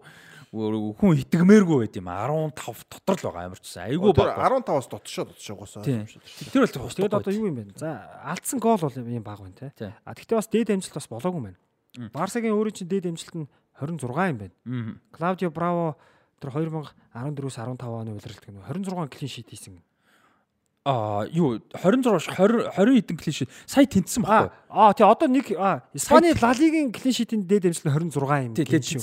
тий, тий, Лалиг тийм. а 14-с 15 оных чинь нөгөө Барселоны түүхэн рекорд нөхгүй. Барселоных нь болохоор одоо хин явал нэг удаа клин шит хийвэл Илүү гарна. Сая тэнцсэн. Тий, тий. 21 баггүй. 21 Тэгэхээр клиш бид нар чи пупа гэсэн чи бас энэс илүү юм бас байгаад исэн байх шүү. дэхтээ 1 2 л байгаа шүү дээ. Энэ олон жилийн. дээд рекорд нь Зубзараатай байдаг санагдаад байна.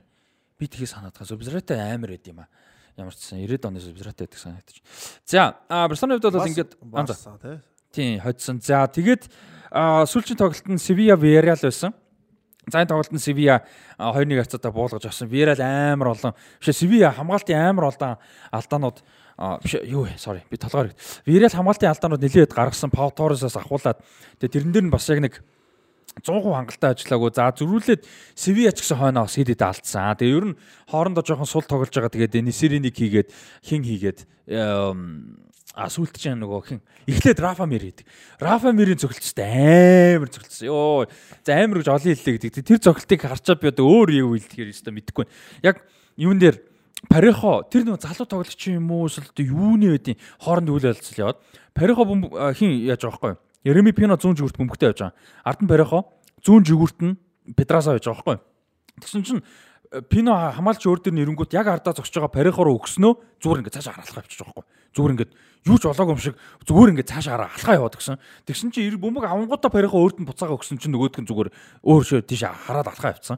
Тэгээд бөмбөг таслагдаад шууд сөрөг давтлаа сүс сүсөө явж байгаа тхинд өгөөд Рафа Мир төгсөн чинь Рафа Мир зүгээр ингээд нөгөө хөрхүүгээр шууд цогтөн дээ дагуулсан ардаасаа уралдуулсан тэг бүр дил зөкс. Тэгээ тэрг бол ч хинч Несири хаагаагүй. суугаад Рафа Мир гарсан юм уу те? Гараанд Рафа Мир гэсэн. За Несири амрахгүй бол болохгүй л те. Тийм, тэгээ Несери ч нөө амар хамгаалтанд оролцдог. Тэгээ Рафа Мир аягүй сайн тоглоо. Тэгээ сүүлд нь хин Павторос юунд болгоны цолтон бужгаанаас гол хийгээд ваар шалгаж авах удаж модаа. Тэгээ нэг нэг болцсон байж байгаас төгсгөлт хин яг нөгөө болгоны болгоны тэнцээс өндөр бөмбөг ирээд энэ Несери зүгээр угаасаа бүрж юутай бүрштэм шиг үсэрдэг хүн тэгээд супер өндөр өсөрж үрж ирээд тэгээд бүрж Одоо голоо. наа чи юу яасан бэлээ? Хүсник тарангуут Вирал эвгүй болцсон бэлээ. Уг нэг гоё дайрж исэн шүү. Тийм. Аа Битис бас эвгүй болцсон. Сосидад ер нь нэлээ Давжгүй. нэг Эдгээр дундаасаа амьсгаа стад авахар болцсон байлээ шүү. Битэл энэ аль дээрээс ийг болсон шүү тий. Нөгөө нөгөө хоёр гэмтэл хийц болчихсон. Ерөөсө хоёрын хоёр бүтээлч тоглогч нь гэмтэл хийц болчихж байгаа. Атлетик Билбао 2 дараалж хожоо 46 болцсон байлээ шүү. Атлетик Билбао конференц Европа лигийн эрхийн төлөө ороод ирэх юм байлээ шүү. Одоо Вирал 5 сүүлийн 5 тоглолтод чинь 2 хожигдсон, Битис 3 хожигдсон байхгүй. Тэгэхэд Атлетик Билбао 4 хожоод нэг явж байгаа. Ер нь агуу сайн нэхэж ирж байгаа. А Sociedad бол саяны тойргоос юу бол хожил бол авсан. Билбао хожил. хуваар них гайгүй харагдсан шүү. Тэгээд их гайгүй хожил аваад Тэгээ яг хөө тэрнээс оноогоо аваад байна гэж аваад байгаа байна, юм тий. Тэгээд яг нөгөө хэд хооронд бас тоглоод байгаа л та бас нэг юм байгаа мэдээж тэрэн дээр тий. За юуны хувьд бол юм байна те Sevilla-аас хожил авснаа сүүлийн дөрөв тоглолтод хожигдоогүй явж байгаа а, 13-аас 12 руу ороод ирж байгаа. Тэгээ 11-т оноо тэнцээ явж байгаа Широнатагаа бас тоглоно. Атлетик Билбаотойгоо тоглоно. Ер нь бол айгүй чухал тоглолтод хүлээж байгаа Sevilla-г. А тэгээд юуны Европа лигийн шүгэн дөрөв Ювентустэй тоглох хүртэл нэг 3 4 тойрог байгаа юм байна. Тэгэхээр тэр тоглолтуудад ажгүй формтой. байгаа. 7 хоногийн дундуур байгаа шүү дээ. Тийм бас дундуур. Тэгээд э, юуны хувьд гимтэл хүртэл ер нь нэлээд гайг болцсон. А одоо ч их чухал том бэртэлтэн баг байхгүй. Ер нь. Тэгээд нөгөө нэг сая ингээд Европа лиг тоглоо ээлж тогсны давуу тал нь ер нь бүрдгэн айгуу давгүй бол. Яг нөгөө нэг юм зузаан харагдаад байгаа. Одоо Сэлгэний хаалгач Димитрович хүртэл аяйгуу сайн тоглож байгаа. Боно ер нь бол гараных шүү дээ. Гэхдээ Димитрович нэлээд хэдэн тоглолт тоглож байгаа. Тэгээд аяйгуу сайн тоглоод байгаа байхгүй. Тэгээ баруун дээр чинь Навас Монтил хоёр ээлжил чинь Монтенегро уу Димитрович ч. Юу, Серб алгач. Серб бах юм. Марко Димитрович Сербийн шиг шогт хаана гэж байсан чинь нөгөө өөр нэг Франц тоглодог хаалгач энэ хоёр ээлжилдэг байсан байл. Тэгсэн чинь гинт Ваня гараад ирсэн энэ жил. Ваня Миликович Савич. Анди Ваня хасан тий. Тэгээд зүүн дээр эн чинь Реки Какуня гэдэг байгаа. Тэгээ голдоо дөрвөн баг хамгаалагч ээлжилж байгаа. Ер нь айгүй давгүй байгаа. Жон Жордан хөнгөн гэмтэлтэй байгаа. Тэр их стоцол ерөөхдөө нэг тийм чухал гэмтэл бол байхгүй. Ер нь бүрэлдэхүүн айгүй давгүй болчих. За, Серия. За, Сериад нэлийн хэдэн өөрчлөлтүүд орсон. Бас чухал тоглолтууд хэд хэд болсон. За, эхний тоглолт бол одоо энэ үйлрэл маш сайн байгаа. Ер нь хангалттай яригдахгүй байсан гэж хийж болохоор Лацио тий хэдүүлээ товчхон өнгөрсөн 7 хоногт дуудсан. Маурицо Сари тасалж удаатай Лацио юу яасан? А Торинод хожигдсон. За тэгээд Лациод Торино одоо биш Лацио Торинод хожигдсноор Наполи Ювентусыг нэгдийг харьцаатай хожсноор дараа 7 хоног гэхэд Салернитанаг хожих юм бол хэрвээ өөртөө хожоод нөгөө талд. Интер Лацио хоёрын тоглолтод Лацио тэнцэх юм уу хожигдох юм бол төрүүлэх боломжтой болсон байна. За ер нь цаг хугацааны асуудал болсон ойлгомжтой. Гэхдээ дараа 7 хоног гэхэд хамгийн ойрдоо төрүүлэх Наполд боломжтой. аврагууд хэлэггүй одоо тэгээ сайхан Лали юу Сери одоо хамаг анхаарлаа хандвал эртэн төрүүлэхгүй хоод тий. Өөр тоглолтгүй болчихж байгаа. Наполиш нэг Италийн цомдоо байж байгаа байсан байхгүй. Тийм ер нь бол тийм л Тэгсэн бол одоо э, тий хоёр цомтой гэдэг тэгтээ байгаа. Наполд яг үндэ нэг цом. Одоо Италийн Энэ бол том цом. Амар том цом байхгүй.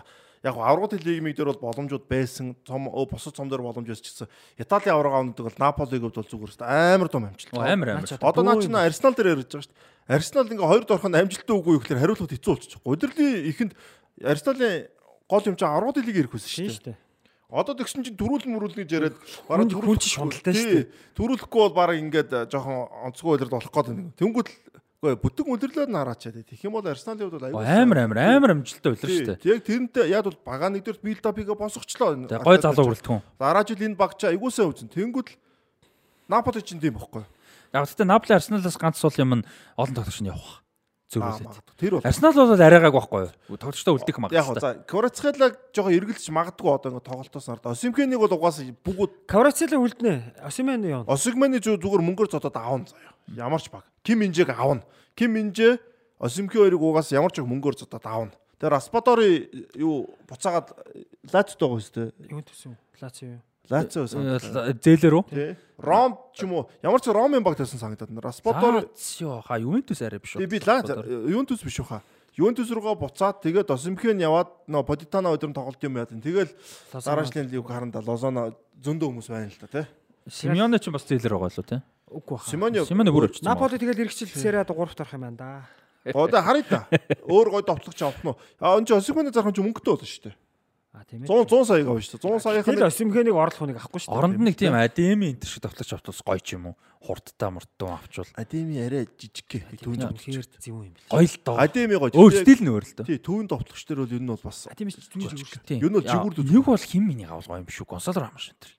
Яг нөгөө левел ахин яг гэдэг утга. яг үнэ. Гонсало Рамош. Гонсало Рамш бүр топ багууд шууд бол алахгүй шүү дээ. Нэг итгэл яг жоо. айгаад байгаа юм тий. Тэгэхэд Наполи шиг гоё. На Осимхений ч юм бол угаасаа 100 сар аавна айл юм байна. Ер нь мөнх юм шүү. Мөнхэн бол зодно гэж шийдсэн. Мөнхэн зодно гэж Тоглогч аавна гэж хэлсэн. Тийм довтлогч аавн мөнгө хайн гэж. Гэхдээ үн Осимхенийг угаасаа бүгд зодно гэдэг байгаа шүү дээ. Угаасаа. За довтлогч хэрэгтэй баг Челси, United, Бүгд л шүү дээ. Bayern. Бараг ихэнх биш шүү дээ. За довтлогчтой баг юм байна. Ситигээс бусдын л шүү дээ. За City тэгээд Ливерпул авахгүй, Сити. Ливерпул авахгүй, City авахгүй, Tottenham явуулна, Арсенал авахгүй. Арсенал авахгүй. Тэгэхээр бас авахгүй багч. Осименийг Челси авчвал зөвүүн л юм. Одоо тэгээ юу бас байна те нөгөө нэг Манай Баяр л явна л да. Тийм л. Баяр нь л хамгийн том боломжтой. өөр тоглож явж гисэн баяранд очин тэр чинь хамаагүй амар тоглож. Яа гэтээ тэгвэл амар болох нэ. Франц лигт төрүүл а Франц лигт арай төрүүлээгүй шүү дээ. Төрүүл явцсан байсан те. Лилээс. Тийм аа тий тэр жил чинь нөгөө Бурак Илмас тоглоод. Аа төрүүлсэн байсан бол гоё байсан биз те. Лиг Франц. Итали, Германы лиг төрүүлсэн гээд.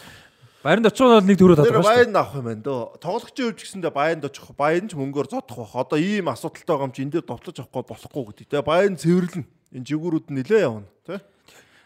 Набри интер бол явах болох те. За тэгээд Лацио хожигдоод ингэснээр ийм хэн болж байгаа. За Ювентусыг мэдээж хэдүүлээ ярих гэсэн. Ювентус бол 15 оноогоо нөхөж авсан. А гэхдээ хожигдсноор 3 дугаар оронд 59 оноотой л Ромагийн урд ороод ирж байгаа. Рома Милан 2 56 56 оноотой. Рома Аталанта 2-ын тойрог тоглох учиртай байгаа. Өнөөдөр тоглох хэрэгтэй. Өнөө шүн. Өнөөр орой а тоглох байртай. За Милан Лечиг 2 тийг харьцаатай болгож авсан. А Интер Милан Эмполиг 3 тийг харьцаатай болгож авсан. Энд а, Лукаку 2 гол игээд нэгийг нь а Лотаро Мартинес хийсэн хоорондоо нэг нэг гоолын дамжуулт өгдөг санагдаж байна. Тийм. Ювентус 15 оноо авсан сургаар наад хоёр ч хожиж эхэллээ шүү дээ. Энэ хоёр бол одоо аврагуудын лигийн байрлал бол ер нь нэлээд эвгүй болоод эхэлж байгаа. А гэхдээ Ювентус сүүлийн 3 тоглолтод хожигдсан байдалтай байгаа. А сая оноо авснаас хойш буцаагаа авснаас хойш нэг а тэрнээс өмнө хоёр хожигдсан байсан. Юу н тэгэл Ювентус Лациор бараг авчих واخа Ювентус ноо насахдахгүй би бол хийж харж байгаа шүү. 2 3 дугаар яриг үү? Тий, Лацио бол бараг орчих. Угаасаа Лациоч нэг хөлөөд нэмсэн байхгүй ш сах. Тэгээд Саригийн дор их сайн байгаа тийм. Тий. За тэгээ Фиорентина сая нэлээд нөгөө нэг мундаг формтой явж байсан Фиорентина харин Монцад 3-2 За би хацаад авсан. Ким Минжиг ханах авахгүй. Ким Минжи шиг хамгаалагч хэрэгтэй баг юу байна? Зөндөө ш тус. За. Ким Минжиг чинь Ливерпул сонирхож Манчестер юм шүү. United сонирхож За Юнайтед Варан байна. Лисандро байна. Мартинес байна. Одоо Манчестер Юнайтед авсан дээр. байж болно шүү дээ. А Магуайр Линделоф хоёрын нэгийг явуулаад байгаа. Магуайр угаасаа явна энэ жил. Мм.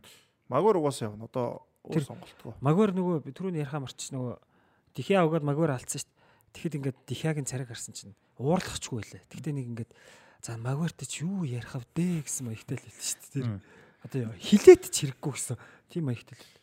Ким Минжи хаач очиж тэнцэх хамгаалж. Тэнгүүд хараа Тин хаг чи сая нэг FA Cup тоглоход Магуайрыг бүр сэлгэнт ч бичээгүй шүү дээ. Тэгэл ойлгомжтой. Магуар явна юм. Тэр бол ойлгомжтой.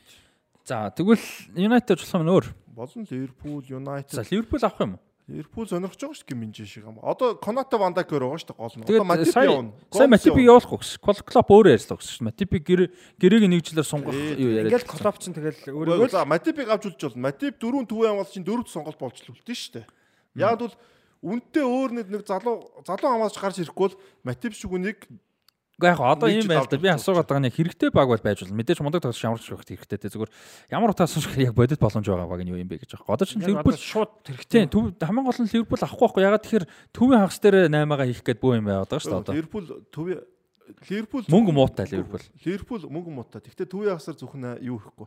Ливерпул довтлон дээр бол өршөлт хийхгүй. Довтлон дээр бол яг Фермино ч юм. юм уу ганц хоёр өнгө явуулна. Хамгаалтан дээр Ливерпул төвийн хамгаалтан дээр хүн заавал зайлшгүй нэмнэ. Тэр нь одоо яг бол Конате гимтчихдэг. Вандак гимтчихдэг. А бид нар тэгж харж байгаа яг багийн тхүү. А тэгнэ. Би бол Ким Минжэ Баяр нь ч авах юм шүү. баянд баяд нүр Ким Минжэ гэснээр юусаа гараагүй шүү дээ. Үгүй ер нь хэрэгтэй юм шүү. Солонгосууд Герман их явдаг ш дээрээс нь. Тэгээ нөгөө тэр Опамекано ч фейлийн фейл болоод шүү дээ. Опенбеканог яг хүмүүс ингээ фейл гэж хараад байгаа ч Опенбекано яа тийм олон тоглолтод байнга тэхгүй байгаа шүү дээ. Яг том том тоглолтуудаар алдаа гаргаж байгаа л. Гэхдээ Опенбекано бол ирээдүйд хамгаалагч тийм бол За тийм ээ. гайг бах. Ливерпул Киминжэ байж болно шүү дээ. Ливерпул байж болно, Юнайтед байж болно. Бол тэрийг бол давхар тий чинь яг үндэ Киминжэ ч өөрөө асуудсан бас маркетинг гэдэг шүү. Тотнем аваад давхар маркетинг хийгээч юм шүү. Тоттенхэм ч авахгүй болох. Зүгээр Италида байвал юу яж болох вэ? Ювентус төвийн хамгаалагч асуудал хэр байгаа. Италийн багууд Далда байвал Наполид байсан дээр хуу. тий. Надад бол Минжи тийм Ким Минжи бас энэ жил нэг тийм амар явах сонголт нэг тийм байгаа юм шиг Сайн байна. нэг давхар маркетинг гэсэн сэрвэ зүгээр хойд солонгосын нэг амар хөлбөмбөгч гарч ирэх юм бол хойд солонгосын Тотнам аваад өмнөд хойд солонгос хөлбөмбөгч нийлүүл. За наад чинь наад чинь ингэж гарч ирэхийг мэдсэн бол би өөр стори бэлддэг байж.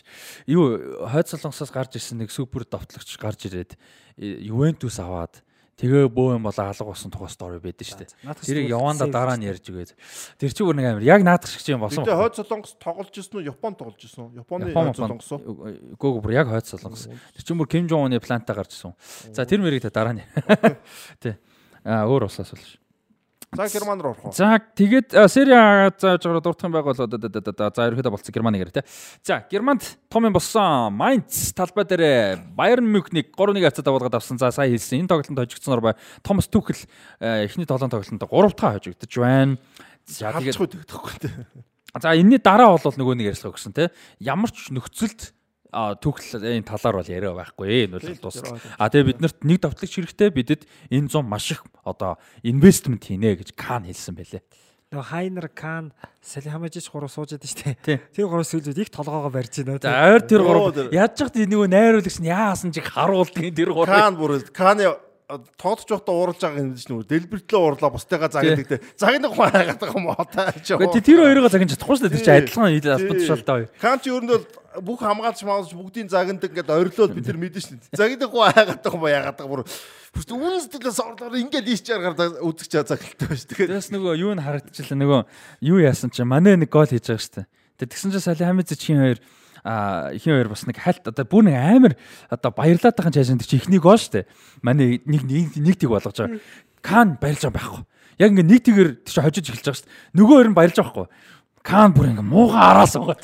агуулга ойлгоод байгаа юм шүү. Агуулга болохгүй нэг шинэ байгаа. Аргуудын лиг нь бодогдоод байгаа юм шүү. Угаасаа тэгэн шүү. Том ялагдлын дараа ер нь хүн чинь нэг тийм Ялангуяа юм баярлаад байдгүй шүү угаасаа тий. Тэгээд дээрэс нь одоо буцаад Аа, хожигдож эхлэв. Байерны хожигдсон гол шалтгаан бол бас юу шүү. 7 хоногийн дундуур маш хүн тоглолт хийсэн. Мгм. Маш ядралтай тий. Тэгээд CT-т хүн тоглолт игээд ялагдаад э, ялагдсан сэтгэл зүйч аягүй хэцүү шүү дээ. Тэгээ ер нь сэргэж амжаагүй лээ. Тэгээд ядчих пемб гаргаа орой тоглож байгаа. Ядч нэм гарагт тавьчихгүй те. Нэг өдөр амраачихгүй. Наач аягүй чухал байсан шүү.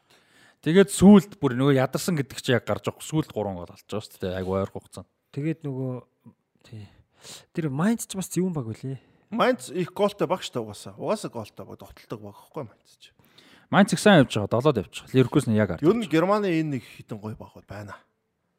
Италид нэг хэсэг үстэй Сасоло Аталанта гэдэг шиг Тий. тий. Одоо энэ Германд бол одоо энэ Фрайбург байна. Union Berlin. Union Berlin, Eintracht Frankfurt одоо энэ жил унчаад байна. Eintracht Frankfurt бол амар гой тоглолттой довтлдог баг гэсэн. Одоо Bayer Leverkusen Одоо Алонсогийн Ливеркузен. Алонсо ирэхээс өмнө ч довтлдог байсан. Голтой байсан баг тий. Одоо хин бэ? Mainz ч юм байна. Гэхдээ юу н Германы багч энд их голтой шүү тоглолтууд нь. За тэгээд юу хожигдоод Bayern München хожигдсныг бол юу тоотно. А Borussia Dortmund бүрэн ашигласан. Ашиглахгүй байхгүй гэж санаа зовсон хүмүүс бол байсан. Ялангуяа фэнүүд нь тэгээд ашигласан Eintracht Frankfurt угаасаа энэ үлрэлтч муу байгаа. Тэгээд дөрөвдөг ярцаатай болгосон Дортмунд те. бол халуулан галцсан шүү. За. Эхний голыг эхний хоёр голыг Дортмунд хийчихэд бүр халуулан. Бүр Дортмунд үнэхээр хацтай байсан. Тэр нөгөө Götze, Муаны хоёр ч бүр дийлдэхгүй. Дортмунд бол нэг алдсан бол ер нь бараг л алдчих гал байсан шүү. Энэ юунууд ягаад Коломаны сонирхгүй байна. На Коломаны ч Топ одоо тий гол голын дамжуулалт нь 10-аас дээш гарчаад байгаа шүү Тий. дээ. Тэгээд наад тоглогч ч юм бол бас Өө энэ 100 явна уу? галзуураад байгаа шүү дээ. Энэ 100 явна юм. Муаны явчих. Яг? Осимхэн гэдэг нөө томчууд ч нөө том нэрэл яваад байна. Коломаны Нөгөө юм шүү. Наполи ярих юм шиг. Яг Наполи гэж явахгүй. Тэгтээ тэгвэл гоё юм шүү. Коломаныг аваад. Тэгвэл шүү. нь госч юм шүү. Коломаныг Осименыг авч чадахгүй бол Аа, Сименийг авна л да. Осименыг Байден зоо. Bayern нь бол илүү топ юм аа л бодох байх. Осимхэн ч гэсэн Байден руу өөрөө топ. Гэтэ нэг бол ингэж болно. Үнэхээр за манай яваад зөв зөв тэгж бодъё зөв нөхцөл бод. Угаасаа манай сайн өөр нэг нь явж. Манай явлаа гэж бодъё. Gnabry явлаа гэж бодъё. За тэгээд Чупо Мотин явчлаа гэж бодъё. Тэгсэн нөхцөл нь авах болохгүй юм байхгүй. Коломоны чинь тоглолчийн ард тоглоно. Хажуу тоглоно. жигүүр тоглоно. Жигүүр тоглоно. Тим нөхцөл байж болох Тийм юм. Яг үгүй л байх л Яг та. Жубо Мотингийг э, сэргийн товтолч чадаж авч үлдэн. Яг бол энэ чинь айгүй хэрэгтэй товтолч байна. Асны Яг явцсан, тэгээд- өндөр биш. амбиц багтай тий. Амби зогта гараа. Тэгснээр чухал тоглолт гол байдаг. Чухал тоглолт гол. Тэгэхээр Осимхеныг аваа сэлгэн Жубо Мотинг. А жигүүр дээр манайг явал угаасаа нэг супер жигүүр авахосоор арга байхгүй. Одоо яг Коман Санаа Мюллер дээр тоглох юм уу? Яах явж явж э, нэг хүнийг нэг хүн маш сайн байгаа шүү. Коман бол маш сайн байгаа шүү. Ажлаа бол үнэхээр Coman байгаа шүү. сая сая City-тэй тоглолтын дээр яг хэдүүлээ тэр тоглолтыг яг анализ нэг хийсэнгүү. Тэрнэр Kingsley Coman амар тогссон. Coman наад- үнэхээр амар тогссон. За Команаас дээр хүртэл үнэхээр тэр хүн л ажлаа хийж За. Команы талаар нэг мас. Команд бүтэн өндөрлөд Баян Мюнхний жигүүрийг хариуцаж авч чадах уу? Гэхдээ одоо тэгэл тэр хүн баярандаа л үлдэн шүү дээ. Яг тийм л. Би бол Команыг бол яг тийм бүтэн том багийн жигүүрийг авч яваад. Одоо ямар ч байсан Gnabry-гаас илүү үр дүнтэй. Гэхдээ ер нь хинээгаа сайжруулна гэдэг бол бас хэцүү шүү. Явуулаад сайжруулна. Би бол ингэж бодод байна. Жигүүр баруун жигүүрт одоо тэр Набри, Мюллер ч юм уу те Коман энэ тоглоё те.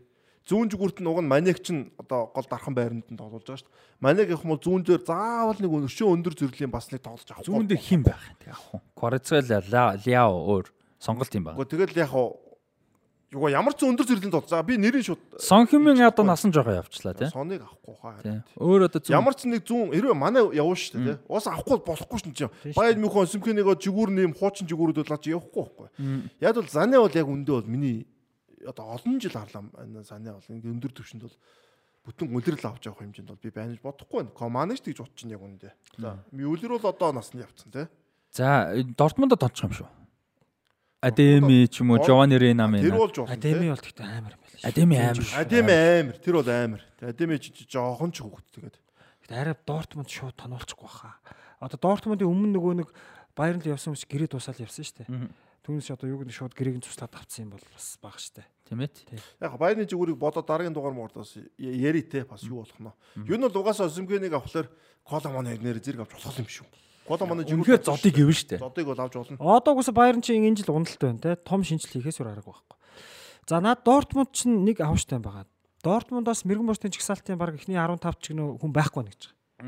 Дортмундын чинь нөгөө нэг олон товтлогч нь ээлжлээд авч яваад байгаа байхгүй. Нэг бол Адеми авчдаг те. Алаа Нэг бол одоо Маал нь бол баг 4 5 тоглолт дараалал гол хийжлээ. Тэгсэн, тэгсэн. Наад бол чи ингээд дамжуулаад аваа яваад байгаа байхгүй. Маал нь бол яг хаа одоо өөргөө гүйцэтгэж чинь гүйцэтгэж. Маалан зөө сайхан сэлгээ шүү дээ энэ бол. Дортмунд. сайн байгаа. Бодсноос хамаагүй сайн байгаа. Тэгээ Мукоко хийчин дундуур нь нэг хэсэг Брант амар байсан те. Бранд гимтэл жоох. Яг Баяр Мюнхен Жамал Мусяла учраас бас учиртай юм байна. А, тийм байна? Тэгээ Мусяла гэхдээ яг хурдан жигүүр бол биш шүү дээ. Ер нь бол голд л тоо. Тэгээ Мусяла бол амар л байна. Ливеркус нэг Лайпцигийн нэг тэгэр hodж явжсэн юу болов? За Ливеркусны тоглолтыг хэдүүлээ яаж амжаагүй те. А Ливеркус нь юуг Лайпцигийн 20-ыг хацтай болгочихсон. яа яа. Одоо ерөөсөө тогсон бүх тоглолтоосоо оноо авчлаа Ливеркус нь чухал. Ливеркус нь ч бол амар байгаа шүү тэр. Оо амар амар. Яг энэ дэр нөгөө юу гарч ин л та нөгөө Астон Вилла э, хин гэдэг Уна Эмери гэдэг юу гарч ин. Яаж юм хэр хог бүрэлдэхүүн бол байгаа байгаа. За хог хэр муухай гэж бодох. Тэгээ үнэхээр тийм чанар муутай бүрэлдэхүүн бол байгаа. Бол бас зангарахтай л байгаа бас бас ийм чадвартай тоглож байсан. А зүгээр тэрнээс авяас чадрын гаргах нийцүүлэх тийм Яг тасалж өгч л ажиллах байхгүй. Тийм, Жерард чадаагүй байсан тэр байсан Уна Эмери авчираад одоо ингэж ирээд а одоо Алонсо Ливеркусэнд ингэж. Мундаг байна уу мундаг. За тэгээ энэ тоглолтод бол Лайпцигийг 2-1 хацаатаа болгож авсан Адам Флошик Амери хоёр хийсэн. Э, Флошик угаасаа Баяр амар Ливеркус нь угаасаа өнгөрсөн жил ямар потенциалтай багтыг харуулсан шүү дээ энэ бол. Өнгөрсөн жил бол Баяр Ливеркусийн тоглолт бол амар гоё байсан шүү дээ. Айгүй их гоолтой тоглолдог. Гоолыг гоцчих уурсгадаг байсан баг байсан. За Байерн Дортмунд хоёр ч одоо хуваар юу лээ? За ийм хуурт байгаа. Хэдүүлээ ярилцъя. За сая ингээд э, юу яагаад байрны хожигдоо Дортмунд хоцсноор нэгт буцаа ороод ирж байгаа. Нэг тойрог хоёр дахь оронд байж байгаа. Тэгээд юу Баярлал нь оноо нь хэдвэн нэг За харин нилээ. За хоёулаа 29 тогссон. А Байерн Мюнхен 59 оноотой, Боруссия Дортмунд 60 оноотой. 5 тоглолт үлдсэн байна те. За яг 5 тоглолт. За 5 тоглолт үлдсэн баг шүү. Яг 5. За. За талбайг нь хэлээд байгаа зөв шууд хэлчих. За Боруссия Дортмундын тоглолт. Бохум, Wolfsburg, Мюнхенгладбах, Augsburg, Mainz. Гайгүй мэн. Өстой гайгүй өөрсө. Бас боломж байна. гайгүй наач өстой гайгүй. Дэвжгүртэр харагдаж байгаа. За Байерн Мюнхний хувьар бол Hertha Berlin, Werder Bremen, Schalke, Leipzig, Köln. Бас гайгүй л юм биш үү? Одоо тэгээ наад хоёр ч хараараа за би зүгээр ванга шиг хэлчихсэн. Нэг тойрогт хоёулаа нуурна за яг адилхан нуурна. Наад Наад очив нь хоёулаа гайгүй юм шүү. А тэгтээ ямар ч үсэн нөгөө нэг сүүлийн хэдэн жилийн Liverpool City шиг ч юм уу ингээ бүх тоглолтод хожиж ингэж явахгүй хоо дунд нь яалч үнэ оноо мань алдах юм гарна. За Бохомиг хожно. За тэр баг ойлгомжтой заяа. Бохом яг сүүл сайн байгаа л да. Нөгөө дараагийнх нь Wolfsburg Wolfsburg. Wolfsburg сайн байгаа. За 8 Wolfsburg сайн байгаа. Гэтэ Wolfsburg ч амар тийм хорон гар байгаа шүү дээ энэ бол. Wolfsburg-ыг хожиж болно болно. Тэгээд Мюнхенгладбах. а, Gladbach бол эвгүйж магадгүй. Gladbach бол юунаас илүү муу байгаа тийм Wolfsburg. Дортмунд ч өөрөө Гладбахаа харгалцсан шүү дээ. Гладбах нөгөө Байерныг Тийм, Bayern За тэгээд нь Augsburg гэсэн те. За дараагийнх нь Augsburg. тийм. Augsburg-ыг бол гаргал. Augsburg-ыг гаргаж болно. Augsburg ч одоо Мюнхний баг шүү дээ. Мюнхен гинэ. А, Юу лээ? Бавар. Бавар Бавар мужийн баг дээ. Тэгээд сүүлийнх нь А тэгээ Mainz. Одоо хэрвээ ингэн заяа.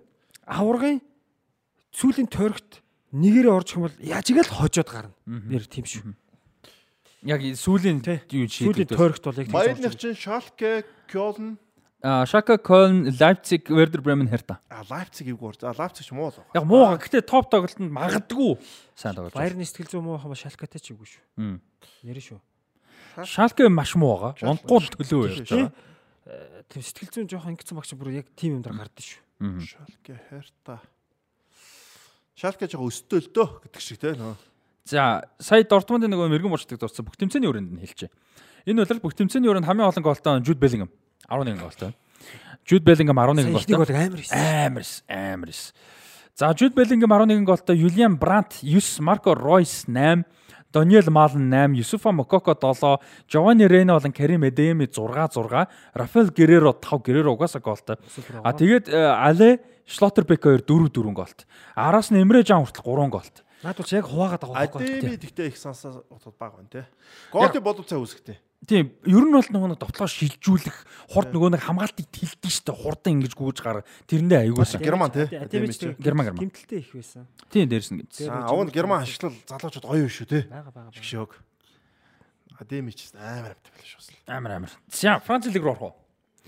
За, Анжи Анжиг Парис Сен-Жермен 2-1 харьцаатай хоцсон. За, энэ тоглолтод Месси дамжуулт өгөөд Мбаппе 2 гол хийсэн. За, тэгээ энэ тоглолт болж хахад Бразилд болж байгаа Counter Strike-ийн тэмцээн дээр Неймар явж исэн. Тэгээд тэрэн дээр нөгөө Бразилийн нэг багийг дэмжсэн. Яг нь Неймар аль бисрал гэмтэлтэй байсан байлаа. А тэгтээ Неймарын нөгөө нэг Парис дахь фэнүүд бол одоо бүр ингэж бүр тэр нь одоо эцэстээ тулж байгаа. Ер нь бол яаж юм гэхээр дандаа том юм болохоор дандаа нэг фэшн шоу маа өөр юм дээр явж идэг. Яг хөө гимтэлтэй байсан ч гэсэн те ингээ нөгөө анхаарал одоо сэтгэл гарахгүй байна гэд. Тэгэхэд чинь бусад багуудын топ тоглогчд бол одоо цэнгэлтгтээ ядаж үзээ сууж яадаг ч юм уу те ингээ нэг тийм зүйл байд. Одоо наацх нь хүртэл баг бага одоо гэртээ үдэж гин гэж стори хийдэг те.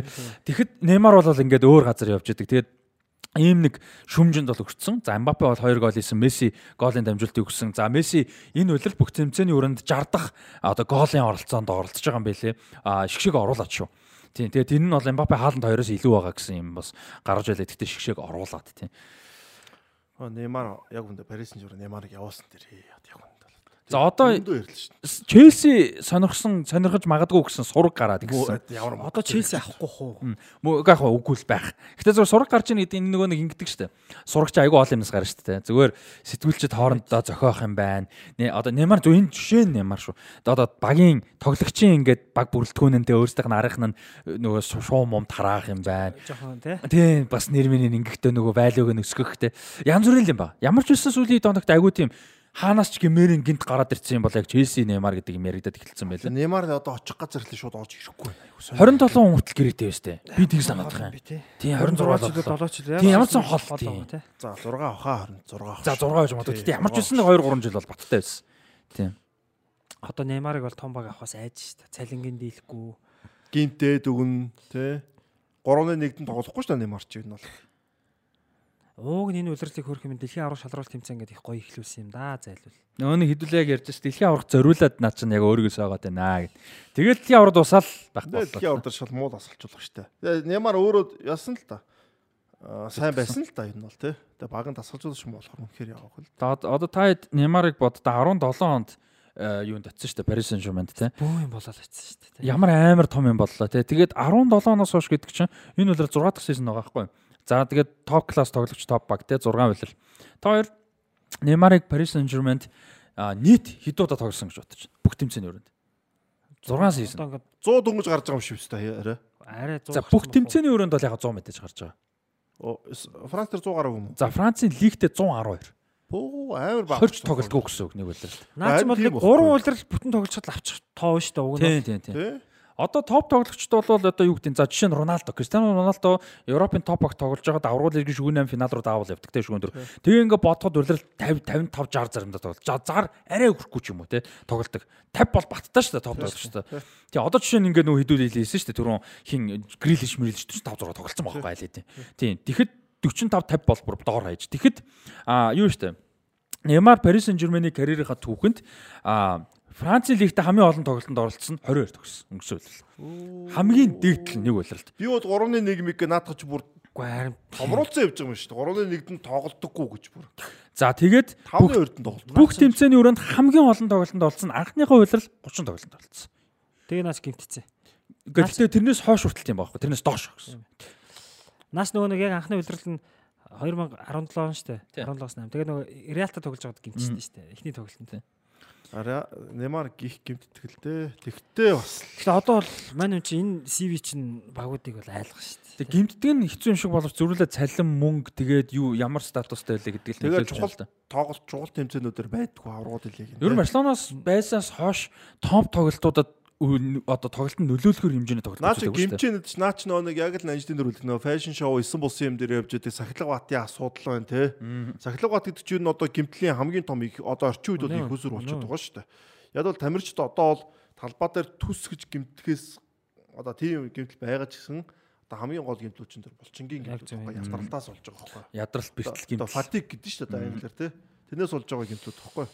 Шурамсны гэмтлүүд болчихсон Тийм. гэмтэл. Ялчин ширмэстэй. За тэгээд нийтдээ Paris Saint-Germain-ийн карьертаа бүх тэмцээний өрөөнд 173 тоглолтод оролцож 118 голыг оруулсан. Ийм байна. Яа, Неймарын юу аягүй өндөр юм байна шүү дээ. Цалингаас гадна нөгөө нэмэлт бонусууд амар их юм байна шүү дээ. Амар амар. Угаасаа тэгж авсан шүү дээ. Тэгж гэрээ хийж байгаа. бонус төр хүнтэй ийдэг харцны төлөө бонус хүртэл байд юм билээ шүү дээ. Мм. Одоо зарим юм дээр бие барьсны төлөө өөх бонус гэж юм билээ шүү дээ. Угаасаа тэгж авсан л да Барсаагаас чи буян боч те. Тэгээ гэрээгээ шинжлэхдээ бас тэд нар асагдна асагднаж болоод байхгүй ш баг ахаад нэмэгдэн ш. Энэ тэгээд орчин цагийн ер нь орчин цаг гэлтгүй хөлбөмбөгийн түүхэнд бас хамгийн хайран одоо Хайран, авиас харамсалтай. авиас чадварын одоо юу юу waste хайр хайр. Тэгэл одоо нөгөө бас нөгөө бодлоо нөгөө сахилга батгүн бас тод жишээл байна да. Одоо үүд чи нөө Бразил Роналдо өдөр шиг бүр хүнд мүнд гимтэл биш байхгүй наа чи. Тийм карьер дуусах гэмтэл Наа чи Барса тогтоол тоглодог байсан шүү дээ. Ялангуяа сүүлийн хоёр удирдал нь бол Тий, тоглосон шүү дээ. Барса тогтоол тогтмол тоглодог. Ер нь бол нэг гайгүй тоглолцоод дүүсэн бол Парис Сен-Жермен тоглохгүй наа чи бол ерөөсөө л тэгэл сахилга батын л гимтэл ш ерөөсөө. За Барселона тог дөрөв удирдал болсон тий. Жишээ нь зүгээр саяныгаа ярьцуулъя л да. Барселона дөрөв удирдал болохдоо 186 тоглолтод оролцож 105 гол оруулсан байгаа байхгүй. Дөрөв удирдал. Тэгэхэд. Paris Saint-Germain 6 удирдал тоглохдоо 120. 10 тоглолтоор цөөхөн тоглосон. Наад хүн чи Барса доохтой зоригтой байсан л да. Барселонад хамгийн цөөхөн тоглосон бүх тэмцээний өрөөнд хамгийн цөөхөн тоглосон 41 тоглолтод оролцсон. Хамгийн олондоо 51 тоглолтод оролцож байсан баг. Тэгэхээр ер нь бол бүхэл тоглолтонд ордог л байсан. Наа чи нөгөө Парис очил зүгээр нөө зорилго морило. За аврагууд хэлийгээс өөр нэг юу болцсон тий. Аврагууд хэлэгтнийг үздэг, Тий. болторшуулаад хайчдаг л тийм Тий. болсон юм ба шүү дээ. Тэгээ аврагууд хэлээд өөрөө бараа тоглохгүй заримдаа асуусан шатан дээр. Өөрөө байхгүй үзээс. 2 дугаар сарын 5 төрсэн байдаг тий. Тэгээ 2 3 сарын үед ч байхгүй болчихдог шүү дээ. 2 дугаар сарын яг тэр үеэр чинь төрш өдөр тэмдэглэл. Нэг ч дүүгийнхэн чинь бас 3 сард болдог байхгүй юу? Тийм. Тэгээ тэр үчи дандаа байдгүй. Тий. Тэгээ байхгүй болчихдог? Бас харамсалтай тэт үнэхээр ямар амар гарч ирж Тэгэл одоо тэр контр дээр явахгүй зүгээр одоо за явж болно л та. Гэхдээ Яг мэдээж тэр нь дангаараа буруу үйлдэл биш аахгүй зүгээр олон жил олон тим давтагдгаар тэгж харин тэгж байгаа Тийм түүнээс нэг удаа гимтэлтэй юм одоо явж уг нь Тийм нэг удаадаа одоо биш чи аахгүй. одоо Мессици ингээд нэг удаа контр дээр за ши явахад явж байгаа. Оо за нэг удаа явж л хүн ярина штэ. Тий. Неймар ч болохоор нөө давтан давтан гэдэг шиг байхгүй юу? Далтан. Тий, байнга давтан. Яаж ч нөгөө баг нь хожигдсан гэсэн тэр контрх нь. Тэгээд Манай темкал яриад. нэрээ 9 бус юм дээр явж идэг Неймар ч одоо тий. Хард. За тэгээд чи ихнэргүй тий. Гэхдээ саяхан хүүхд болсон. Ингээ хүүхдтэй болох Неймар чи хүүхдтэй болох ихнэртэй байх орч бас өөр байгаа даа штэ. Аа тийм тийм тийм. Тий. Гэхдээ тэр нь тэгээ сууд юм шүү. Тэр тэр нь алдартай хүүхэн юм шүү. Мэдхгүй мэдхгүй. Одоо харъя та. Неймарын хувь амьдралыг ойрд юусаа хараагүй юм. Расти хэлдэ. Бас нэг алдартай хүүхэн юм шүү тэр нь. Алдаргүй нүдээ сууг штэ данчтай. Гэхдээ яг алдаргүй биш л мэдээж тэгэхээр нилээ алдартай юм шүү тэр нь. За би тэрийг бол мэдгүй зүгээр ямар ч байсан нэлээд том нэг хөвгттэй шүү дээ. Одоо баг 10 мар урж байгаа том хөвгттэй. Тэр нөгөө нэг surrogate-ээс одоо төрүүлсэн гэдэг. Тэр ч одоо монголоор юу гэж ярьд юм. Тэгч их үү. Тэгж ихэс төрүүлсэн хөвгт байхгүй юу? Кристиано Роналдогийн том хөвгт шиг. Тим нэг хөвгттэй. Миний мэдхэр би тийг санаж шүү. Яна буруу сансан байна. Тийм. Тэг чихээс гэхээсээ илүү нэг юмхтэй хүүхдтэй болчоо тэр нь хүүхдийг авцсан юм биш үү? Би бол тэгж бас яадаг шүү. Тийм. За тэр мэрч одоо төрсөн. тэр яах вэ? Тийм. Тэр мэрч одоо хамаагүй. За. За Неймар хувьд л нэг иймэрхүү байна. За. Аа юу? Ланс хоёр тавьжсэн. Юу хоцсон? А, Монакото ер нь бол Францын лигдээ яг байрлалын үед нэлээд том өрсөлдөөнтэй тоглолт болсон. Аа тэгээд а, Ланс хожоод юу ячиж байгаа. Монако угаасаа яг ард нь явчихсан. Юуны 2 онооны ард явчихсан. Тэгээд Ланс өөрөөсөө хожоод одоо юунаас Монакогоос 5 онооны Тэгэхээр зөвлөлт хоёроо бол нилээ аюулгүй болгож байгаа юм ба шүү дээ. Оо 3 тавьж байгаа. Ма- Марсе Аа 2 Марси тоглосон. яваа шүү дээ. Тийм. Юугаа нөгөө өнгөсөн тойрогч Ланс хожигдоод Марсе 2 орсон байхгүй. тийм. Тэгээ Марсе чинь саний тойрог дээр болохоор юугаа хожоод а Леонте ер нь энэ үйлрэл энэ тойргийн хамгийн том тоглолт Леоны талбай дээр байсан. Тэгээ Марсе 2-1 ярцаатай Леоныгоо буулгаж авсан. Тэгээ энэ э, тоглолтод болохоор Лаказетник гол игээд Чингис үн дээр Мало Густо юу яагаад нөгөө Мало Густо шүү дээ Челсигээс айц. Тэр Мало Густо өөр өөртөө өөрийн хаалганд эрдэр нэмэх хоёр дээр гол оруулаад тэгээд Марсе Чингис үн дээр нөгөө тоглоод байна тий. Чингис үн дээр. Тэгээ юу Марсед нөгөө хин амар сайн байгаа. Гүндүзи. Ам Гүндүзи их сайн. Наа ч байгаа. угаасаа сайн шүү дээ. Яг хитрхи залуудаа айгуу Залуу жоо шүү том юм дээ, дараа тий. болсон. Одоо ч дөнгөж 22 3 тавьж. 99 оных. Тийм, тийм баг 23 заа байна, байсан. тий. Тий 23 дөрөвтэй тий. А Гиндүс чинь сайн жоох хүүхд байхгүй юу? Жохон багт нь Арсенал бараг 18 19-д гараа мараад нь гараад тэгээ жоохон фейлдвэл хүмүүс муузагд. Яг үндэ наа чинь насыг бодох хэрэгтэй байхгүй юу? Тэгээ одоо бол одоо нэг өөр баг руу явуулсан. Сая дэлхийн орд яасан шүү дээ ирсэн шүү дээ. Тийм, тийм, явсан. Наа чи сайн тоглогч, үнэхээр сайн тоглогч бас. Бас ирээдүйдээ төвийн хасууч авуул наад гендүзи чи. Яа одоо одоо 24 хүрж байна. Яг одоо л нэг Одоо шатахгүй одоо нэг том баг би бол гайгүй баг авчвал наа чин гайгүй явна. Арсенал дээр очдөг чи үнэхээр үнэхээр насан залуу хүн байсан. арай л хитрхи юу яцсан. Тэгээ яаж хат Венгрийн сүүлийн хэдэн жил илүү Эмери явахгүй. Яг Венгрийн дараа шүү дээ тий. Унаа. Эмерит эхэлдэг байхгүй. За тэгээ Францын хувьд бол нэг иймэрхүү байна. За нөгөө нэг бундаг явж ирсэн стад Реймс маань, Рейм маань юу яасан шүү. Сүүлийн 3 тоглолт ажиллагүй явчих шээ. Нэг хэсэг нэлээд бундаг явжсан. Тий, тий. Одоо юуд ч юм дээ нөө Парис Сен-Жермен биш бол байгаад байгаа юм чи баг. Тийм Тий. Ялангуяа Франц хэлий. Тийм. Гэтэ яс даггүй явчлаа шүү дээ тий одоо. Энэ бол ийм 5 6 хожлын хожигдоогууд ийм ранууд чинь амар чухал байдаг байхгүй юм даа. Тийм, тийм, чухал. байрнад чинь бол. Тэгээ за тэрийг удаан хугацаад барих юм бол чинь тэр хэсэг тэр сайн явсан чинь удирдлийн төгсгөлд аминд орж байгаа шүү дээ. өдөртнөөс л үлдээж байгаа байхгүй. Тийм тийм тийм форм алдсан ч гэсэн тий. За энэ үрээд а өнөөдрийн 43 дугаарын ихний хэсэг өндөрлж байна. Нэлээд урт болох шиг болоо. Гэтэ аврагд лиг дэлгэрэнгүй байсан бас гоё байна. Давхар бас Европа лиг конференц лигийн хэдүүлээ ярьчлаа. Тэгээд ойрд бас ярьдаггүй ч багууд ярьлаа тий. Тийм тэгээд сонирхолтой байсан гэж найдаж байна. Ерөнхий хүндэтгэгч MS хамт олондоо баярлалаа. Дэмжиж ажиллаж байгаа Web Sport Lounge хамт олондоо баярлалаа. Та бүхэн өөрсдөө нэмж дэмжих хүсвэл 500 556 29 78 дансаар Хаас банкны дансаар бол дэмжих боломжтой шүү. Тэгээд бас энэ хугацаанд нөгөө нэг donation данс зарснаас хойш бас дэмжиж байгаа хүмүүс бүгдээр нь баярлалаа. А тэгээ нэмээ хэлэхэд 3 дахь өдрийн орой 10 цагаас эхлээд энэ чи Westport Lounge дээр цугларнаа. Тэгээд шүүн 3 цагаас Arsenal Manchester City-гийн Etihad-д болох маш том энэ үлрэлийн Premier League аврагыг магадгүй шийдэх ийм том тоглолтыг бол бөөнөр үзцгээе. Тэгээд та бүхэн 10 цагаас хойш одоо ширээ захиалга бол эхлэн 90 тэгдэг 90 30 гэсэн дугаараар захиалга өгцгөөгөөрэ хаягийг товчхон тайлбарлаа хэлчихье. River Guard-ыг өнгөрөө чигээр явж байгаа Times Square гээд хотхон хаан хийсгээ хойр хотхон байдаг. Яг дунд нь юм хаан хийсгээ том бичгтэд тойрогдсон байгаа. Тэрүүгээр яг чигээр дундуур нь яваад оронгууд зүүн гарталт CU-тэй хаягны хажууд Wave Sport Lounge-ийн хаяг байгаа. Тэрүүгээр орж ирээд байдаг байгаа шүү. Тэгээ та бүхэн тэр үед хүлэнбэг магадгүй одоо гэдэг шүн 3 хүртэл юу хийх юм бэ гэдэг бол караоке өрөөд ижин бэлэн байж байна. Энд чи дэлхийн хэмжээний те world class snooker ширээ байж байна. Өөр олон зүйлүүд darts marks гэдэг ингээд хийх юм хүртэл олон байгаа. Тийм PlayStation ч байгаа. За дээрэс нь мэдээж нэмээд бид хэд байж. Яриа өөрөө хилцүүлэг янз бүр юмнууд явна. Нэг тийм official амар сүртэй мундаг зохион байгуулалт биш. Зүгээр ерөөдөө гой зугалж үзье л гэж. Ямар нэг такс юм бол байхгүй. А гэхдээ ширээ захиалга 90 тэгдэг 90 30 дугаараар захиалж захиалаарай. Ширээгээ бол захиалах шаардлагатай шүү. За тэрэн төлбөртэй өгөөг бол манай wave-ийнхаа мэдж байгаа хаа. За ийм баг. За тэгээд 20 дугаар хэсэг рүү орцгоё. Цаг хугацаа өнгөрөвч үн цэн үлдэн. Эрчим хүчний дэвшилтэд шийдэл бүхий бүтээгдэхүүнүүдийг төслийн аль ч үе шатанд эцсийн хэрэглэгчдэд зориулан тасралтгүй ханган нийлүүлж байна.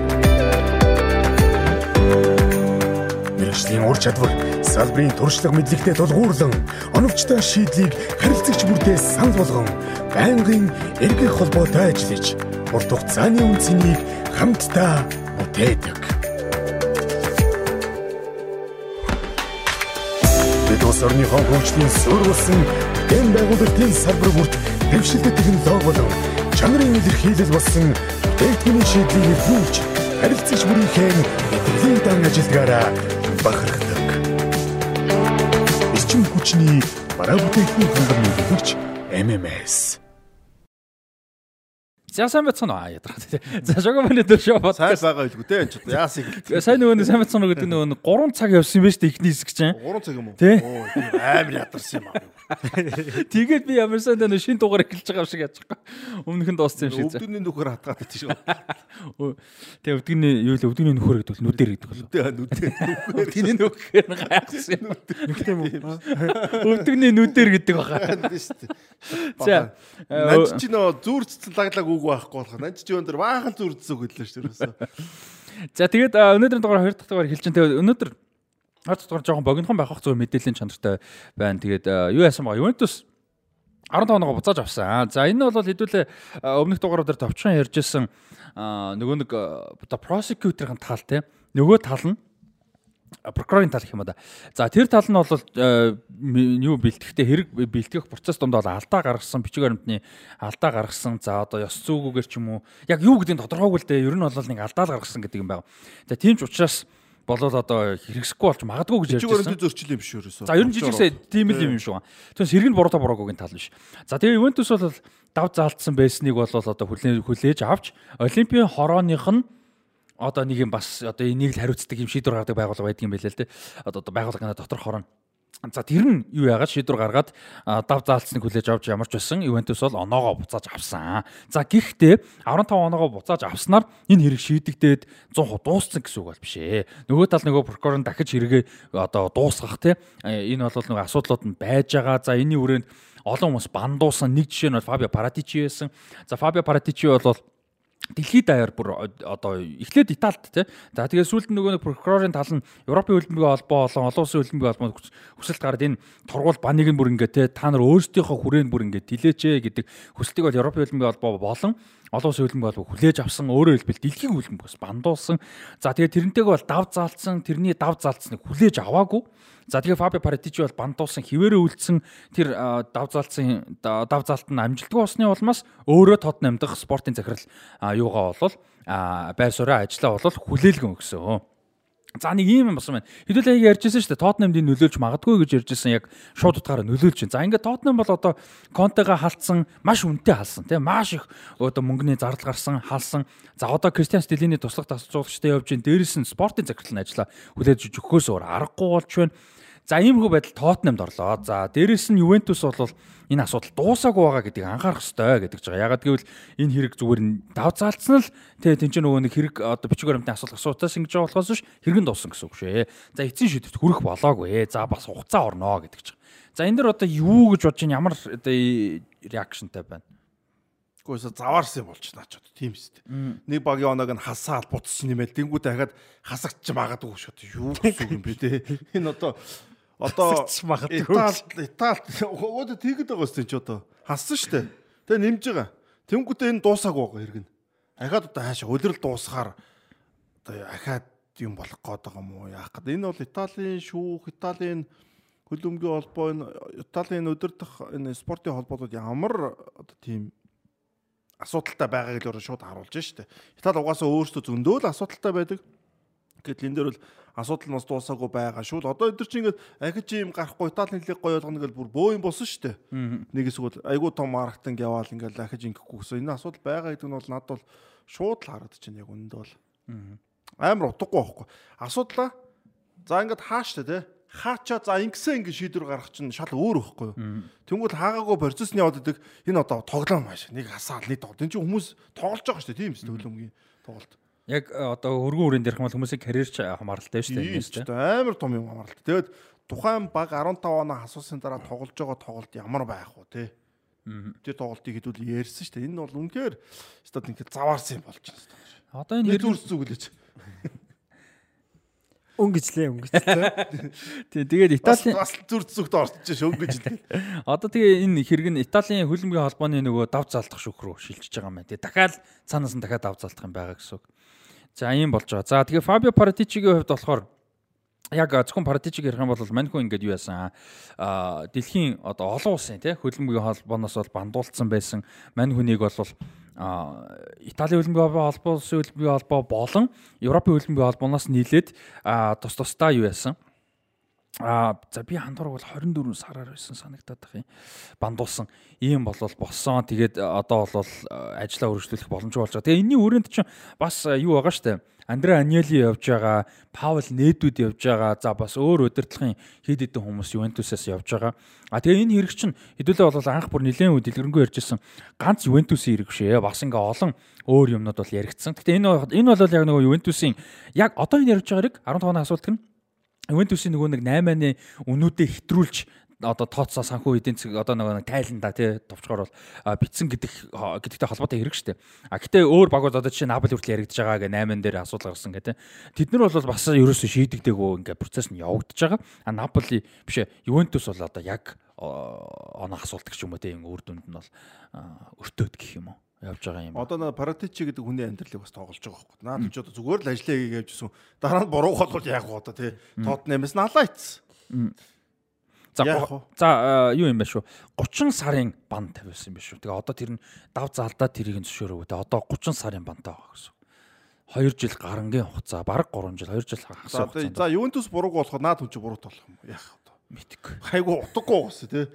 Ювентус бурууг за ингээд ямар ч бурууг байна гэж чи нэг нэг хүртэл буруутай болцсон явчихдаг одоо 30 сармаар мандуулсан одоо хүний амьдрал наач амар том юм шүү 30 сар гэж. Яг Ювентус гэдэгтээ буруугүй гэж үзээгүй зүгээр нөгөө прокурорын тал нь юу бэлтгэхтэй бичгээр өмцөглөлтөд алдаа гарсан гэдэг утгаар а тэрэн дээр нь дав залтаад оноогоос буцааж авч байгаа юм л да. Тиймээс яг Ювентусыг бас дуусаагүй. Тийм байна, дуусаагүй юм. Тэр энэ үлрэл дуус Алдаатай процессын нэг тодорхой хэмжээний алдаа гаргаад оноог нь хасцсан. А тэнгуут тэнд алдаа гарсан болохоор тэр шийд тэр шийдвэр нь байхгүй болоод а тэгтээ гол асуудал нь шийдэгдээгүй байж л байгаа. За, юунаас Ювентус удирдлагад одоо хуучин удирдлага гэх юм уу тийм. Тэр дундаас Ювентусын одоо хуучин ерөнхийлөгч Андреа Аньели 2 жилээр бандуулсан байгаа юм байна. А хуучин өмнөх одоо спортын дээр захирлан Федерико Керубини гэж хүн а юу юм байна 16 сараар бандуулсан юм байна. За chief executive гэж одоо гүйцэтгэх захирлаар ажилласан Маурицо Аривабене гэж хүн а 2 жилээр бандуулсан байжгаад энэ саяны миний нэрлсэн хүмүүс бүгдээрээ одоо дав залдаад дав залдсан юунууд нь бол одоо яагаагүй маань хүлээж аваагүй маань тэгэхээр бан ивэр үлдсэн гэсэн. Нээдүүд яасан бэ? За Паул Нэдүүд бол vice president дэд ерөнхийлөгчөөр ажиллаж исэн. За бас захирлуудын нэгээр ажилласан Энрико Виллано гэж хүн байсан. За энэ хоёр бол хуйлаа 8 8 сараар бандуулсан байсан. За энэ хоёр бол хуйлаа а юу яа дав заалтах шүүхэд бол хүсэлтэд өгсөн байгаа хэрэг сонсогдоог одоо тэр шүүх хурал нь бол болоогүй байгаа юм байна. Хүлээж авахгүй юм байна. Магадлал маш Одоо 8 сард ч одоо нөгөө шүүх хурлмөр босоор 8 сард болчих юм шүү да. За тэгээ Фабио Паратичигийн хувьд бол одоо ажлынхаа гол зорилго нь бол Антонио Контегийн орлогчийг олох тэгээ одоо шинэ дасгалжуулагч олох шинэ менежер олох гол за одоо одоо фокустай ажиллаж исэн бол одоо ингээд ажлаа хүртэл хүлээлгэж өгөхөд хэмжээний ийм одоо нөхцөл байдалд бол хүрсэн байна одоо нээдэд ер нь баг дав заалдахгүй гэж бол хугацааны яваад дуусчих юм ба шүү дээ. Аа дав заалдчих юм бол тэгтээ тэр чинь торгуулсан гэдэг нээдүүд ингээд ийм урд нэм хэрэг хийжсэн гэдэг түүх үлчих واخхой. Тийм дав заалдаж нөгөө нэг гимгүү гэдэг. Аа цагаатгах цагаатгах өөрөө цагаатгах ёстой юм ба шүү дээ. Тийм байна тийм байна. А тэр нь тэгээд яг яг тийм тол бүлтэх юм байна тийм. Тийм тол бүлтчихэд байгаа хөөх. За тэгээ одоо Даниэл Леви аа Даниэл Левигийн Тотнам ингээд өмцөн бүр бүр одоо үндсэн багийн нэгдүгээр багийн дасгалжуулагчгүй одоо хариуцсан спортын захиралгүй ийм байдалтай. За тэгээ үнэн ганц том одоо супер од товтлогч нь явах мөрдөл магадaltaй ийм байдалтай байж байна. Би бол Ньюкасл Тоттенхэмийн тоглолтыг үзээд Кенийг өрөвц ерөөс яваасаа л гэж үзсэн. Одоо ингээл дараа жил ахаал нэг юм явах уу? Яг үндэ хэлээд байгаа ш. Тоттенхэм бол аврагын лигийн байрны төлөө өрслөхөөс одоо бол энэ дундуур урж авраг авахгүй. Энэ бол хизээж боломжгүй болцсон. 16 онд л нэг шанс өс тээ. Тий, одоо бол боломжгүй болсон надад. Энэ том багууд бол. Ливерпул хоёр улирал дараалж фейлдэхгүй шүү дээ. Дээрээс нь Сити те Гвардиола түүхэндээ нэг л удаа 3 дугаар нь дурсан байдаг. Лиг өдөрж байгаа. Тэр нь Манчестер Сити 16-аас 17 онд ирсэн ихний жил 16-аас Ихний жил тийм. Баггүй. Тэр угаасаа ихний хоёр байраа нэгдэнд Гвардиола орно. Нөөлгтөө нь хин орох уу? Тэр нь Тоттенхэм байх магадлал хэцүү шүү бол. Хэцүү болчихлоо л доо. Кэн гэсэн сайхан товтлогч нь товтлож хайж байгаа багууд те. Бэлэн бэлэн хүн байна те. Шууд одоо топ класс. Одоо хин Торосоор Арсенал дээрээ нэг шууд бэлэн хүн байсан шиг те. За нэг иймэрхүү байдлаар энэ Тоттенхэмд энэ урт хугацаанд хэр нөлөө болно гэж бодож байна. Одоо Тоттенхэм ер нь яах хэвээр юм бэ? Гэхдээ урт хугацаанд Тоттенхэмд ч амар нөлөөлж. Яг бол Тоттенхэм ч нэг санхүүгийн асуудалтай дээ. Шинэ зингэлт юм ихтэй бол амар гоо ингээд эрсдэл гаргаад юм хийжсэн одоо ингээд айгу атсан шилэнд орчих жоох хөөе. Одоо сайн тасалж зэрэг бол Тоттенхэм ч баг клубын үед айгу том асуудал орох гэдэг шүү дээ. Нэг юм уу хоёр улирал аврагууд лигт орохгүй байхад л маш том алдагдал гэдэг. Хэцүү шүү дээ. Тоттенхэмийн бэлтгэлийн бас ч угаасаа л алдартай байсан шүү дээ хэдэн жилээс дандаа л Английн шоуг бэлтгэл хийдэг хамгийн гоё шин орчин үеийн гэдэг юутэй байсан тэгээ. Одоо Тоттенхэмийн цэнгэлдэх бас тийм гэдэг байгаа шүү дээ. Тэгээ одоо нөгөө Тоттенхэмийн цэнгэлдэж албаас нэргүй шүү дээ. Tottenham Hotspur Stadium. Тэгээд нөгөө нэрний ирэхээ зарах гад айгүй олон жил ярьж байгаа. Тэгээ нөгөө багийн амжилт нэр төр айгүй хамаатай мэдээж тэрэнд. Тэгээд одоо ийм асуудалтай хат нэрээ өндөр үнээр зарна гэдэг бүр одоо боломжгүй болоод байгаа байхгүй. Аврууд юм бол Этихад эдэр шиг тийм юунууд зарж болж байгаа шүү дээ. Одоо тийм тэр шиг байхгүй Emirates гэдэг шиг. Тийм санааны. Ювентусийн чи юу илээ бас нэг спонсор нэртэй тий. Тийм баха. Яг үндсэн нэр нь Juventus Stadium гэж. Juventus гэдэг юм аа тий. Спонсор нэр байгаа. Донд нэг орцсон явж байгаа шүү. Тийм болоо. Харин тийм ээ наач тэгээ давхар давхар одоо тэгээд Тотнам асуудалтай байгаад энэ удан том асуудал тавьж байгаа тий. Тэгээд дээрэс нь Тотнамаас гадна одоо Италийн хөлн бүхт нэр төрд нь бас энэ айгүй олон асуудал. Яг угаасаа хэлүүлээ ярьсан л та. Гэтэ одоо ингээ байн байн буцаж нааш таашаа болоод байгаа нь хүртэл лай болж байгаа байхгүй тий. Тэгээ одоо эн чинь нөлөөлж шít одоо юу ч юм гэхэд за Конте бол яг уу яг нэг шууд асуудал гэхээсээ илүү өөрийн характер ч юм уу янз бүр юмнаас усан баг. Гэтэ Стелини биш уучлаарай Паратичи шиг ийм жишээн дээр бол Италийн хөлбөмбөгийн хүрээнд ажиллаж байгаа одоо мэрэгжилтэнгүүд гэж зөвхөн дасаж болох хөлбөмбөг шүү дээ. Олон мэрэгжилтэнгүүд байгаа. Янз бүрийн удирдлагын левлийн хэмжээний мэрэгжилтэнгүүдийг өөр багууд авахд хүртэл эрсдэлтэй болж байгаа байхгүй. Яг үнэ. Тэгээ Итали хүмүүстэй бас эн чинь мэрэгжилтэнгүүдтэй бас юм том асуудал болохоор байна. Тэгээ топ багууд Итали мэрэгжилтэн авна гэдэг бол бас монголчуудыг ажил тавихгүй гэдэг шүү. Монголчууд ч одоо бас тийм газрууд биш шүү. Нэг үхрийн эвэр дөрөхөөр тэгэл бас те. Өнөөдөр өнөөдөр зүүр үгэл явчихсан. зүрх зүгнүүдийг ингээд жагсаамаар байна үгүй. Нанчтын хэлсэн зүрх зүг үтсэж чинь. Энэ дугаар дээр ч өөр алж шээ. Алж байна алж.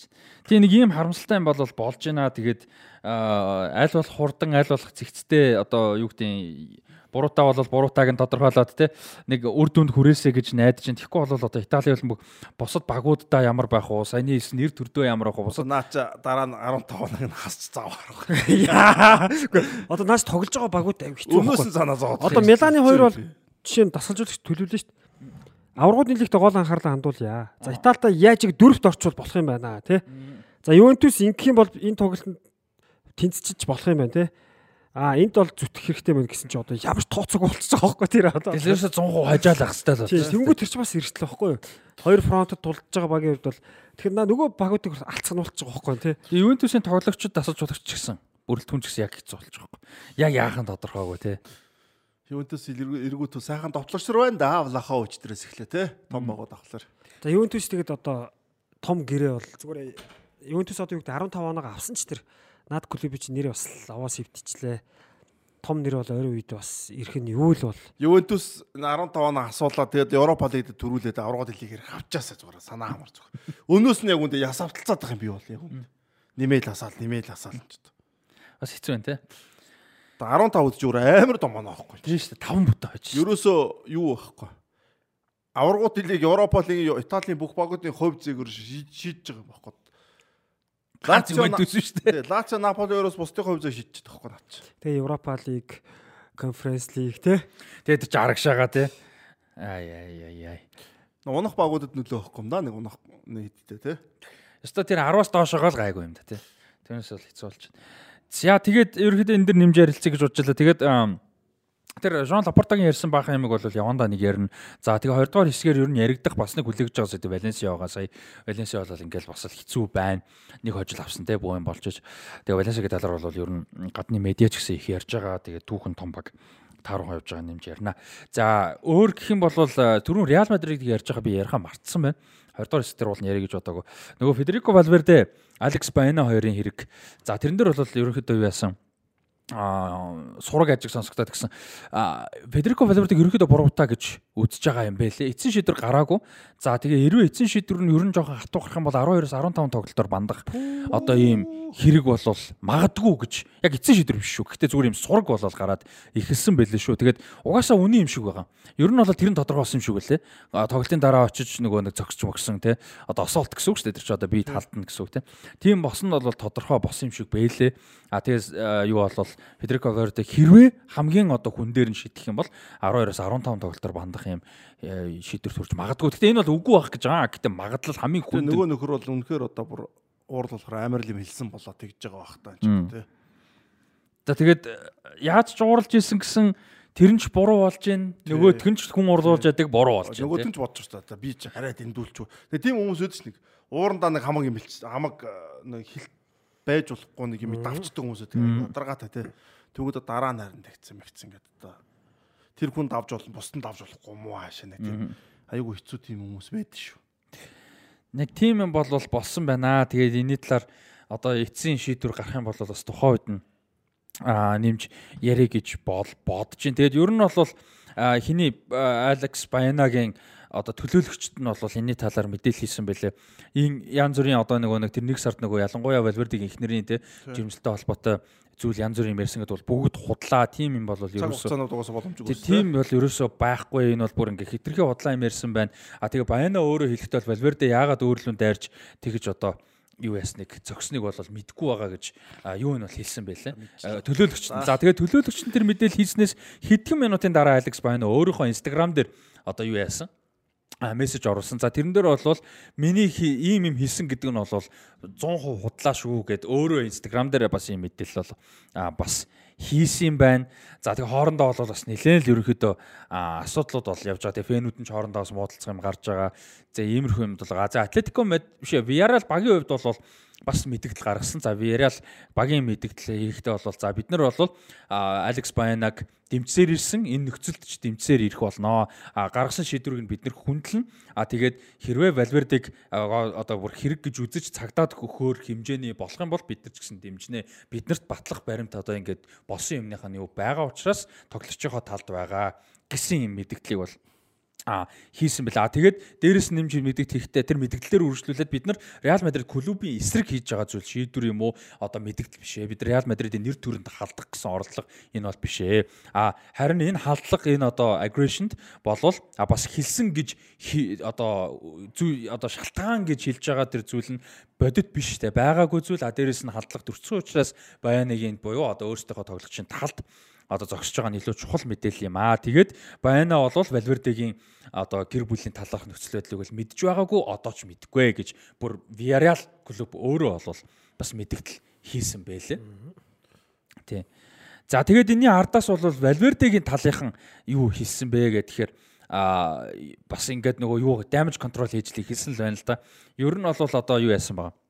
Валвердегийн а юу төлөөлөгчдийн нэг нь Баянагийн эйженттэй холбогдож төлөөлөгчтэй холбогдож бол одоо комплент буюу албан ёсоор цагдаа төсөлд гаргахгүй байхыг гуйсан байгаа.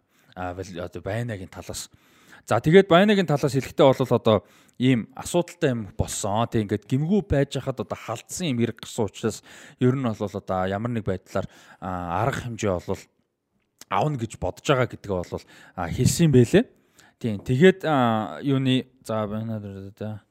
За тэгээд Баяна энэний дараа бол дахиад мэддэгдэл хийсэн. За ингээд юуны дараа тий хагасаа өдөр тоглолтын дараа би одоо мэрэгжлийн э, бас надтай адилхан мэрэгжлийн хөлбөмбөгч над дээр иж одоо халтсан тий ийм юм бол болсон. За тэгээ энэний дараа би одоо буруугүй байжгаад над руу дээрээс нь нэмж ирж ингэж халтснаас болж халдаж хохирогч болсныхоо төлөө нэмж одоо сошиал медиа босод суугуудаар бол одоо бүр ингээд death threat гэдэг чинь тэ нөгөө фэнүүд те одоо халтсан, дайрсан, доромжилсан гэр бүлд нь хүртэл одоо янз бүрийн хүчрхийл занал хийсэн ийм зүйлүүд бол болсон. Энийг бол одоо орчин цагт бол байхыг бол хүлээн зөвшөөрөхгүй байж боломгүй зүйлээ. Дээрэс нь намайг миний хохирсон юунд дээр бол одоо баталгаатай тэг ингээд ийм э, юу байхад evidence-тэй а нотлох баримт байхад ингэж байгаа нь бол харамсалтай байна. Дээрээс нь би ямар нэг буруу зүйл хийсэн гэсэн ямар ч юм юугүй нөхцөлгүй би хийгээгүй байхад ийм болж байгаад бол маш харамсалтай байна. Тэгээд одоо юу яасан би өчигдөр болвол мэрэгжлийн цагдаагийн байгууллагт бол албан ёсоор юугаа өгсөн, гомдлоо бол өгсөн.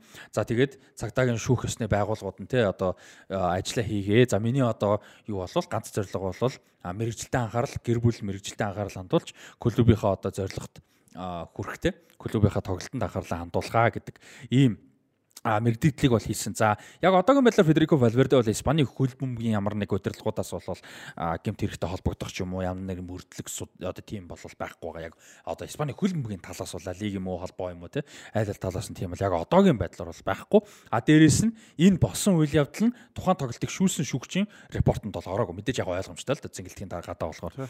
Тийм. Гэхдээ ямар ч тэрийг бол дурдж байгаа. Сэнгэлтгийн гадаа хувцлах хөрөөний юунд А бүр зингэлтгийн гадаа. бүр гадаа болсон юм? Зингэлтгийн гадаа болсон. Тэгэхээр шүүгч Шүүгч бол шартай юм а тий. тэгэхээр тоглолт Тэр үеийг хүртэл одоо хүн бас нэг бие барьж болно шүү дээ. Талбай дээр уулзч болно. нэг минут хагас идэв ш минут хагасны дараа хүн нэг арай тавшраад нэг өөр болдог те. Тэгвэл наа чи бас нилээ шартаагасад нилээ л ер нь бол эвгүй үгүйсэн болол гэж байгаа бах та. Тэгээ нүүт нь эвгүй за за за, тэгээ одоо тэгээд шийдэгдэх. Манай хоёрдугаар хэсэг чинь нэг хэрэг хэрэг хэрэг төгөл ярьдаг байсан болоо та. прокурор л ярих гэдэг байгаа шүү дээ. тэг хиллэг мэлдэг айгууг сураад дээ Бүр амар сур инвестигейшн дээр бүр байгаа шүү дээ. Тийм. Инвестигейшн гэж уг нь бол бидний сэдвүүд нэх гарах сэдв биш. Нэг бол академик салбар руу ор, нэг бол гэмтэл хэрэглүү оруул ерөөдөө яригддаг. Зөв шүү дээ. Тэгэл хөл өмгийн инвестигейшн гэдэг үг чи юугээд орчуулчлаа гоёр. Одоо судалгаач юм шиг мөрдлөгч юм шиг нэг юм дондол Нэг нээсэн нөхөр дээ. бичсэн байсан нэ комментээр. Тийм байсан, тийм байсан баха тийм. За Реал Мадрид бол Валвердегээс мэдээж яг нэг клубын хүрээнд байгууллагын Нэг хүрээнд нэг бол итгээд их байсан юм шүү. Амар тийм уучлаарай тэр бицүү нэ яаж юм биш нөгөө. тоглоомоор Тэгээ тоглоомоор нөгөө одоо үг яриач бүр нөгөө тийшээ ороод байж нэг итгээд бүх одоо 20 дугаар хэсгийн бүх үг хэллэг нь тийм болсон. А тэгээ Реал Мадрид бол Валвердед бол хүсэлт гаргасан те ингээд энэ талаар эцсийн шийдвэр гараад official одоо янз бүрийн болтол юу ч үгүй дуграа. Зөв Бидний шүү За тэгсэн боловч юу яасан? Мань хүн тисээгүй. Заавчлаарай. За тэгээ өөрт нь болон а хуульчдад нь те мэдээж тоглогч чинь өөрсдийн төлөөлөгчдөг хуультай голоо саятан хүмүүс чинь. А тэгээд Манайд бол хийсэн. За тэгсэн чинь ихнэр нь бол юун дээр Instagram дээр мэдээлэл а, пост бол оруулсан юм байна. Valverde-гийн ихнэр. За тэгээд хэнийг Valverde ингээд Federico Valverde хүүтэйгээ тоглож байгаа ийм зураг мургийг оруулаад тэгээд одоо Valverde-гийн зүгээс одоо энэ бол ингэж ингэж хэлсэн энэ гэд мэдээлэл хийсэн ийм постыг бол оруулсан юм байна. Уг нь Real Madrid клубээс бол ингээд бити мэдээлэл хийгээч гэж хэлсэн болвол ихнэр нь ийм пост бол хийсэн. За гэхдээ юу гэдэг нь а хэдийгээр эхнэр нь одоо бухимдалтай те бас ийм байгааг нь ойлгож байгаа ч гэсэн клубын зохион байгуулалттайгаар ингэж байгаа үед ийм шийдвэр гаргаж олон нийтэд мэдээлэл хийсэнд нь бол нэлээд дургуутж байгаа. Реал Мадридын удирдлага бол нэлээд дургуутж байгаа гэсэн мэдээлэл бол бас байгаа. За Валверде бол өөрөө бодохдоо яг а өөрөө бол ярмаар байгаа те энийг олон нийтэд юу болсон өөрөө яагаад юу болов гэдгээ ярмаар байгаа а гэхдээ мэдээж клуб бол тэрийг эцсийн шийдвэр хүртэл чимээгүй Энэ бол клубын байр суурь зүв биш үү? Тийм бол байгаа юм байна. А тэгээ дээрэс нь юу яасан А одоогийн байдлаар бол хувийн өөрийнх нь юу бол сэтгэл санаад юу болж жоохон таархан баг гэсэн юм ярьжлаа л да. Одоо чинь Реал Мадридын нээлттэй бэлтгэлтэй тэгээ нөгөө нэг фэнүүтэй гарын үсэг юун дээр зурдаг одоо үйл ажиллагаа ажиллагаан дээр бол баг оролцоогүй. Тэгээд фэнүүттэй ч юм уу сэтгүүлчтэй баг харилцаагүй гэдэг юм байна. За энэ бол ойлгомжтой байна. Их тийм муулж байгаа зүйл бол биш шүү. Тийм зүгээр нэг иймэрхүү юм болсон гэдэг бол а юу бол байгаа а мэдээлэл бол байгаа. За тэгээд юун дээр бол Valverde юу яасан? а Чесиг эсрэг тогссон. За Селта дээр тогссон. А ерөн ч дагуу тогссон. Тэгээд Фенүүдийн хувьд бол Валвердигийн талд байгаа гэдгийг мэдгэж байгаа. Өөрөөр хэлбэл 15 дахь минутанд сүүлийн 2 тоглолтын 15 дахь минутанд тэр жигээрээ Фенүүд нь алга ташсан. Яг одоо Валвердед те одоо дэмжлэг үзүүлж Валвердигийн талд байгаа шүү гэдгээ ерөөхдөө хэлж юу яасан байгаа. А тэрийг бол одоо хуваалцсан гэх юм да те. Ийм байгаа. За тэгээд ямар ч байсан бандуулах ямар нэг байдлаар торгуулах боломж бол байгаа. А гэхдээ одоогийн байдлаар эцсийн байдлаар бол ороогүй цагдаагийн газар аль бишний мэдээлэл хийсэн. За тэгээд хэрвээ Испани хөлбөмбөгийн холбоо энийг disciplinary committee буюу одоо юуны Сахлаб батын хороо тий. Сахлаб батын хороогоор хэрвээ хүлээж авч хэрэг болгох юм бол 4-өөс 12 тоглолтоор бандах магадлал байгаа. А экстрим хувилбар нь бүр одоо цагдаагийн газраас гэмтэр гэж одоо асуулттай халдлах гэж үзэх юм бол бүр 12-оос 15 руу нэмэгдэх юм магадлалтай гэж баха тий. Тийм. Том багийн нэр нүүр байна те нөлөө байна те. За нөгөө нөхөр нь бас нэг за цагдаа сэргийлэхэ байлиг гэж бас нэг рүү орно тий буцаад юугаа татна.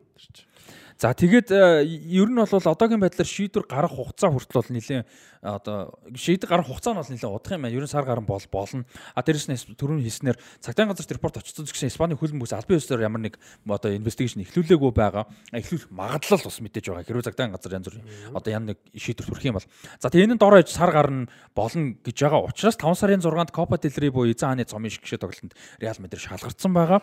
Ососун гарцсан байгаа тийм. Тэгээ ососун. За энэ тоглолтод бол Федерико Валверде оролцох нь бол бараг тодорхой. Ер нь бол тэрнээс өдрөл дуусаад шийдэгдэх юм наач байна. Тийм, ер нь бол нэг тийшээ болох нь өдрөл дуусаад. А тэгээд чи мэдээж хариуцлага хэрвээ Валверде буруу байсан бол таарах юм бол торгуулна тийм янз бүрийн болно.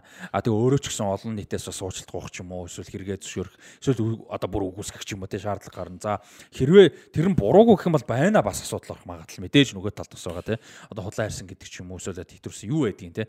Бас одоо магадгүй доромжсон хийлүүгээр гэдэг иймэрхүү юм гарах магадлал болоос байгаа. Өдрөл дуусаад нэг хөөрхий нэг 21 оног 14 оног амардан шин мэржлийн тамирчдэр тийм. Тэр амралт нь байхгүй болох юм байна да зайлал. За нэг юм бол байгаа. За өөр хэрэг дүүг юу нэг л дээ.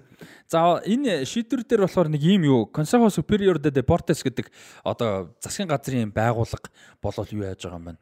Аа яг энэ шийдвэр дээр оролцох юм байна л да. За энэ нь бол энэ нөгөө нэг юуны эсрэг одоо энэ хүчирхийлэл энэ төргийн эсрэглэлийн юм том байгууллага юм байна. Ер нь бол спорт урлаг морлагийг хариуцдаг. За тэгээ энэ газар бол бас тусдаа Valverde ямар нэг байдлаар одоо цагдаагийн газар болон Испани хөлбөмбөгөөс ямар нэг хамааралгүйгээр бас шийтгэл одоо юу ах эрхтэй юм байна хэрвээ одоо шийдвэл шүү дээ тэгж шийдвэл торгох эрхтэй. А тэгээ торгуул нь энэ байгууллага ямар төрлийн торгуул одоо хөр гаргаж чадах вэ гэхээр бүх төрлийн одоо спортын байгууллага спортын одоо хэрчүүд юу юм цэнгэлдэг мэнгэлдэг те одоо тийм тийм зүйлээс одоо бандах байгууламж юм те байгууламжаас бандах юм эрхтэй байна а тэгнэ гэсэн үг бол биш шүү зүгээр тийм эрхтэй байгууллага бас энэ дээр оролцоотой байгаа юм биш үү За нэг иймэрхүү юмнууд л болсон байна да одоогийн байдлаар. Ямар ч сан баяна бол цагтаад албаас өргсөн байна. Виаралын тал тэр байна. Эхнэрийн тал. За тэгээ Реал Мадридын тал гэдэг нэг иймэрхүү зүйл бол болж байна. За энийг бол уул нь 2 дугаар хэсгээр биш ээ. Манад бол нэг сүттэй хэрэг бичлээ юм бол тээ. Аа нэг тэгээд муудал цаласаа гэдэг шиг тээ. Яг тэгээ өөр газар ч тэгээд ялангуяа тэгээ олон олон нийт танилтай. юутай газар бол өөр л дөө. Тэ Испаниас. Тэгээ зүгээр өнгөрч болохгүй л дээ тий. Тэгнаас бас мэрэгжлийн хөлөө мөчтөл та. Томчод л та тий. Тийм шүү дээ. Тэгээ чинь бахан саятан гоч дээ. Тэгээ гол нь цэнгэлтийн гадаа идэв сони тээ. Бас нилийн нилийн зуусан байна тий. Тий. Цэнгэлтийн гад. Манайхаар чам гарч байгаа аллаа. Шинхэн гарч байгаа алсан шин. Ямар ч сан тийм бол болсон. Тэгээ Баянагийн хувьд бол Испани 20 хүртэлх насныхны шок тоглодог ийм тоглогч байна. Баяна тийм зодуулах гээд байжсэн биш үү гэдэг. За нэг юм бол ямар ч байсан болсон байна. За 20 дугаар хэсэг өндөрлөх үү? За тэгээд За тий. Цаг хугацаа өнгөрөвч үн цэн үлдэн. Эрчим хүчний дэвшилтэд шийдэл бүхий бүтээгдэхүүнүүдийг төслийн аль ч үе шатанд эцсийн хэрэглэгчдэд зориулан тасралтгүй ханган нийлүүлж байна. Мэргэжлийн ур чадвар салбарын туршлага мэдлэгтэй тулгуурлан оновчтой шийдлийг харилцагч бүртээ санал болгон байнгын эргэх холбоотой ажиллаж урт хугацааны үнцнийг хамтдаа бүтээдэг. Улс орныхоо хөгжлийн суурилсан дэм байгуулалтын салбар бүрт дэвшилтэт технологи болон чанарын илэрхийлэл болсон бүтээгдэхүүний шийдлийг хөөж харилцагч бүрийнхээ итгэлийн дан ажилдгаараа бахархдаг. Эрчим хүчний бараа бүтээгдэхүүн хангам нийлүүлэгч MMS За ингээд э, 43 дугаар Шогобонито шоу подкастын 43 дугаарын 3 дугаар хэсэг эхэлж байна. За 20 дугаар хэсэг арай богинохон байсан баг. Гэхдээ хоёр сэдвийг бас яриад амжичлаа. За эхний хэсэг бол 3 цаг гаруй болсон сонирхолтой болсон гэж найдаж байна. Э, Ярьсан тоглолт бас их байлаа мэдээл. За 3 дахь хэсэг бол story гэж байгаа. За би өнөөдөр бол яг уу ямар story бодож исэн бэхээр ийм юм юм сонголтод бодож исэн. А эхлээ хуваалцахад. Эхлээд юу юм бэ? Өчигдөр буюу бидний хувьд өчигдөр гэдэг чинь одоо 4 сарын 23 юу юм бэ? Нөгөө Реал Мадрид а юуны Манчестер Юнайтедийн домогт тоглолтын 20 жилийн ой юм байна. А Роналдо хэтрик гэдэг. За тэр тоглолтыг story болгож мө гэж бодож ялаа эхлээд. За тэгээд дараа нь тэр нөгөө хойд солонгос тоглогчийн талаар түүхийг бас бодсон. За ингэ байжгаад А сая бол өчигдөр нэг гоё юу үзээ бичлэг үзээд бас сонирхолтой санагдаа. Тэгээ дээрээс нь дандаа би нөгөө жижиг стори ярьдаг болохоор нэг удаа бас том алдартай хүний бас нэг одоо юу гэдэг бид нар хараад байнга яриад байдаггүй талыг нь стори болгож намтар гэхээсээ илүү те бид нар ярьдаггүй талыг нь стори болгож ярьд юм уу гэж бодсон. За энэ бол Килиан Мбаппе байгаа. За Килиан Мбаппегийн яг амьдрал гэхээс илүү юуг нь ярих чинь гэхээр бизнес талыг нь гэр бүл бизнес гэр бүл нь болон өөрөө бизнестэй яаж ханддаг юм бэ? Ямар одоо хөл бүг хамаагүй ерөөсөө тий. За хөлбөмбөгийг нь бол ерөөсөө ярихгүй. Угаасаа ойлгомжтой баг те. За дээрэс нь нөгөө нэг э, жоохон хүүхэд нас мас ч юм уу тийм байл ярихгүй. За товчхондоо. За 2000 юу онд бол 13 онд Дэвид Бекхэм дэлхийн хамгийн өндөр цалин төгөлмөгч байсан Paris Saint-Germain. За тэгээ 2014-өөс 21 оны хооронд бол Кристиано Роналдо эсвэл Лионел Месси байсан ихэнх жилүүд нь Роналдо байсан юм байлээ. За тэгээд 2022 онд бол шинэ дэлхийн одоо хамгийн өндөр цалинтай тоглогч тодорсон нь бол Килиан Мбаппе байсан. За Мбаппегийн одоогийн шинээр нөгөө нэг Реал руу явах гэж байгаа болдог гэрээ байгаа шүү дээ. За тэр гэрээний нөхцөл бол би дээр нөгөө нэг 2 3 дугаарын өмнө жоохон андуурсан байлаа. Одоо яг тодорхой хэлэхэд 3 жилийн гэрээ исэн. 3 жилийн 250 сая еврогийн гэрээ исэн. За тэр нь 7 хоногийн 1 сая 602 564 евро юм байна. 7 хоногийн цалин нь. Би миний хэлсэн зүг бисэн байгаас Дебройн өдр төртэй цалин дээр. Деброн ч хэдэн 100 мянга яг энэ сая 600 7 хоногийн. Амар байгаа юм шүү дээ. За тэгээд сая гэсэн үг вэ те. Наач энэ одоо Дебройн өдрийн сарын цалингаас илүү болчихж байгаа байхгүй юу? Тийм Деброн Деброн ч юу лээ 7 800 мянга гэдэг л бас харин биш ээ. 500 ч үлээ. 500 ч амар өндөр ихгүй ангилт. Бараг 350 хавцаа байдаг баг шүү. Тийм, Дебройн ч 300 300 хаалт паунд паунд байсан баг шүү. Тийм хаалт тэр хоёр цацуу Хаалт ч арай бага үү? Арай бага үү? Тэгэхээр Яг энэ чинь нөө сарын цалинтай бараг адилхан байна наач. Тийм 7 хоногийнхан шүү дээ. Тий. Тийм, долоо баг баг тийм яг тий. тэгтэй тийм. Тийм. За тэгээд ийм байгаа. За тэгээд э, товчхон ярихад мань хүн бол юу яасан юм бэ? Аа мань хүнийг аа, өсвөр наснд нь байхад ээж нь мань хүнийг HEC Paris гэдэг одоо элит ийм одоо топ классын бизнесийн сургуульд сургах хүсэл бол гаргасан юм байна. Одоо гэр бүлдээ ярьсан л юм байна л да. За тэгсэн чинь мань хүн бол өөрөө сонгоогүй мэн тэрийг өөрөө. А ер нь бол 13 дөрөвтэй байсан. Тэгээ тэр том бизнесийн сургуульд бол сурахад өөрөө бол яагаагүй. За мань хүн юунаас одоо суралцсан гэж шийдсэн. А тэгээд боддоор хэрэгжүүлж чадж байгаа гэдэг нь нэгдүгürt одоо street knowledge буюу одоо тэ тэр нэг нэг өдөр тутмын амьдралын тэнцэнээсээ юм суралцахтай тэр нь илүү үр дүнтэй гэж өөрөө үзсэн. Бонд өөрөө бол одоо юуны Бондо мөж шүү дээ. Бонди гэж одоо захын дүүрэг жоох Паристэй. хууг тэгж бодож энэ бас амар байна те. Парис тийм. Тэгээд тийм эйжент ууланд бас зөвл яаж байгаа шүү дээ тий. За тэгээд Бондигийн гудамжнаас яг уу одоо үгэн тий. Хамгийн хүнд дүүрэг шүү дээ. хамгийн хүн дөрүүд нэг. Одоо банлио тий. Банлио гэдэг чинь одоо манайхаар одоо юу юм. Америкт нөө хөөд гэж ярьдаг шиг тийм л одоо дүүргийг хэлж байгаа. За тэгээд тийм тэгээд Майкл Жордан, Рожер Федерер болон Серена Уильямсыг жишээ авч байгаа. Юу вэ гэхээр ийм одоо мундаг глобал тэ дэлхийн хэмжээний айкон болсон хүмүүсээс сурах нь илүү ямар ч бизнесийн сургуульд одоо сурснаас илүү үр дүнтэй гэж өөрөө бол үздэг юм байна.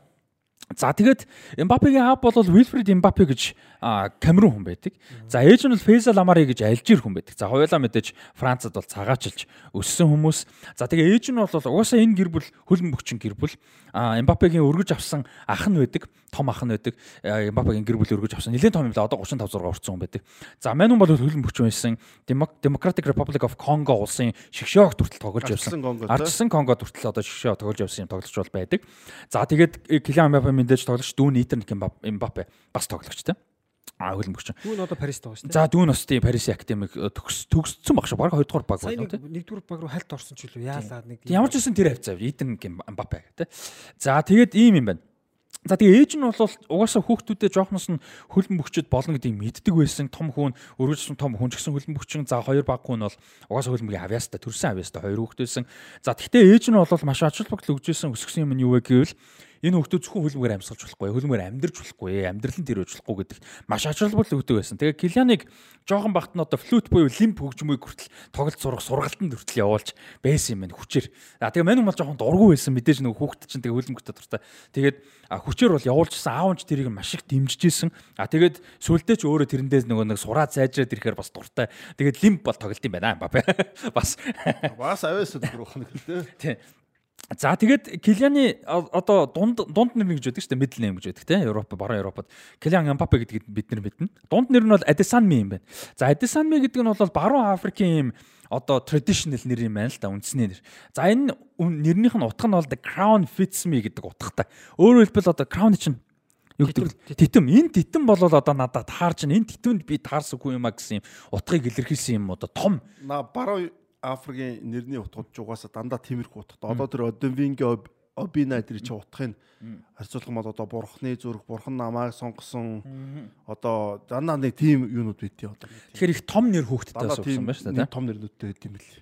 За тийм нэр өгсөн юм байна. За тэгээд мань хүн бол Бондид өссөн, Парисын төвөөс зүүн хойд зүгт байдаг банлиуд банлиуд өссөн. За мань хүн бол маш том одоо авиасын мундраг газраас гарсан гав байгаа тийм. За 2022 оны Катар тусан дэлхийн аварга шалруулах тэмцээнд Greater Paris буюу зөвхөн Парисын одоо тэр том area гэн зөвхөн хотын төв юм ч тийм. Одоо Metropolitan Areas гэж хэлж болно. Энэ area-гаас төрж гарсан 28 тоглогч байсан. 2022 дэлхийн аварга. Энэ бол дэлхийн бүх бусад юм одоо газар хэсгээс хамгийн их дэлхийн аварга шалгарсан тоглогчдыг төрүүлсэн хэсэг бол Парис бол. өмнө л Арс Венгер хэлж ирсэн шүү дээ. Одоо Бразилийн гудамжнаас, Парисын гудамжнаас Рио биш те. Авиасны хай гэж байгаа шүү дээ. Тэгээ Парис Жирмэний актем бол уул нь тоглогч гаргадаг юм одоо юу вэ нас энэ тий. Дээрээс нь тэр нэг алдарт одоо актем биш үү Франц. За. Гэтэ Клэр Фонтен ч өөр шүү. Тэгээ яг жоохон Фонтен бол жоохон өөр л дээ. Шууд Паристай холбоотой доо биш. Зүгээр- Фонтен ч Францын хөлбөмбөгийн холбооны актем. Одоо юу гэдэг тий, тий, тий. Клуб баг баг шигшээ баг маягийн юм баггүй нөө. Хүүхдийн шигшээ маягийн баг юм. тий хүү- клуб клубийн хүүхдүүдийн чинь одоо манай шигшээ гэдэг тэр чинь шигшээ огт орох юм нэг актем холбооны актем баггүй. Тий, Клэр тий, тий, тий. Фонтен ч. Тэгээ тэнцэнэ тэр чин тусдаа нөгөө dorm morm амьдраад сураад ингээд төгсөө явдаг тийм тий. Яг би зүгээр ярьж байгаа нөгөө академийн мундаг тоглогч гэдэг гэдэг утгаар тий. За а тэгээ жоохносоо бол Килиан угаасаа юу байсан? Аа супер авьяастай хүүхдөөсөн 14-тэй байхад нь Реал Мадридэд Зидан урьж авчирж бэлтгэл хийлгэж Кристиано Роналдотой танилцуулж зураг марг аваад байдаг дээ нэг үзсэн. ингэсэн зураг. Тэр чинь одоо яг нөгөө хин Зидан урьж болол одоо Реал Мадридэд авчирж ирсэн байдаг юм байна Килиан Мбаппег. За тэгээд тэр үед бол Ливерпул, Байерн Мюнхен, Реал Мадрид болон Манчестер Сити клубүүд бүгд болол одоо Килиан Мбаппег аавна гэсэн юм хүсэлт бол анх гаргаж байсан байдаг юм байна. За тэгээд тэр үед бол э, Челси клубын төлөө нэг тоглолтод нөхөрсөд тоглолтод хүртэл хүүхдийн багт ороод тоглоод амжсан байт юм байна. За тэр үедээ 10 дугаартай Челсигийн өмсгөлтэй 10 дугаартай Килиан гэдэг нэртэй нэг тоглолтод бол оролцсон байт юм байна. За тэгээ ээж нь Ээж автагаа тухайн үед ярилцаад мань хүн ч гэсэн 17 онд ер нь карьераа ихснээ дараа ярилцлага өгөхөд би жоохон байхасаас л хойш ми ухаан орсноос хойш миний карьер миний амьдрал төлөвлөгөөтэй байсан гэж 17 онд бол хэлсэн байт юм байна. За тэгээд тэр төлөвлөгөөч гэдэг утгаар бол а мань хүнийг 15 настай байхад нь бол юу яасан гэр бүл АС Монако багийг ер нь бол одоо баг нь өөрсдөө сонгосон. Сая хааланд нэг сонголоо штэ тий нөгөө эйженттэйгээ явж хагаад сонгодог штэ тий. Тэрэн шиг ер нь бол Мбаппегийн гэр бүл өөрсдөө Монаког бол санал тавьсан багуудаас Монаког сонгосон. Одегаар тус гэсэн. За тэгээд шалтгаан нь юу вэ гэвэл Монакод нэгдүгээр баг руу хамгийн хурдан дэвших хамгийн хурдан тоглох боломжийг олгох одоо нөхцөл байдал. Тэгээд гэрээсээ холдохгүй мэдээж өсвөр насны хүүхэд штэ тий гэр бүлийнхэнд ойрхон байх хэвээр. За тэрийг бол одоо Монаког сонгосон. За тэгээ Монакод бол одоо мундаг тогсон. Хааланд бол одоо чинь Зальцбургийг сонгосон байдаг. За дараа нь Боруссия Дортмунд тий. За жишээ гэх юм бол. За тэгээ 16 настайдаа бол ингээд дебютээ хийсэн. За тэрнээс хойш бол Rest is History гэдэг шиг ойлгомжтой тий. Ямар мундаг вэ.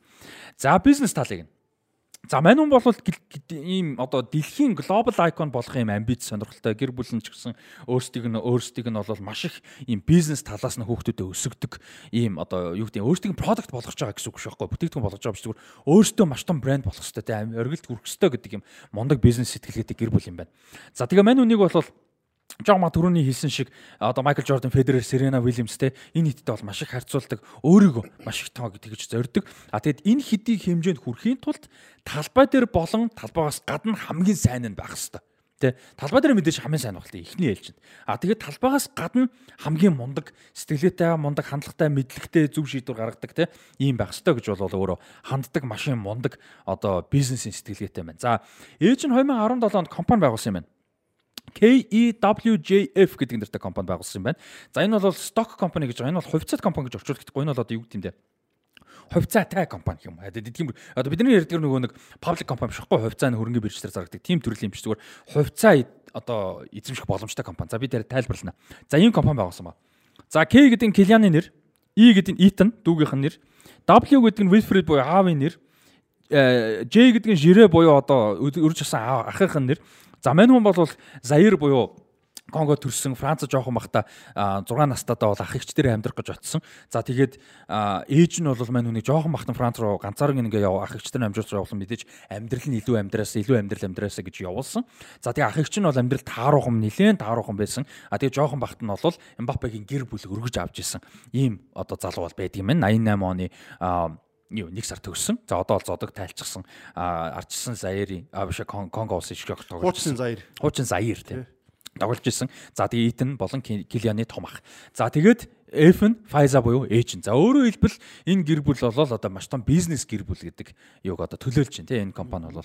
За энэ компани бол англиар Simplified Joint Stock Company гэж байгаа. Тэгээ энэ тав маань өөртөө хувьцаа эзэмшдэг. А тэгээ энэ компани зорилго юу юм бэ? 5% хувьцаатай компани. 5% хувьцаатай компани өөрөөр хэлбэл. За энэ компани юу идэм бэ гэдэг асуудал байна тийм. За энэ компани гол зорилго бол Mbappe-гийн имижийг одоо юу яах зохицуулах менеж хийх. Өөрөөр хэлбэл Instagram нь дийлүүд нь ямар нэг төрлийн дийл буюу одоо тохиролцоонууд нь publishing буюу одоо өөрийн гэсэн publishing компанитай байна. Одоо чинь нийтлэл хийдэг гэсэн үг шүү дээ. Ном хэвлэл хийдэг гэсэн үг. Ийм компани. Тэгээ fashion брэндтэй. За дээрэс нь вебсайтыг зохицуулдаг, вебсайтыг ажилуулдаг ийм компаниуд юм байна. За тэгээд Мбаппе сонирхолтой нь бол ямар нэг эйжент төлөөлөгчгүй ажилтдаг. Бас сонирхолтой одоо дэлхийн хөлбөмбөг тийм топ тоглогч бол ямар ч эйжентгүй байна гэдэг бол маш ховор зүйлүүдийн нэг. А ядгатаал хамаатан саднаны эйжентээр ажилтдаг. Мань умал албан ёсны эйжент нэг ч байхгүй юм. За тэгээд бүх одоо бизнесийн шийдвэрүүд, бүх карьерийн шийдвэрүүдийг бол гэр бүлэрээ тавуулаа дандаа хамт гаргадаг ийм одоо ер нь гэр бүл юм байна. За тэгээд гэр бүлэрээ ингэж. За тэгээд энэ таваасаа гадна Delphine Verheiden гэж одоо Нидерландын мундаг хуульч байдаг юм байна. За энэ гэр хуульч бол энэ компанид ажилладаг энэ гэр бүлийн ерөөсө том хуульчаар нь ажилладаг маш мундаг юм хуульч бас эмэгтэй байдаг юм байна. За энэ энэ 6 нийлж бүгдээрээ одоо хамт том шийдвэрүүд бүгдийн гардаг. Одоо Иден Гимбапе ч гэсэн том ахын ч гэсэн те бүгдээрийнх нь одоо шийдвэрүүдийг бол гаргадаг гэж. Аав чинь үнэхээр мундаг хүмүүс байна тэгэхээр те. Үнэхээр амар хол. Одоо өстө жинхэнэ нөгөө алсын хараатай гэдэг бол энэ дээр гаргадаг та. За тэгээд За энэ хэсгийг яачаад би та хоёроос юм бас сэтгэл сонсъё те. За жишээ нь зөв харьцуулж байгаа шүү. Зүгээр л харьцуулж байгаа үднээс Килиан Мбаппегийн вебсайт руу орох юм бол одоо гэр бүл нь хариуцдаг те. Ажилуулдаг вебсайт руу орох юм бол дөрвөн партнер байдаг Мбаппед. Ерөөсөө олон улсын харилцаа ерөөсөө төлөөлдөг дөрвөн партнер. Nike, буюу одоо спорт хувцас болон шипи те. Өбло цаг. За тэгээд одоо жоохон luxury цаг те. Тэгээд EA Sports болон Oakley гэсэн дөрвөн байгууллага байт юм байна. За харьцуулахад энэ зүгээр өөр төрлийн л ажиллагаа л да стратеги. А гэхдээ харьцуулахад Neymar-ын сайт дээр 25 партнер байт юм байна. Жишээ нь Neymar-ын сайт дээр төлөөлдөг тий хамтран ажилладаг. За энийг бол яг Neymar-ыг буруу гэж байгаа даа биш зүгээр л өөр төрлийн стратеги. А Mbappe-гийн стратеги нь юу гэх юм бол илүү премиум сегмент рүү харьцдаг. Илүү өндөр үнэтэй, илүү ховор, илүү VIP, илүү тий одоо юу гэдэг юм value буюу үн цэнтэй гэсэн чиглэл рүү бол өөрөө чиглэлдэг. Хинтээ харьцуулж болохгүй Roger Federerтэй харьцуулж болно. За Roger Federer бол одоо Rolex-ийг төлөөлөд олон жил болж байгаа. А тэгээд цаг шүү дээ. Швейцар цаг. А тэгээд дээрэс нь мань хүн бол хувцсны брэнд бүх спортын хувцсны брэндүүд мань мань хүнд маш олон саналуудыг тавьж байхад Nike-г болоод Uniqlo-той спортын түүхэнд хамгийн үнэтэй гэрээнүүдийг нэг хийжсэн. Uniqlo чи энгийн хувцсны юу штэ спорт хувцсатайгаар алдартай биш. Энтэй байсан. Джоковичтэй байсан. Тэгээд Federer Тэгсэн. Тийм. Тэгээ Federer дээр өөрийн брэнд гэдэг шүү дээ. тийм RF гэж бас байгаа. Тэрийг бол Nike-тэй тэр чинь бас бөөн асуудал. Тэр баг тусдаа story зөө теннисний подкаст байдаг бол Nike-тэй тэр чинь бөөн болсон. Тийм. За ийм болов. За тэгээ 2018 оны дэлхийн аврах шалралт тэмцээн дуусны дараа Килиан Мбаппегийн гэр бүлд 200 брэндүүд юу яасан гэж холбогдсон гэж санал тавьсан байна хамтаа. Манай солонгос ингэсэн ингэсэн юу Тэр тэр ер нь биш юм байна. Тэр нь тэр нь эвгүй бол тавьцлаа. За тэгээд тэр 200-аас 199 нээж нь үгүй гэж хэлсэн гэж байна. За тэгээ нэг одоо сонирхоо гэсэн өвлөө байсан. За өвлөөтой ярьсан дийл нь хүртэл жил гарам болж ээж эцлэгдсэн. Тэгэхээр тийм Одоо яригдж ихснээс хойш гэж бичдэг мөн биш үү? Облог тийм. Облог гэж унших юм биш үү? Одоо үзэгчтэй л яна хаблод гэдэг чинь тэр шүү Тий, дээ. тэгэл Облоо гэхээр облог гэхээр хүү ойлгохгүй. Тийм. Тэгээд тэр цагны брэнд бол цаг одоо цаг жил гарan а юу ээж ярилцжээж тохиролцжээж дийл нь болоод одоо гэрээ хийгдсэн. Өөрөөр хэлбэл маш их деталд ач холбогдол өгсөн гэсэн. За ийм ба. За тэгээ энэ бүхэн бол зөвхөн одоо мөнгөний талаасаа бас биш ээ. Мэдээж хүмүүс мөнгө гэж харж аж магадгүй тийм мөнгө мэдээж байгаа ойлгомжтой. А гэхдээ зөвхөн мөнгө тал биш дээрэс нь итгэл болон морал гэж байгаа. Тэр нь бол маш чухал. Энэ гэр бүлийн итгэлцэл зөв зүйлд итгэх, зөв моралтай байх, зөв этиктэй байх гэдгийг маш том ачаал бүтлэгдэг юм бапе. За тэр дундаа юу гэдэг юм бэ гэхээр фаст фуд буюу түргэн хоолны ямар ч брэндтэй гэрээ хийдэггүй юм бапе. Сая сүлд шгшог Ээ зүйтэй. Шигшоог дээр тэр маш том асуудал гарсан. Испани Францын хөлбөмбөгийн холбоо KFC-тэй дийл хийсэн. Дэлхийн аваргын өмнө маш том идэвхжүүлэлт маркетинг явахад Францын шоугийн тоглогчдын зурагтайгаар KFC-г реклам явахад Мбаппе Францынхаа хөлбөмбөгийн холбоотой маш том асуудал гаргаад ийм бол байж болохгүй. Энэ бол үгүй гэдэг маш том одоо шийдвэрийг гаргаж бас нэлээд шүүх мөх юм болж исэн удаатай. За тэрний шалтгаан нь бол яг энэ. Өөрөө бол фаст фуд буюу одоо түргэн хоол. За тэгээ дээрэс нь түргэн хоолн дээр нэмээд ямар ч бооцоо тавьдаг бетинг компаниуд төлөөлөх юу бол байхгүй. А дээрэс нэмээд алкогол байдаг. За одоо та харах юм бол дэлхийн орон шалралт тэмцээний тоглолтын шилдэг тоглогч шагнал байдаг штэ. Одоо певний шагналууд Budweiser-ийн. За тэрийг харах юм бол жишээ нь за Мессиг янз бүрийн хүмүүстэй харьцуулж байгаа шүү. Месси ч юм уу өөр тоглогчд ингээ авсан зургууд нь байж байгаа. Тэгэхэд Мбаппегийн авсан зураг нь Budweiser-ийн логог буруу харуулчихсан байгаа. Жишээ нь нэгдүгээр. Өстө анзаараагүй юм шүү дээ тий. Яг жижиг зүйлүүд байгаа байхгүй юу? А тийм мань хүн юуг ухаарсан бэ гэхээр дэлхийн хэмжээ одоо хөлбөмбөг маш их өөрчлөгдөж байна. Тэ зөвхөн яг мань хүн хөлбөмбөглөжилж болохоос дэлхийн спорт те маш их өөрчлөгдөж байна. Үүгээр дамжаад тоглогчид өөрсдийнхөө имиж өөрсдийнхөө байгаа байдлаар дамжуулж ямар их мессеж өгөх боломжтой, ямар их зүйлд хүрэх боломжтой гэдгийг ухаарах боломжтой болсон байна гэж бол бүр 18 онд Мбаппе ярьсан байлаа. 20 тө байсан шүү дээ. 20 тө Мбаппе тэгж ярьсан ба. Угаасаа хүүхд байгаа амар байсан юм байна наач те. Ээж аав нь үнэхээр супер юм байна наач. За тэгээд одоо юу яасан? Өөртөө компаниар дамжуулж орлого дийл зөвхөн юмнуудаа хийдэг болсон. 2018 оноос 2021 оны хооронд энэ компанийн орлого гэр бүлийнх нь орлого 10 дахин нэмэгдсэн гэж байгаа. 3 жилийн дотор. За энэ хүртэл та хоёр дээр сэтгэл нэмэх хасах зүйл юу вэ? Энэний дараа жоохон байж байгаа тэгэхээр өргөжлөлээ. Яг одоо ингэж бодож байна одоо. Ингээ гэр бүлэрээ шийдвэр ороод яг аав ээж нь гаргаж байгаа л да. Тэ? А нөгөө хэдийнхэн зүгээр гэр бүлэрээ багаас нь сургаж тэр жоохон ингээд шийдвэр гаргах тэ? Одоо багийн юу сурж байна л да. Тэгэхээр аав ээж нь л айгу мундаг хүмүүс. Аав ээж нь бол юу юм бэ? Үнэхээр мундаг төлөвлөгөөтэй юм байна. Тэгээ айгу мундаг юу юм бэ? Одоо тийм. Алсын хараатай юм байна. Алсын хараа төлөвлөгөө яг ингээд цагаачилж очиж байгаас нь бараг тэр нутгийнхаас нэлээд гайгүй тийм босралтай гарууд юм шүү. Одоо арчсан Конго ч юм уу Алжираас очсон те. Тэр чинь Камерун болон Алжир те. Том ах нь бол Конго. Тий Конго. Тэжээсэр Камерун болон Алжираас нэлээд бас гайгүй хүмүүс удажууд чи би шууд тийж бодож. Тэгжээч идэр чи ингээд карьерийг ингээд асар удаан төлөвлөж байна. Хелен Мбаппегийн тэр 13 та ярьж байгаа 20 тагаа ярьж байгаа нь бол яг үндэ манай Монголд орох 30 та 40 та ярих нь байгаа байхгүй юу? Амар лагдлаг юмнуудыг ярьж байгаа ер нь бол. Яг одоо бол улам хүүхдүүд ярьж байгаа залуучууд улам гоё болж байгаа шүү дээ. Тэгэхээр наа чи бол угаасаа багасаа л угаасаа айгүй юм үдцэн хэрсүү аав ээж нэгээд багасаа айгуусаа ойлголцсон л юм байна л та. Үнэхээр мундаг байна. Би бол аав ээж нь үнэхээр магтмаар. Эмбапе шиг авьяас зөндөө хөхт байгаа. Энэ дисциплин, төлөвлөгөө, карьер төлөвлөл, бизнес энэ минийгээ бүгдийг нь хослуулж чадахгүй аль нэгэндээ нунаад одоо байхгүй болдог тий. Тэгвэл наад ч юм бол гэр бүлийн бол үнэхээр лаг юм байна өө. Ярих юм алах хэвээр. За шүү дээ ярих юм алах та. За өргөжлөөлье. Яриад энэ да. За тэгээд түрүүн хэлсэн Мбаппе бол Paris Saint-Germain-тэй гэрээ хийсэн те сайн нэмж. За тэгээд энэ гэрээ нэмээ нэмж гэрээ хийхэд бол маш том оролцсон нэг зүйл нь бол мэдээж Real Madrid-тэй одоо bidding war буюу одоо бараг л дуу үн хаялцах юм өрстөөнийг явуулсан. За энэний үр дүнд бол Paris Saint-Germain болвол яг Emmanuel Macron буюу одоо Францын ерөнхийлөгч бол мань үнийг үлдээж гисэн нь бас нэг шалтгаан байж мэдээж болно. Бүхдэг Тэр том шалтгаан. Бүхэл бүтэн улсын ерөнхийлөгч холбогдно гэдэг бол бас том зүйл шүү дээ. За тэр бол ярьсан ба. За гэхдээ илүү том шалтгаан юу вэ? Болох байсан бэ гэхээр Real Madrid яваагүй. Одоо гурван шалтгаан яриад шүү дээ. Нэг нь Emmanuel Macron Нөгөөх нь мэдээж нөгөө bidding war өсөж байгаа, үнэ өсөж байгаа тий хооронд нөхсөлдүүлж. А тэрнээс илүү том шалтгаан юу байж болох байсан бэ гэж ярьж байгаа шалтгаан гэвэл өөрийнх нь image rights. За image rights-ыг монголоор юу гэж ярих юм бэ? Одоо нөгөө юуны эрх штэ. Зүү юм. Дүр биш биш биш биш. Image rights одоо өөрийнх нь дүр юуны дүр одоо нэг дүр зүсээ ашиглах тий. Тэр юу өмчлөх хэрэг байхгүй. Тийм дүр зүсээ одоо дүрээ өмчлөх. Тийм дүрээ өмчлөх. За ер нь Монголд бол тэр нэг нөө эдийн засгийн жижигхэн болгоныг яригддаг. Аа яг зарим нэг хүмүүс байж магадгүй. Гэтэ ер нь тавар штэ. Тэнгүүд том асуудал чинь ч бүр амар том дийл байхгүй тий. Өөрийнхөө дүрийг эзэмшин гэдэг чинь амар том чухал асуудал байдаг. Клубын юу болчдөг байхгүй. Тийм. За тэр үедээ ховор байдаг юм биш үү? Клуб эзэмшин гэдэг ховор байдаг юм байна. За яагаад Харин тийм байха. Би бол одоо нэг сүттэй сонсож байгаагүй л юм байна яг үндэ. За энэ дэр тэгсэн чинь Реал Мадридыг одоо зөвшөөрөх бах те Реал Мадрид нэгдэхгүй хамгийн том шалтгаан тэр болсон юм байна. Дүр одоо имиж за би image rights гэж ярьч та одоо ойлгоцсон юм чинь. Image rights асуудал байсан юм. За юу байсан бэхээр Real Madrid-д гэрээ хийсэн бүх тоглогч image rights-аа 50% клубд өгд юм байна. Тэгэхээр өөрийнх нь хувийн ивент гэдэг чинь Nike 100 доллар надад өгөхөд би 50-ыг нь Real өгнө гэсэн үг. Хамаагүй. Ерөөсөө бүх image rights-аа 50%-ыг Real Madrid-д өгдөг. За тэр бол маш ховор үйлдэл юм байна. Топ клубүүд хүртэл 50% гэж ингэж авдаг. Real өөртөө бос тогтооц босоо Аа тий. Реал өөрсдөө тэрэнд зөрүүд нэг гэхээр чи бол дэлхийн номер 1 клубд тоглож байгаа, номер 1 клубд харагдаж байгаа бол тэгээ зөрүүлээд ашиг авч байгаа гэсэн. ингэж байгаа байхгүй.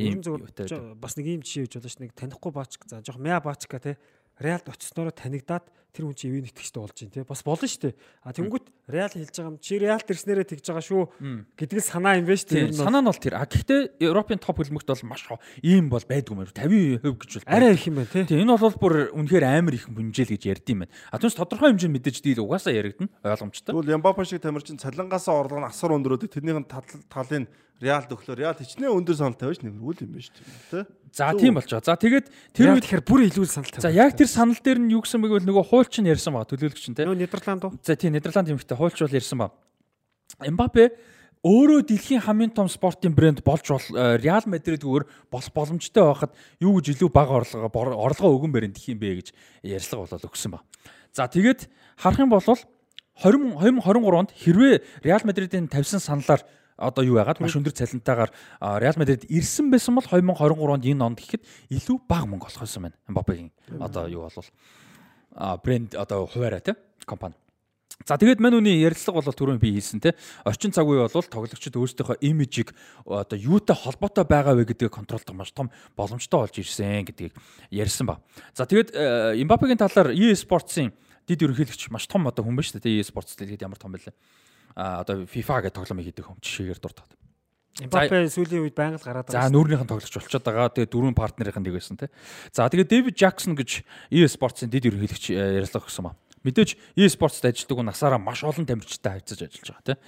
За мань байсан. Би амьдралтаа бол Мбаппе шиг ийм одоо юутай холын хараатай шийдвэр болгон шийдвэр болгондоо маш их ач холбогдол өгдөг өөрийнхөө дэлхийд эзэмших өөрийнхөө байр суурийг ач холбогдол өгж харж шийдвэр гаргаж өөрийнхөө өнөөдөр маргааш болон ирээдүйн одоо юг имижийг ингэж тооцоолдог тамирчинтай би амьдралдаа маш цөөхөн уулзж байсан гэж бол ярьсан байт юм байна. За тэгээд сүүлчийн хэсэг бол за энэ дэр нэг таяр сэтгэл юм байна. За. За сүүлчийн хэсэг бол мань хүн бизнесээ яаж тэлж байгаа вэ гэдэг асуудал. За нэгдүгээр тийм мундаг байна те өссөн нь тэр за бизнес сэтгэлгээтэй байна. За бизнес итгэж байгаа. За мань үнийг бол LeBron James-тэй их харчулсан байна. Яг нь надад бас яг тэгж бодогдоод байна. Леброн Джеймс. За орчин цагийн одоо түрүүний хэд ч гэсэн те Майкл Жордан, Серена, Рожер Федер яг зөвхөн энэ дээр жишээ авч байгаа л да өөр хүмүүс байгаа Льюис Хэмилтон энэ төр гэдэг. Энэ хэд бол одоо өөрсдөө Кристиано Роналдо ч гэсэн орон те яг өөрсдөө глобал брэнд болгож чадсан хүмүүс те. А тэгвэл зүгээр нэг брэнд болчихсон чинь мэрэгжилтэй спортоо хамгийн шилдэгүүд нь хамгийн гайхалтайнууд нь тэрийгэ давуу тал болгож чадсан байна те. За тэгэхээр Леброн бол тэр донд ордог. За тэгээд мань хүн ч өөрөө ч NBA-тэй ойрхон юм байна. Ер нь NBA байгууллагатай ч ойрхон, ер нь сагсныхантай ч ойрхон юм байна. Юу? Тийм, өөрөө. За тэгээд ямар сандаа 2022 оны NBA-гийн драфт дээр дуудагдсан юм байна. Мань хүн ч тэнцээ дуудагдаад бас реклам реклам юм яга зураг авалт мавалт хүмүүстэй нуулзаж танилцаад ингээд албан ёсны одоо зочноор оролцсон юм байна. 22 оны NBA. Америк руу өөрийгөө тэлж чинь те. Ээ зүйтэй, яг зөв. За тэгээд юу гэхээр за Европын хөл бөмбөг Америкт Америкууд Европын хөл бөмбөгт ач холбогдол өгдөг болж байгаа сокерт. За Америкуудын өнцгөөс тийм олон хүмүүс эзэмшиж байна. Одоо Нью-Йорк Таймс жишээ нь Атлетикийг худалдаад авцсан байна. А 26 онд дэлхийн авар болох гэж байна. Маш олон зүйлд бол ач холбогдол өгж байгаа Америкууд. За Мбаппе бол эсэргээр Европоос Америк руу явж байгаа. За мань хүн бол юу яасан ба? А за нэг жишээ бол Paris Saint-Germain Jordan ч юм уу, Jordan ч юм Lebron Liverpool-ийн хувь эзэмшдэг гэдэг жишээнүүд байдаг тийм. За мань хүн бол а юунд Калифорниад Zebra Valley гэж production компани байгуулсан юм байна. Одоо production компани гэхээр одоо видео контент хийдэг нэвтрүүлэг кино тэгээ магадгүй хийн гэсэн үг шүү дээ тийм. Ийм медиа компани байгуулсан юм байна. За тэгээ энэ компанийн нь бол эхний зүгээр ингээд ерөнхий тайлбар нь бол юниктэй одоо бусдаас өөр хүмүүст анхаарал татах дэлхийн нийтээр одоо байгаа фэнүүдийг анхааралтын татаж одоо үлгэр жишээ өгөх юм зорилготой контентийг хийх байгуулга гэж нэрлсэн баг. За тэгээд Энэ байгууллагын хамгийн том зорилго нь бол хөл бөмбөгөөс илүү цаашаага дамжих төрлийн чухал контентуудыг хийхдээ нэвтрүүлгүүдний одоо кинонуудыг ч юм уу те хийх юм одоо компани гэж байгаа. За тэгээ энэ компани ихний төслүүдийнх нь нэг нь бол series дөрвсөн дөрвч хүний тухай юм одоо бүтэн амьдралын тухай киног нийгэм рүү хандаад эхэллээ шүү дээ. Ээ зүйтэй. Тим компани одоо тим киног бол хийсэн юм байна. Хамгийн ихнийх нь бүтээлүүдийн нэг нь бол. Уушлаараа зүгээр үндэс сугсаа ярьж байгаа юм шүү. Гэхдээ ер нь Африк твээс төрсэн одоо Мбаппе ч тий Африк гаралтай шүү дээ ингээ гэр бүл. Энэ Африкчууд аюу хэрэгтэй юм боллоо шүү. Наа ч одоо Африкчуудын жаргал зовлон одоо хүмүүсийн анзаардаггүй асуудал тий олонд хүргэх хэрэг одоо хүргэх тийм зориг бол наад гэр бүл чинь байгаад шүү дээ. Яг үндэ амар юм тулж байгаа шүү дээ тий. Тэгээ өөртөө биш юм агад хамаатаас адан түүх тулсан зүйлээ мэдчихэж байгаа шүү дээ. За тэгээд энэ компани хамгийн том зорилго бол те одоо юу гэдэг зөвхөн хөл бөмбөгөөр биш те. Мбаппегийн legacy буюу нөлөө үрдэх зүйл нь нийгэмд зөвхөн хөлбөмбөг хөлбөмбөгс тэлэх хөлбөмбөгөөс илүү олон зүйлд зөв нөлөө одоо үүрэгрэл та байх гэдэг юм том амбиц бол байгаа гэж э, э, одоо ханддаг юм байна те ер нь бол. За тэгээд зааж байгаа Сайн зүгээр нөө хийсэн дээр нэмээд зүгээр нэг олд сонссон сонирхолтой юм хуваалцаад юуны Nottingham-ийн Avani гэдэг тоглож байгаа шүү дээ. Avani зүг дээ. Тоглох шүү дээ. За Avani ч юм амар мундаг юм зүгээр санаанд орсон дээр. Avani. Тэ Avani гэж санаж тий. Тийм. Манайм ч бас амар мундаг юм. Нөхөр нэгээр те би буруу санааг бол нэгээр те. За нэгээр баг. Тийм би нэгээр гэж санаж байна. А нэгээртэй юу юм бэ? Актемтэй юм байна. Хөлбөмбөг юм. Тэгээ тэр хөлбөмбөгийн академид жилдээ ингээд айгүй олон Африк твээс зөвхөн нэгээр биш. Твээс айгүй олон хүмүүс авдаг. Тэгээ жил болгон бүр бүх юм хангаж өгд юм байна. Байр орон сууц бэлтгэл юу гэдэг тасжуулагч цал. Тэгээд жилдээ хоёр удаа Европ болон Азийн топ клубүүдэд клубүүд рүү хүүхдүүдэд шалгасан топ хүүхдүүд авч явж тэр нөгөө трайлд оролцуулдаг. Ийм одоо академитэй гэж хэлсэн шүү. Тэгээ мань хүн тэрийг нь бүр үнэхээр амар магтдаг юм байлээ. Аа ч сагсан дээр нөгөө Камеруны Эмбамутай шүү дээ. Эмбамутай ч яг тийм юу саксны тим хөтөлбөр гараад тэрний чи одоо буйнаар Joel Embiid а Pascal Siakam гэж одоо NBA-гийн супер одоо ч одоо гарч ирсэн үү? гарч ирсэн байхгүй. Тэгээ тийм тэр чи Emba мөтөд айгүй хайртай байхгүй. Тэр нөлөө нь амар их ба шүү дээ. Тэр чи өөрөө нэг Камеруны нийлэн гайгүй юуны хөхт байхгүй. Бас нэг тухайн юунд нэг мөнгөтэй те нэг гарын хөхт байхгүй. Emba мөт ш. Тэгээд өөрөө лаг NBA-гийн тамирчин. Камеруны 30 гэр бүлийн нэгнийх нь хөхт юм уу? А яг тийм биш байгаа. Чинь нэлээд гайгүй. Гэхдээ өөрөө тийм боломжсон. Тэгээд тэр өөрөө NBA-гийн тоглогч болцоод тэгээд юу басан бэл. Зөв юм байна те. Тэгээд Камерунда ингээд саксны лаглаг хөтөлбөр хийгээд тэднээс нь Joel Embiid одоо NBA-гийн одоо MVP төрсөлж байгаа тамирчин шүү дээ. Pascal Siakam ч Торонтод авраг авцсан. Тэ? Аа. Одоо ийм хүмүүсийн нөгөө нэг бусаад Африкууд буцаад ийм зөндөө хийж байна. Тэгээ айгүй зөв те тэр ер нь амин нэгтэй байдэн шүү. Ер нь бол одоо Ето Камеруны хөлбөмбөгийг хөгжүүлэх гээд маш их юм хийж байна те. Тэгээд одоо Дрогба бас өөрхөн юм идэг те. Ярхан бол Мохома Саалаг одоо ярьж болж байна. Манай. Манай маш том жишээ те. За за тэгээд та хоёр нэмэгцэл байгаа би сүүлчийн нэг. За одоо дуусгах чинь. Carry on. За сүүлч юм. За 15 настайд нөгөө нь Мбаппе шүү дээ. 15 настай Мбаппе Килиан. Багыг л ярьж шнэ. За одоо энэ биш шүү дээ. Эмбит би бас сайн мэдгүй. За 15 настай Мбаппе академи сурч ижилтэй. Аа Монакогийн өмнөх багийнх нь академи те. За тэр үед нь ангийнх нь хүүхдүүд болон Мбаппегээс багш нар нь юу асуусан юм бэ? Ан бас тэгтээ гоё юм бэлээ. 15 тахад л надад тийм асууж байгаагүй. Өөртөө одоо сэтгүүлийн нүүрэн дээр байгаагаар төсөөлж ийм одоо сэтгүүлийн нүүр хийгээч гэж. Наач ямар гоё юм бэ те. Тийм өөртөө төсөөлсөн ийм юу хий. Барууны барууны сургуулиуд угаас тийм байх. Ямар гоё. Ийм одоо даалгавар өгсөн юм байна. За тэгсэн чинь ихэнх одоо ангийнх нь Мбаппе 15 настай Мбаппе шүү дээ. Ангийнх нь 15 таа хөлтөө. Бүгд хөлбөмбөгч юм өрөөдөлтэй тий. За ихэнх нь одоо GQ, Vogue гэдэг ч юм уу юм одоо fashion, cool тий. Залуу хүмүүс бас ийм сэтгүүлүүд дээр л өөрсдөө төгсөлж л тий. Одоо амьдрал дээр бол жишээ нь Кристиано Роналдо Vogue-ийн нүүрэн дээр гарч исэн. Эрлин Хааланд сая GQ дээр гарч исэн жишээ. Зүгээр харьцуулж байгаа шүү. Жишээ болгож. Тамирчид зарим нь тайм дээр маш бага гардаг. За тэгэхэд Килиан Мбаппе бол өөрийгөө 15 настай Килиан Мбаппе өөрийгөө тайм сэтгүүлийн нүүрэн дээр гарснаар хийж ярьж ирсэн. Тэгэхээр бас тэр үний хандлага харагдчих. Сарын цорын ганц тайм сэтгүүл дээр хийж ирсэн хүүхэд ганцхан байсан Ки- Килиан Мбаппе. Таймс нөгөөдөөс хамаагүй амар шээ. Одоо ач холбогдол нөлөө нь өөр хүрээ нь. Одоо тэр хүмүүс харах үнцгөө харагдаж шүү дээ. Тийм тийм. Тий, яг үнэ тий. За тэгээд тэр үед Мбаппе өөрийгөө ингээд нөгөө нэг амар хөөрхөнтэй ч бас нэг аргуу тийм гоёч бас биш 15 төвт хийсэн болохоор өөрийгөө зургийг оруулсан. Тэгээд Килиан Мбаппе гэ. Тэгээд доор нь одоо тайтл байгаа шүү дээ. Нөгөө сэтгүүлч нэг тийм хүний нэр хараад бас нэг юм нэр үг оруулдаг шүү дээ тий. Одоо хин юу юм гэдэг утгаар тий. За тэрэн дээр нь өөрийгөө бол El Maestro гэж хэлсэн байсан. А Килиан Мбаппе доор нь El Maestro гэж 15 тагт. За яагаад El Maestro гэсэн юм бэ? Тэр бол Рожер Федерерийг одоо Федерерээс маш том үлгэрч авсан гэдэг нь энэ ч бол харагдаж байгаа гэж. За тэгэд энэс 4 жилийн дараа 19 настай Time жинхэнэ гарсан. тайм сэтгүүлийн нүүрэн дээр гарсан. Таймын нүүр гэдэг чинь ер нь бол энэ тамирчид Ус төрчтэй өвч гэсэн. ер нь олоод байдаггүй нүүр ихгүй энэ бол. Тэр чи тий. Таймер нүүр. Тайм бол хөлбөмбөгчд гарсан 10 оны дэлхийн аврал шалралт тэмцээнд англи болтрангуй трүүнийг зураг гарч ирсэн. За ингээд Мбаппегийн Гоё. Энэ нөгөө тал нь гоё юм байна энэ талаар одоо бас ярих гэж бодсон. Мбаппег сонслоо. Үн цэний гэдэг үг л санаанд орчихно. Үн цэнийг л бий Үн болгосон. цэн гэж үчтэй билээ шүү энэ ч одоо 10 бас бас тэгчээд байна. Тий. тий цэн гэж үчээл ах шиг байсан тэгэл одоо. Цэн болцсон аа. Уул цэн л юм билээ. Бэлгүй одоо мэдэхгүй мэдэхгүй. Сүүлийн үед бол энэний артлыг нь бол Манай нанждэл мэдэх бах нь юу сайтаагаараа. За тэгээ Мбаппегийн хувьд бол юм байна. Тэгээ Эрлин Хааланд ч гэсэн энэ ч бол бас ер нь мундаг шүү дээ. Аа. одоо ер нь үүнээс хойш бүгд ингэж явах уу? Одоо ийм хэмжээнд амжилтанд байлна гэдэг өөрөө бас хэцүү байна. те. Үлгэрч болж байгаа хүмүүс байна л да. Одоо шийдэл Майкл Жордан те. Оо аим шигтэй. аим Майкл. Жордан бол энэний би бол Эцэг- авдаг эцэг байхгүй. Эцэг нөхгүй. Майкл Жордан тэгээд Леброн Джеймс байна, Рожер Федерер байна, Серена Уильямс. Серена Уильямс байна. тий. За Грецки яг энэ юу тал дээр бизнес тал дээр бол яг эдэр шиг яваагүй баг. Льюис Хамилтон байна. Льюис Хамилтон байна. Шумахер байна. Шумахер бол хөрхийн аварт ортлоо амар байсан шүү дээ. Аварт гинэ тийм. Тэгэхээр одоо юм чи. Бекхэм ч бас яг юм төрөл яг өөрөө нөө карьер нь жоохон би нөө Бекхемийг голдог шалтгаан ч нэр байхгүй. Одоо наад ч юм байхгүй. Бекхэм авиас нь байсан гэхдээ нөө бизнес руугаа анхаарал нөө ашиглаж болох авиасаас өрөө дутуу ашигласан боловч хардаг. А Эмбапе ч юм уу Хааланд эдрийн одоо Роналдо шиг байхгүй. Давуу тал нь карьерээ ч гэсэн сайн байлгаж чадна. Аль Дээрээс аль нь 100% зарцуулдаг. яг үнэ. Наадах ч Одоо тэгэл э, бас нийгэм бас жоох өөр байсан бах уу? Одоо юм хөгжөөд нь шүү дээ. Одоо бүр амар болоод шүү дээ. Тэгээ үлгэрчнүүд ялч их байна л да. Тэг үлгэр чинь их гараад ирсэн баг. Бекхэм үед ч тэгээд бас энэ талын зөвлөгөөч бас жоохон бага байсан баг. Ер нь бол туршлага зөвлөгөө. би яг хаа дөршил зөвлөгөө яг хаа гэхээс илүү нөө хүний хандлага чухал байх л да. Одоо Роналдо өдөр бол бас амар хөдөлмөрч штэ. Ваа. Роналдо бол амар штэ. Одоо Федерер нэг жишээ байгаа байхгүй юу? Федерер 41-т зодог тайлж дээ. те. Ямар амар домогт Амар тоглож үлээ те. Тэгэхэд би бүр харчаад чи итгээгүү заяа. Карьертаа тийш 1100 хэд хэд тоглол нэг ч удаа ретайр хийж авах тоглолтын дундуур.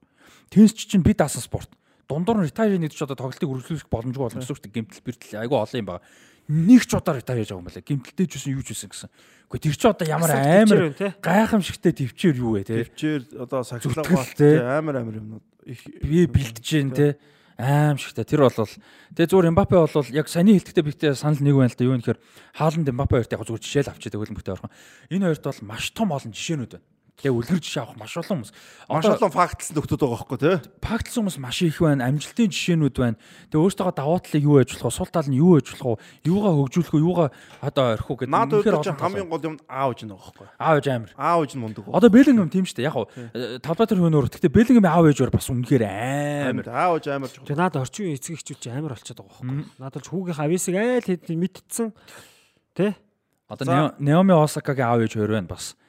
Одоо жоохон бахт нь төрөхтөн нэр өгтөө Наоми гэж нэр өгсөн нь юу гэж байна шүү Намар Кемпл үү? дээ. Үгүй үгүй Наоми Кемплер биш. Дэлхийн хаанч утсан дуудагдах боломжтой нэр гэсэн гэж өгсөн. түгээмэл шүү гэж байгаа юм уу. Манай нөө дээ. Мишель Амархан дуудахад амархан гэж. Манайхан нөө Наоми гэдэг нэр шүү манай. Наоми гэж хэлдэг. Наоми тий. Би англид чи Наоми гэж чи. Ямар Яг сони Япон Японоор бол Наоми хэлэх хэрэгтэй. Наоми, Наоми Осака тий. Англиар бол Наоми. Арай Наоми Кемплийн нэрийг өгөөгүй хоо. Кемплийн нэрийг ч араагүй. Тэр чинь болохгүй юм шүү дээ. Кемпл хэрэгтэй. За тэр яг. Тийм юм байна. Тэгэхээр үлгэрчнүүд яг сагсан дээр л бас мэдээ жишээнүүд байгаа. Би данц гэж Гэхдээ мэдгүй. Леброны жишээ чинь бол Амар юм шүү. Амар. Леброн бол одоо яг үндэ энэ харьцуулж байгаа. Яа Жордантай бол ярих юм байхгүй. Жордан бол угаасаа үнэхээр тийм төрөлхийн амтан биз дээ. Леброны жишээ чинь Леброн ч болоо Жорданы удад юудаа илүү байхгүй. Одоо нийгмийн тал дээр те. Тэгээд э, Лебронтой бол бүр бас Nike-та насан туршийн гэрээ байгууллаа. Энэ одоо өөр юу гэсэн үг үү те. Тэг хүний тэр нэг Энэ тоглогчийн дисциплин бүх юмд итгэж штэ Nike тийм шүү. Одоо Алlen Iverson-ыг эсэргээр штэ 2045 хүртэл Дампурцэн 45 оноос л Reebok-оос мөнгө аваад явж байгаа байхгүй. Хэдэн сая доллар ч үлээ те. Тэр хүртэл мөнгө авч. Одоо фейлц хүмүүс их байна те. Тэгэхээр LeBron бол одоо юу чимдээ тэр сургууль байгуулж байгаа тэр хийж байгаа юмнууд нь харахаар бол амар. Тэгэд нөгөө нэг нэг гоё юм нь яаж нөхөр энэ олон том жишээтэй хүмүүсийн нөлөө нь зөвхөн өөртөө баяжаад мундагдаад бас байгаа. Мэдээж тэр нь мундаг чухал. А гэхдээ тэр имижийг яаж ашиглах вэ гэдэг амар том чухал юм байна байхгүй. Тэ тэрийгээр юу хийх ёстой юм? Тэрүүгээр нийгэмд болон бусдад яаж нөлөө болох ёстой юм гэдэг амар том одоо юу Одоо ил чинь байна гарч ирсэн юу айгүй хэцүү тэрийгэ мэддэг учраас тэр хүмүүс яг өөрчлөн тийм үн зөндөө байгаа эдэртээ туслая гэдэг юу н айгүй их гарч. Одоо манай Монгол ингээл яг гоо тийм амар мөнгөтэйнүүд нь багчсан айгүй олон залууч тийм болцсон шүү дээ. Амар их хүмүүс тусалдаг болцсон те. Амар их хүмүүс нэг боломж олгоё гэж боддог болсон. Одоо ингээл айгүй олон залуучууд жоохон э, удахгүй би юу хана тэр э, одоо хороолт номын сан байгууллаа гэдэг ч юм уу те. Би зүгээр нэг газар хөдөлж байгаа тэндээ ингээд байшиндаа тэндээ зөвхөн номын самтай тэ тэрийн аваар хүүхдүүд одоо гэр хорлын хүүхдүүд уншиж. Тийм залуучууд айгүй хөт юм лээ. Одоо энэ Монголын энэ асрамжийн газрууд эдэр чи айгүй хөт хэвдэж шүү хүүхдүүд нь. Мар бэлгээ голтой тэ. Өө ахаал чипс үгэл. Яг бол хүн болгоо ингээд очиж юу адаг болцсон. Нийгмийн юмд ордог болцсон. Тэгээд дууга хоолойгоо ашиглах гэдэг ямар чухал вэ? Тэгээд нөгөө нөлөө нь гэдэг. Тэ одоо сая тэр нөгөө Францын юун дээр KFC гээл те. Яг Роналдо ч гэсэн тэгдэг штэ нөгөө юугаар чи еврогоор те. Тий еврогоор нөгөө кола холдуулдаг Роналдо те. ч гэхдээ одоо ингээд бүр мачур болцсон үе дээ. Эмбапе дэг чинь бүр жоохноосоо тий. Тийм. Анхнаасаа төлөвлөсөн байгаа байхгүй. Яг Роналдог бол төлөвлөж болохоор хэцүү байсан л газ үе л дээ тий. Гэтэ одоо ингээд яаж чинь бол бас л зоригтой тэр бол тий. Тэгэхээр Мбаппег одоо юу хүлээж ин гэхээр хөлбөмбөгийн карьераас гадна маш том нөлөө олон зүйлд оролцоотой хүн байх нэ гэдэг л одоо юм байна штэ те. Шууд одоо чамаа ингээд түүхэн ярьсан чинь надад бол одоо шууд эргэл буцалтгүйгээр тэгж бодгоосоор харахгүй бол. За тэгээд дээрэс нь түрүү өөрөөс нь талбай дээр хамгийн сайн бөгөөд талбайгаас гадна хамгийн мундаг нь байх хэрэгтэй гэдэг том амбицтэй. Гэр нь юу хэрэгстэй шашин тах тий. эднийх чинь. А та тэрийг ч та мэдэхгүй шүү. Камерун Камерун Алжир ирэхлээр бас Камерун Камерун альжир гэхээр аль аль нь ч байж магадгүй л. Шашныг бас сайн мэдэхгүй л. Аль аль нь ч байж болно. Ер нь бол Камерун ч христэн шашинтай альжир э, муслим шашинтай авах магадлал өндөр шүү дээ. Тийм. За тэгээд ийм байна гэдэг сонирхолтой байсан гэж найдаж чинь тэгээд бид нар бас сториг айл болох сонирхолтой өөр зүйлүүдийг ярихыг хичээдэг. Тэгээд а, Валенсиагийн талаар бол яванда 2 дугаар хэсгэрээ ярина. За тэр хойд солон сүүл мөрчний талаар нэг стори би яванда нэг ярих гэж бодож байгаа. За тэр ч төрүүлээ ярьчих гэлээ. За дараа 7 өдрийн стори чи хэмнэ нилээ. Минийх баха. За тийм баг. Би гоё стори бэлдэж байна. Би ойр бас завгүй. Тэгээд нэг жоо хуучин муучин сторигоо ухалцсан байгаа. За тэгээд дэлгүүрт нь амжилт төсөе. За баярлалаа. Заяа спорт шоп юуны дөрөвдүгээр хүнсний дөр- дөрөвдүгээр дэлгүүрийн замын урд гэж хэлж бол болно. Хүүхдийн урлан бүтээхийн зүүн урд талд зүүн дөрөв дармын уулзрын зүүн талд байгаа. Тэгээд угаасаа хаяг нэг харагдан дөө. Тэгээд та бүхэн маань үйлчлүүлээрээ. Ориг Америк бүх зоруулж ярьж байгаа тийм. Ер нь тий. Тэгээ хямдхан. Ер нь бол бид нар бас үнэ гайгүй барьчээ. Дээрэс нь Монголд бол айгүй сүлтгэл юм байл л да. Айгүй олон хүмүүс илтээ. Тэгээд ер нь бол яг 100 ориг гэдэг юм аа. Бас барь те.